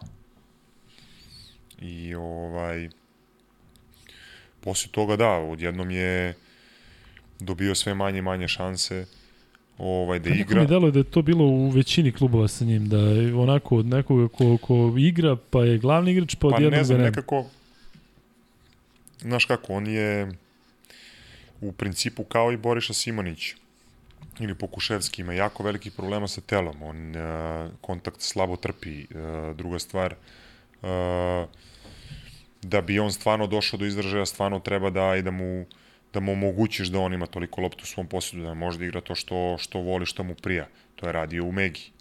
Ali opet, ja sam odmah ja, i komentarisao kad bude izašao iz Megi da će ima ozbiljnih problema, pogotovo kad bude izašao iz zemlje, jer ovde, ajde, talenat je, pričalo se mnogo o njemu u, u periodu dok sam ja bio u, u slogi, ovaj, tako da tad je on potpisao za Partizan kad sam ja bio tamo i ja sam rekao ljudi, ok, možda je on projekat i onda se nije lepo proveo protiv mene u, u Kraljevu, jer ja nisam, dozvol, nisam mogao da dozvolim da, da neki talenat koji je trenutno tu može da dođe u Kraljevo u moju salu i da sad čovjek jedva prevodio loptu. Znaš, a onda je posle druga priča bila malo mega, malo samopouzdanje i sve to, ali kad kako izašao iz zemlje, onda ima ozbiljnih problema i tu je, mislim da ima on problema i sa kičmom, ja mislim. ne I mogu meni se čini da je setim, nešto, da, da. i da je to jedan od razloga, ali generalno njegovo telo je ostalo na tom nivou, nije on napredovao ništa fizički. E, pitaju te da li pratiš Zvezdu u futbolu? Uh, pratim, naravno. E, kako komentarišeš ovo sada protiv Haifa? Protiv uh, Makabija, pa onako, ne znam... Je ti delovalo tu ono iz sportskog ugla kao sportista da je falo sreći ili da možda ne, nije je... falilo sreće, ne znam šta je Gelor Kanga radi uopšte. U onoj tranziciji da ima igrača koji trči uz out liniju, da je treba da mu pusti pas, da bude 3 na 2 kontar napada, on čovek, kao i celo prvo polovreme što mi je dizao kosu na, gra, na glavi, on konstantno traži kontakt, konstantno drži loptu 2-3 sekunde. Nisi imao problem kad je bila izmena? Ne, nisam imao problem uopšte, ali sam imao problem sa ostalim izmenama koji su bile kasnije, jer ja one igrača nikad nisam vidio. Da. Tako da ovaj činjenica da da i Pešić nije bio spreman da igra na svih 90 minuta da je već pao, ali opet imali smo igru, imali smo sve to do tog momenta. Najgori period da primiš goja od 40. do 45. I ti imaš kontranapad i gubiš majstore loptu jer nećeš da je dodaš igraču koji trči za out liniju i onda dolazimo do toga da primiš gol. Da, ali delovalo je malo da je fizički ekipa i ono drugo polovreme tamo i ovde da Drugo, nekako da, da... drugo polovreme mi je onako isto bilo ovaj neprihvatljivo iz razloga što si završio, ajde, pre tog gola si stvarno imao kontrolu nad, na, nad, nad utakmicom i to i dva gola i ekstra, sve je bilo kako treba.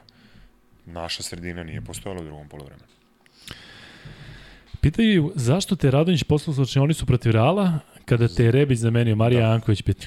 Pa bila je priča, ovaj, igrali smo utakmicu u Strasburu uh, vikend pre toga, u stvari četvrtak pre toga. I ovaj, bila je priča da sam ja imao tri penala u drugoj četvrtini ovaj, i nedugo zatim u četvrtoj i odmah i četvrtu. I onda sam završio sredinom četvrte utakmicu sa pet penala. I onda se ponovio scenario iz Strasbura, gde sećam da, da je bio faul, svirali su mi faul nad Ljuljem, gde apsolutno nije bilo onako ništa realno nije trebao bude faul. Niti je bilo kontakta, niti bilo šta, suđenje faula na njegovo ono, bacanje, šta ja znam. Ovaj, gde je Radonjić došao, onako udario po reklami i rekao si normalan, hoćeš da se ponovi Strasbourg.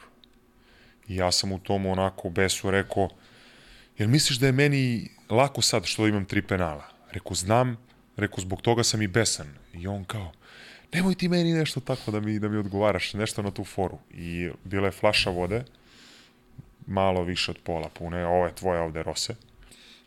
I ja sam je šutnuo levom nogom i pogodim Gačevića, kondicionog trenera u glavu. Da njega nisam pogodio, pogodio bi delegata.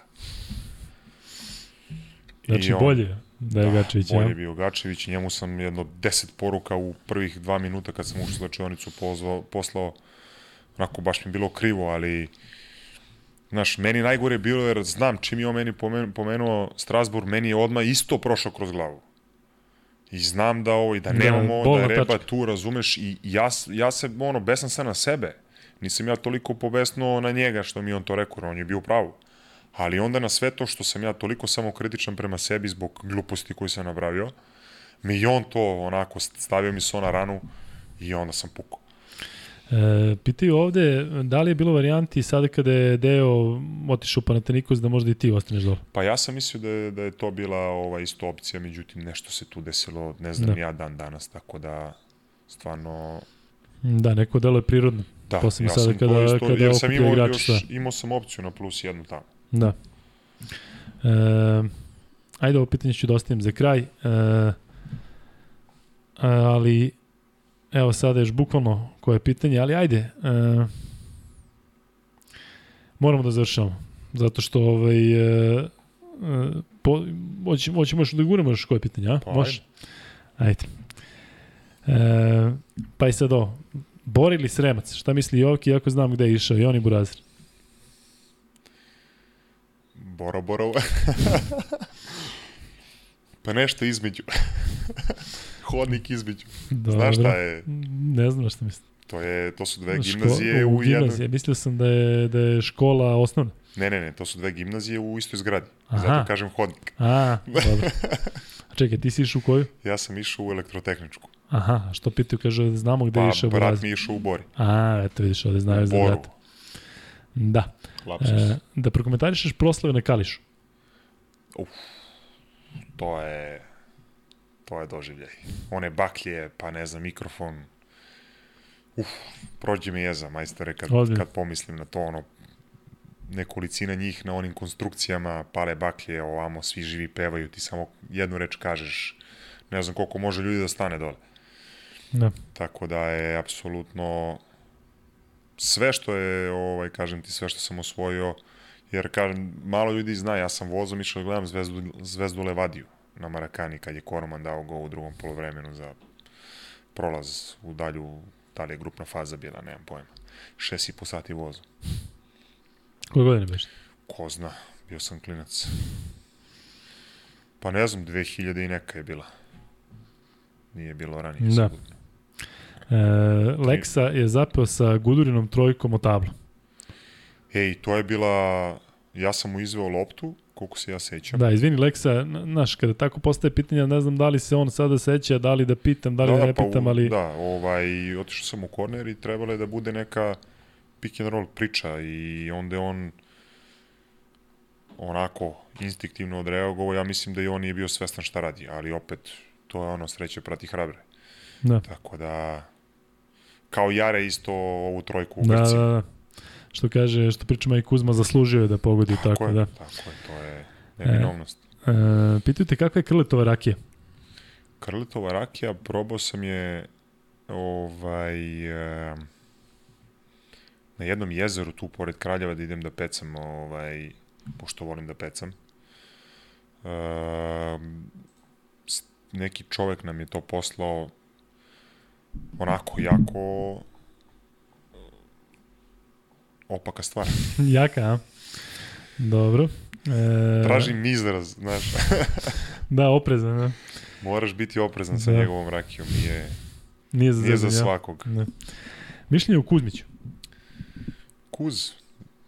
Uh, pre i posle ove situacije koje je imao, ja mislim da je pre onako bio dosta, bar koliko se ja sećam cele te priče, ovaj, i on je dosta povučan bio kao i i ovaj Boriša, znaš, nekako onako onaj bosanski naglasak, duboki.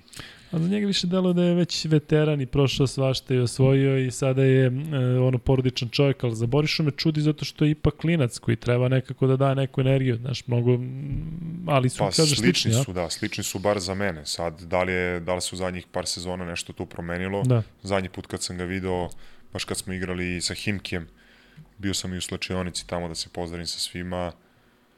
Ovaj, onako, one naočare njegove kao štreber. Gde si buraz moj? I tako, ništa, mislim. Ako me pitaš kao igrača, činjenice da je sve ovo ostavilo traga na njemu, ali ovaj, bitno da se drži. Da. Mislim, razumemo sve i svaka mu čast što je pobedio sve to i što je na kraju Da, na nevjerovatno, terenu, svaka čast. tako da. Mislim da je sada košaka ipak u drugom planu posle Da. svega toga. Jasno. Pitaju te iz kog kraja si iz Niša? Pa sad, ovaj, živo sam u Sremskoj do 12. godine, mislim, selili smo se više puta, sad sam, moji su u centru, Vjerojatno zato i pitaju. Da. moji su u centru, Šta gledaš kao svoj kraj? pa centar je moj kraj, tu sam ovaj, sa, sa roditeljima i sa, sa bratom i sestrom, a ovako u, u Tazbini sam u Durlanu, a druga kuća je u centru iza Doma vojske. E, pitaju te koji igrač bio najteži za čuvanje u Euroligi? To sam imao već to pitanje više puta, pa jedan od nezgodnijih je bio Ćaćo Rodriguez. Jedan od nezgodnijih. Pa je posle bio, taj Rhys Rice je bio jako nezgodan Da. sa svojim kretnjama. On je prekinuo karijeru, tako Da. da. jedno.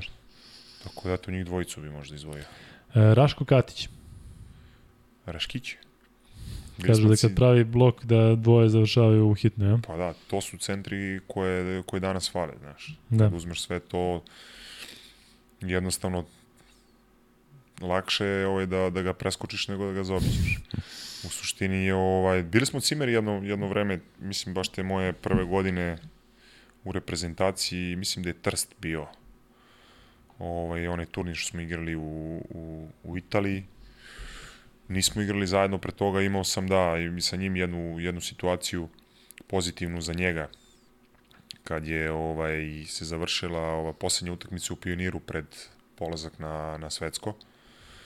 Mislim da je Novi Zeland bio, ako se sećam ja.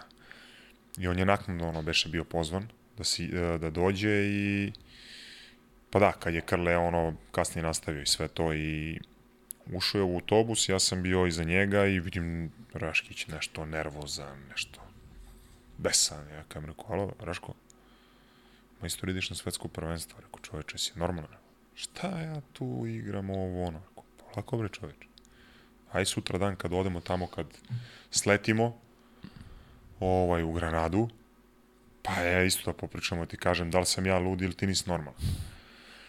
I onda posle toga mi uzimamo medalju, on dolazi do mene, ima valjda onu zastavu, nešto je nosio, došao je, zagrlio me u slačionici, ti si kao, ti si me spasio. Ja sam teo tamo da odem kući, šta je on mene zvao, rekao, čekaj bre majstore, prvo zadnji si Ima došao. razlog što te pa, zvao, da. ima, tako je, polako. Da. Još tri pitanja. Evo, Ajde. i završljam. Koji je najveći šmekir u reprezentaciji? Šon Ilić, Šon Ilić, ja? Zbog parfema, jel? Pa i zbog Svega. show programa. Kaže, pričao nam je, ko nam je pričao, da li Rajaković ili ko je bio ovde, e, možda Lukman, e, kada je rekao da je Šon Ilić, e, ne znam ko je, sad grešim, Šarenac. Šarenac mm -hmm. je Mhm. pričao kako je Šon Ilić, kad ste bili u Granadi, otišao dan ranije, završio sve u Španiji, u Madridu, ne znam da to znaš, u hotelu i sad kada su sve e, ekipe prelazile iz Granade dalje, mm. -hmm.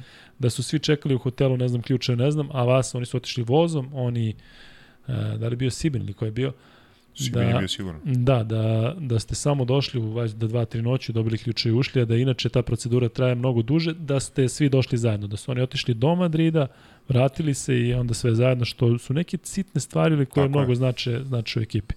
Ovo pitanje Hvala mu na sam, tome, nisam znao. Eto. Pa i, i fazon je da se ne zna. Tako je. Znaš, e, Zato je šmekera. Tako je. ovo si sam isprovocirao, isprovocirao posljednje, predposlednje pitanje, najveći ulov do sada u ribolovu?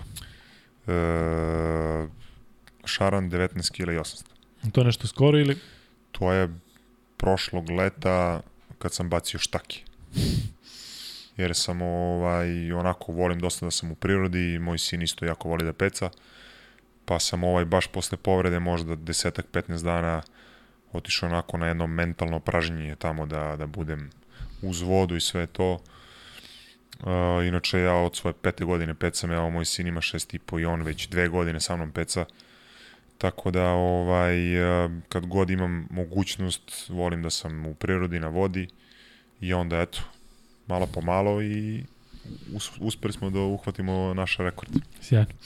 E, Vanja, pitanje za tebe. Da li ti je, po gradu se priča, priča da ti je Šarenac platio da sledećih 10 podcasta ne pređe njegov rekord? Ima li istine o tim kolorarskim pričama smešli da ostaneš večeras duže od 5 sati? Provociraju Vanju. Vanja spava već. Da, da, Vanja već ono... E, ovo poslednje pitanje, pa ćemo onda imati još dva bonus pitanja. Da. Mišljenje o... E, ajde, ovo je malo nezgodno. E, nećemo da pitamo, pitaću te posle. A Mare, ti razumi da, da nećemo da kvarimo malo emisiju sa tim šta je bilo u reprezentaciji, da li je bilo ovo ili ono. E, pitaju da li je u nekom trenutku bilo ponuda Partizana? Jeste i to je bila ponuda u decembru mesecu, sad. Sada? Da. I? I bila je priča da li ja želim da pričam i sve to, ja sam rekao naravno da ne. Eto, sada Zvezdaši znate, a Tako vidim da. da pitanje, e, šta misliš igračima koji pređu iz Zvezde u Partizan? Pa dobro, svako ima pravo na svoj izbor, ako je neko smatra da u tom trenutku, kako se zove, to nešto najbolje za njega i za njegovu karijeru, onda poštujem, ali ja to nikad ne bih uradio. Nadam se da, da poštujete ovo, odnosno da poštuju i jedni i drugi. Tako je. Um, I poslednje pitanje, Kaže, ajde još malo kod mene 5.45 PM u Čikagu. Ove, da, imaš pozdrave sa svih strana planete, dakle, bukvalno, bukvalno uh, ne postoje, ja mislim, deo planete, dakle te ne pozdravljaju i uh, nemojte se ljutiti, kažem još jednom, zato što ne mogu sve da pročitam, ima vas 1550 u live-u, nemoguće jednostavno da, da, da sve pokrijemo. Uh, imali smo jedno baš neko, ajde da kažem, pitanje koje je onako, uh, da li je nišlisko, ili šta je. E, pozdravljaju te posle svirke na tašu. Čemu se radi to? Da li ima nešto tu ili se sećaš nečega? Na tašu? Da. Uh, jel misliš na... Ne, kao pozdrav... Nisam bio na tašu nikad. Pozdravi posle svirke sa taša. Možda neko sad svira na tašu, pa... Moguće da, jer ja na tašu nisam imao veliku želju, da. nisam nikad bio i to mi je jedno od onako. Možda se sad tamo roka pa, ovaj, pa pozdravljaju posle toga. Da. Možda neka tonska proba. To. I evo posljednje pitanje, a ti pazi, ne znam da li će ti napreti problem. Da li bi preporučio pre kafanu mrak ili brku iz jelasnice? E, u kafani mrak nikad nisam bio, u jelašnici sam bio više puta. Jelašnici. Ovaj, Tako da, mislim, za mene nije neki veliki problem jer ne znam hranu i možda jeste onako poražavajuće da nisam bio tamo, jer obično kad god sam čuo da se priča o toj kafani, uglavnom je sve rezervisano, sve mora unapred i šta ja znam, tako da s te strane ovaj, nisam bio, kod Brke ovaj, klopa već proverena. Dobro, e, ovo je sada poslednje pitanje više kao završnica emisije, ali pitao te neko mišljenje o Vladimiru Kuzmanoviću kao igraču i sada sa ovim čime se bavi. Pa, Ajde, kada već kao Kuzmo, igrača ga ovaj... ne znam, da. zvini Kuzmo, ali ovde si mi jako da, lep na ovom da. posteru. Tako da, mislim, pratim nju ovaj, e, zvezdu kad god mogu i ovaj, znam da je uvek uz, uz tim i da uvek je prvi ovaj konsultant tu i jako cenim to što radi i vidi se da, da nije zaboravio ništa i da jako dobar pregled igre ima. E... Još jedno veliko, jedan veliki pozdrav za njega. Da, Kuzma, ako pratiš, ako nisi zaspao, e, želimo ti da odmoriš još ovaj koji dan, pa se u četvrtak vidimo i peglamo onda celo evropsko prvenstvo. E, Jok, imaš milion pitanja, ajde da napravimo za kraj e, jedan dogovor da ćemo svi zajedno da te vidimo ovde opet u nekom trenutku. Pa ajde, što da ne. Da, tako da, eto, ja mislim da će i ljudi biti zadovoljni. I hvala zadovoljni. ljudima još jednom, ovaj, drago mi je da, da su uživali, da uživaju, ajde, ovo će potre još malo, nećeš puno, ali da smo bili interesantni, da smo ovaj, dali neke i, i malo smešne detalje, neke onako... Da, bilo je stvarno, je bilo onako puno i emocija i, i smeha i nekih ozbiljnih tema, tako da hvala tebi, zato što znam koliko si ja mi ovo ne gledamo kao mediji, ja sebe ne gledam kao novinara zato što sam znaš da sam iz košarke, ali e, znam ja i nadam se da ljudi razumeju zašto te nema toliko po medijima, zato što pa su da, mediji to, specifični. To nisam da, to nisam ovaj, stigo da kažem, dobro si me podsjetio sad, generalno sam neko ko ne voli da bude mnogo u medijima i ne volim da dajem intervjue. Ne sad što ne poštujem sedmu silu i sve to, nego generalno sam neko ko voli da u tišini i u svom mjeru radi najbolje za sebe. Sad je u ovom trenutku fokus na, na dobrom treningu i na, na oporavku i ovaj, od, od istog, tako da s te strane mi je, ja sam svakako u Beogradu već punih šest nedelja, treniram tu, ali generalno ok, s jedne strane mi je bilo bitno da ova javnosti čuje da, da nisam povređen kao što se obično priča, da ovaj, eh, radim na sebi i gledam da, da što spremni dočekam novi izazov. Uh, ovde ti uh, svi zahvaljuju zvezdaši na ovom uh, iskrenom uh, posljednjem pitanju. Mada nekako mislim da to za vas koji poznajete Jokita i nije neko iznenađenje. Iznenađenje je to što nismo znali da je bilo konkretnog poziva.